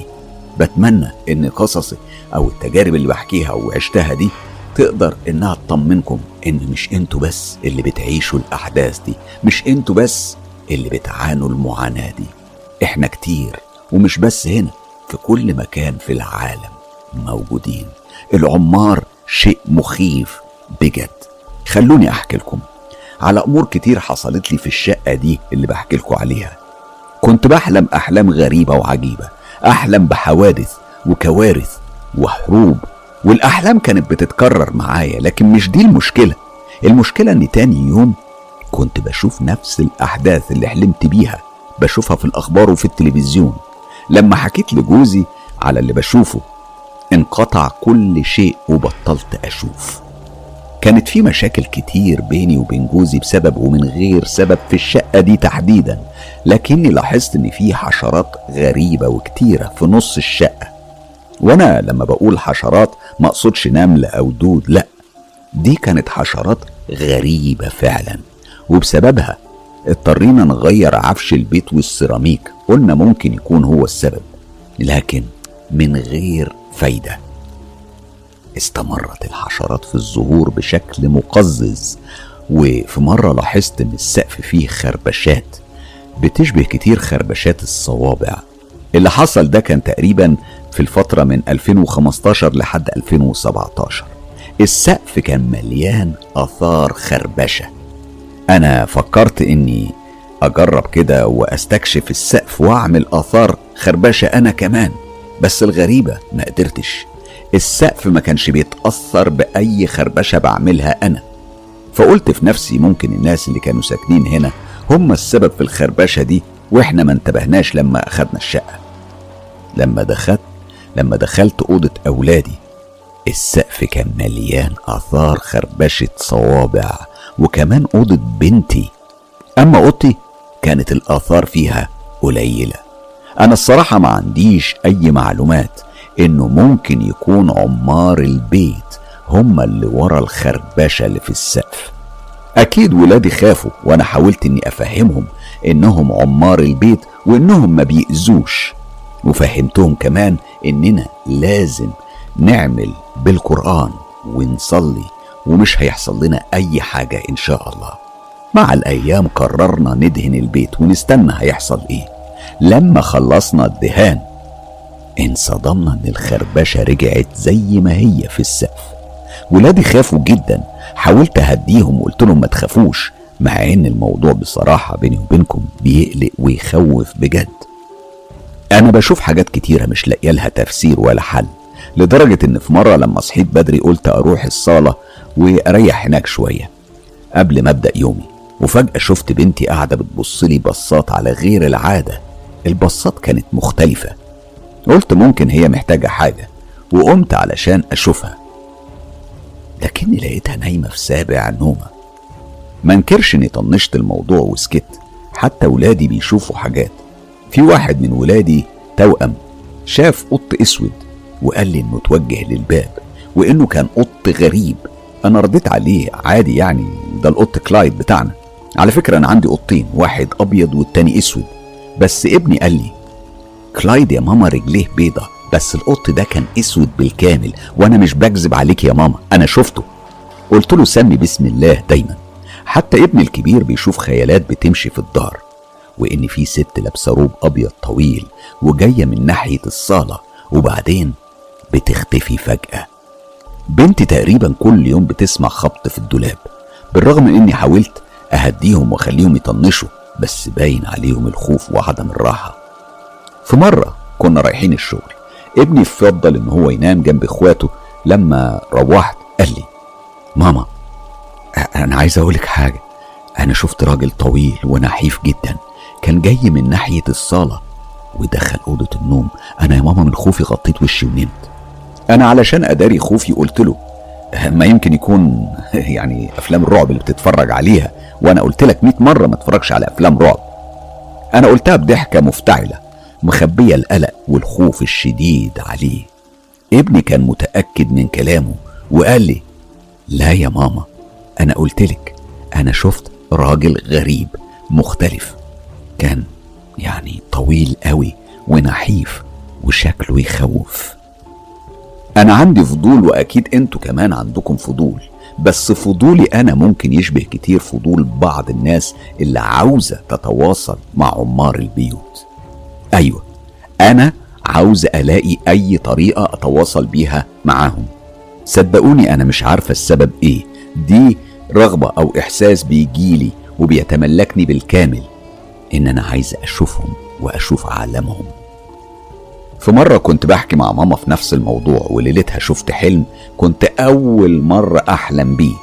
أنا شفت ناس شكلهم غريب قاعدين في الصالة ولاحظت إن في سلم بينزل لتحت. لما نزلت السلم قابلتني عيلة كبيرة مكونة من جد وجدة وأب وأم وأولاد وغيرهم. من شكلهم الغريب عرفت إنهم مش بشر وشوشهم مش طبيعية بالمرة. هما كانوا حاطين الأكل كأنهم عملوه مخصوص ليا وقالوا لي تعالي. تعالي كولي معانا. أنا اتقدمت لهم وقعدت لكني ما أكلتش حاجة. صحيت وأنا مستغربة من الحلم ده كأنها حقيقة ملموسة. أما تاني حلم فما هو ما بيقلش غرابة عن اللي قبله. أنا شفت ناس غريبة على شكل ناس من عيلتي. ناس على شكل خالي ومراته وبابا وغيرهم وكلهم. كانوا لابسين لبس أسود ودخلوا كلهم أوضتي. وشكلهم كده زي ما يكونوا مجهزين نفسهم علشان يروحوا حفلة. كانوا بيشبهوا عيلتي لكن وشوشهم مختلفة وسودة. أنا ربطت الأحلام دي برغبتي القوية اللي بتتملكني إني عاوز أشوف عمار البيوت. لما حكيت لماما ضحكت وقالت لي كنت حابة تشوفيهم؟ أهو أنت شفتيهم. أنا آخر حدث في تجربتي اللي بحكيها النهارده ومش آخر الأحداث في حياتي إني كنت نايمة وكان جنبي ابني نايم وجوزي نايم في الصالة. الجو كان صيف وأكيد مش هتغطى بأي حاجة. لما صحيت لقيت نفسي متغطية بالحاف خشن أنا وابني. والغريبة إن اللحاف ده كان بعيد كنت عيناه علشان مش محتاجاه في الصيف. أنا سألت ماما وجوزي مين اللي غطاني. ردوا عليا إن ولا واحد فيهم غطاني. أنا سكت وقفلت على الموضوع. والحمد لله أنا ما خفتش لدرجة كبيرة علشان أنا بصلي وبقرأ القرآن والأذكار دايما. ابني الكبير بيشوف أمور كتيرة بتقلق وخصوصا في الأحلام. هو بيشوف نفسه دايما بيتخانق مع ناس غرباء. أشكالهم مرعبة وغريبة ودايما أقول له ما تخافش أنت بتصلي وبتذكر ربنا. لما جاتني ماما وزارتني في رمضان اللي فات قلت لها وحكيت لها على قصص مستر كايرو فقالت لي حتى خالك الله يرحمه حصلت له عدة مواقف. خالي أصله كان متدين وزوهري العينين وبيشوف حاجات بتشيب الرأس وكان دايما بيقول أنا بشوف حاجات أنتم مستحيل تقدروا تشوفوها. أنا هحكي موقف حصل معاه لما كان صغير. وقتها خالي كان عايش في الريف. في شجرة تحتها بير وهو متعود يلعب تحت الشجرة دي. الوقت كان المغرب وهو لسه بيلعب وما روحش للبيت. وفجأة سمع صوت الدف. وزي ما يكون في ناس كتير بتضربه في بندير اللي هو دف يعني. في عندنا مزيكا فولكلورية أمازيغية الموسيقى دي عندنا بنسميها الأحواش. خالي كان بيسمع في الأحواش وكان بيبص في كل مكان علشان يعرف مصدر الصوت ده جاي منين. فضل يتتبع في الصوت لحد ما اكتشف إنه صوت الدف أو الأحواش خارجة. وجاية من البير. دفعه الفضول إنه يطل وأول ما طل جوه البير شاف ناس واقفة وبتقول له تعال أنزل عندنا تعالى خالي بطبيعة الحال خاف جدا وبالرغم من صغر سنه عرف إن اللي هو شافه مش طبيعي خالص وهرب. هرب وهو بيجري وبيصرخ لحد ما وصل للبيت. لما كبر خالي بطل يحكي لنا على اللي بيشوفه. بصوا بقى هضيف لكم قصة صغيرة أنا طلبتها شخصيا من صديقة ليا عايشة معايا في كندا وهي قالت لي لازم أحكيها لك ولازم أحكيها لك بالنهار وبره البيت والسبب إنها بتخاف جدا. المهم صديقتي دي هي من مدينة تازا المغربية.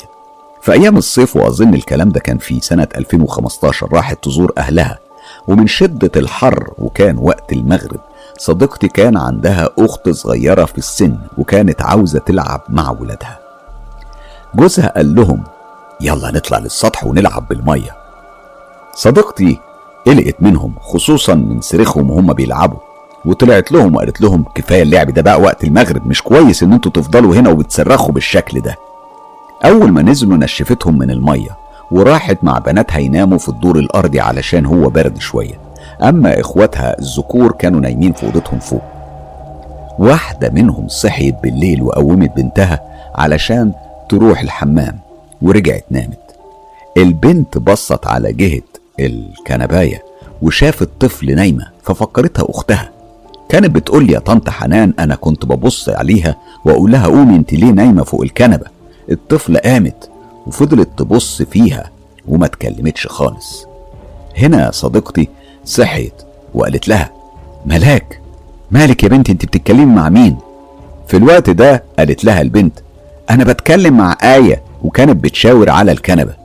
بصت صديقتي على مكان آية ولقتها نايمة عادي يعني في مكانها وقالت لها أنت بتقولي إيه؟ آية نايمة قدامي أهي. وأول ما خلصت كلامها صرخت بنتها ملاك صرخة صحت العيلة كلها. كانت بتعيط بهستيريا وبتبص مكان البنت اللي قاعدة على الكنبة.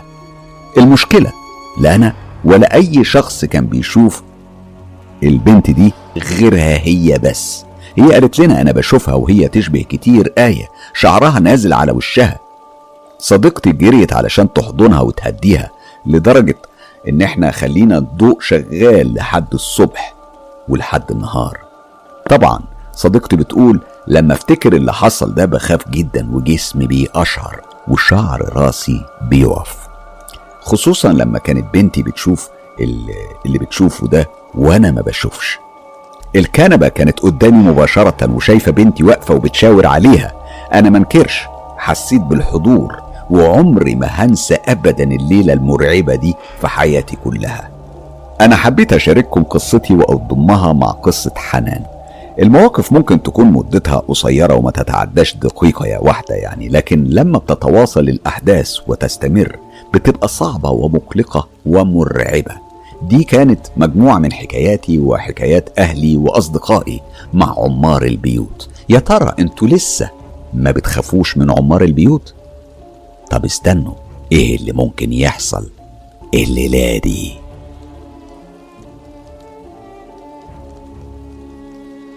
التجربة دي من الإمارات العربية المتحدة. وانتوا عارفين أصدقائي في الإمارات كتير وبعتز بيهم كتير جدا جدا جدا وبحبهم جدا جدا جدا. التجربة دي من مي اللي بتحكي لنا مجموعة من التجارب الصغيرة واللي برضه هتدينا انطباع عن أعمال عمار البيوت. عمار البيوت حسب ما بنسمع وحسب النظريات اللي بتتقال عنهم بيكون في منهم مجموعة بتشبه أصحاب البيوت نفسهم لدرجة إنهم بيتواجدوا في أماكن كتير مش شرط يكون صاحب البيت موجود فيها وده اللي هنسمعه وهنتأكد منه من قصة مي الصديقة الغالية من الإمارات العربية المتحدة اللي هتحكي لنا ثلاث حوادث أو ثلاث مواقف وتجارب هي مرت بيهم بشكل شخصي. تعالوا نسمع مي أول تجربة ليا في البداية كانت أختي زعلانة مني كتير لأنها قالت لي أنا شفتك وشاورتلك من الشباك بتاع أوضة المعيشة. أنت كنت تحت في الجنينة بتاعت المنزل لكنك ما شاورتيش ليا. كنت واقفة بتبصيلي وتجاهلتيني تماما. أنا رديت عليها وقلت لها لا أبدا. أنا أصلا ما نزلتش من أوضتي طول اليوم النهاردة. أختي قالت لا لا لا. أنا شايفاكي وأنت ماسكة الورد. وأنت شفتيني لكنك طنشتيني. دي كانت أول حادثة حصلت لما سكننا في البيت ده وأنا حابة أفهم هي مين دي اللي أختي شافتها. التجربة التانية في يوم من الأيام بنات عمتي التلاتة اتصلوا بيا وقالوا لي إنهم شافوني في المول ونادوني وقالوا لي ناديناكي علشان نسلم عليكي بس انت مريتي من جنبنا ولا كأنك تعرفينا. أنا قلت لهم أنا ما رحتش المول أصلا إزاي يعني؟ ده أنا كان عندي دراسة في اليوم ده. هم قالوا لي لا انت انت يا مي إحنا شفناكي. مي أنا متأكدة إن انت اللي إحنا شفناكي.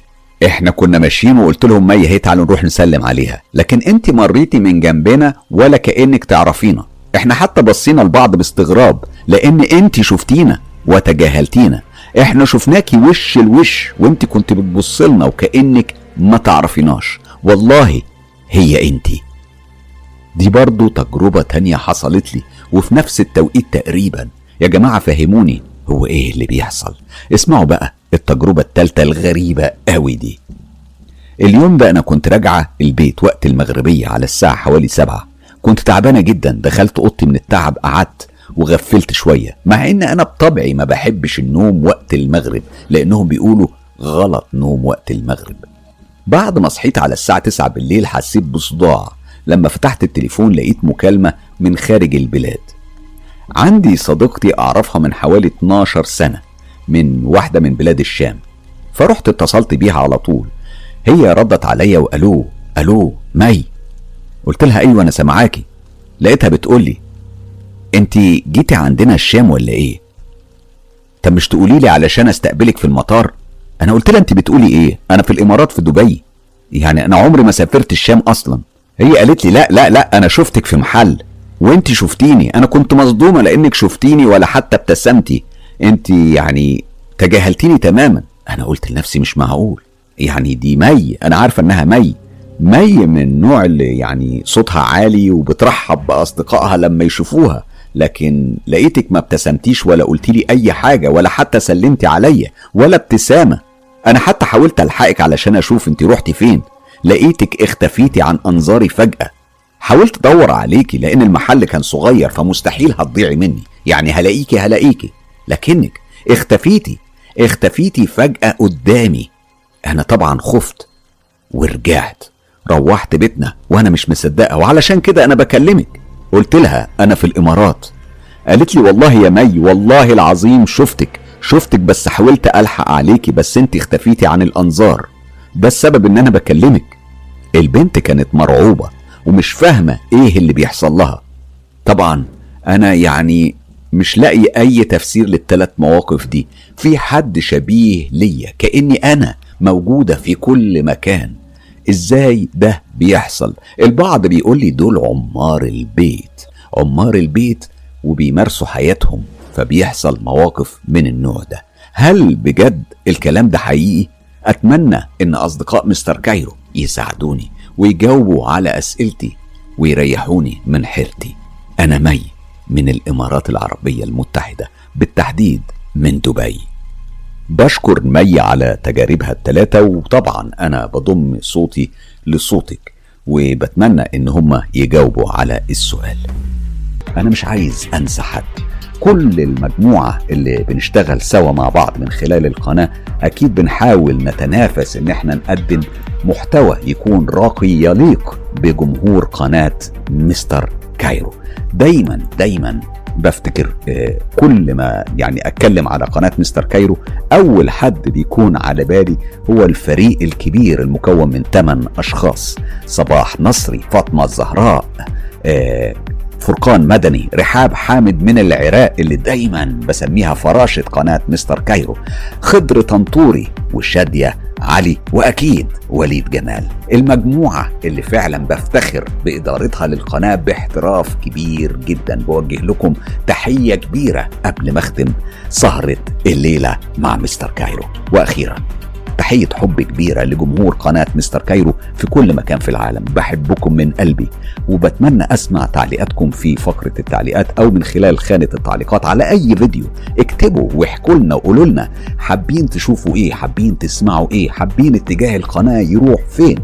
أنتوا كمان لو شايفين اي سلبيات بنرحب ان إحنا نسمع النقد قبل ما نسمع إيه إيه يعني كلمات الاعجاب. بتمنى فعلا تكتبوا لنا كل نقدكم والسلبيات اللي شايفينها في القناة بحيث إن إحنا نتطور للأحسن والأفضل علشان خاطركم أنتم. لأن أنتم في المقام الأول اللي إحنا بنسعى لإرضائهم. أنتوا فعلا الهدف الأول والأخير للقائمين على قناة مستر كايرو. أنتوا الجمهور اللي بنحبه من قلبنا بجد. حالا بشكركم وإلى اللقاء. لو عندكم تجارب حقيقية وحاصل بالفعل ليكم أو لحد من أصحابكم وحابين تشاركوا بيها أصدقاء مستر كايرو ابعتوا التجارب على الصفحة الرسمية للإعلامي حسام مصباح على موقع التواصل الاجتماعي فيسبوك أو على موقع صراحة أو تطبيق تليجرام كل الروابط دي هتلاقوها موجودة تحت هنا. هنا أهو. في خانة الوصف. وللحصول على كل الحصريات انضموا ل group تجربة رعب مستر كايرو وصفحة هستيريا قصص رعب. الاتنين هتلاقوهم على فيسبوك. ولو حابب بقى تدعم تجربة مستر كايرو ادعموا بالاشتراك في القناة والإعجاب بالكليب. طبعا لو عجبكم و share ال clip في كل مكان. واتساب ماسنجر إنستجرام وأخيرا تليجرام خلي الدنيا كلها تعيش تجربة مستر كايرو.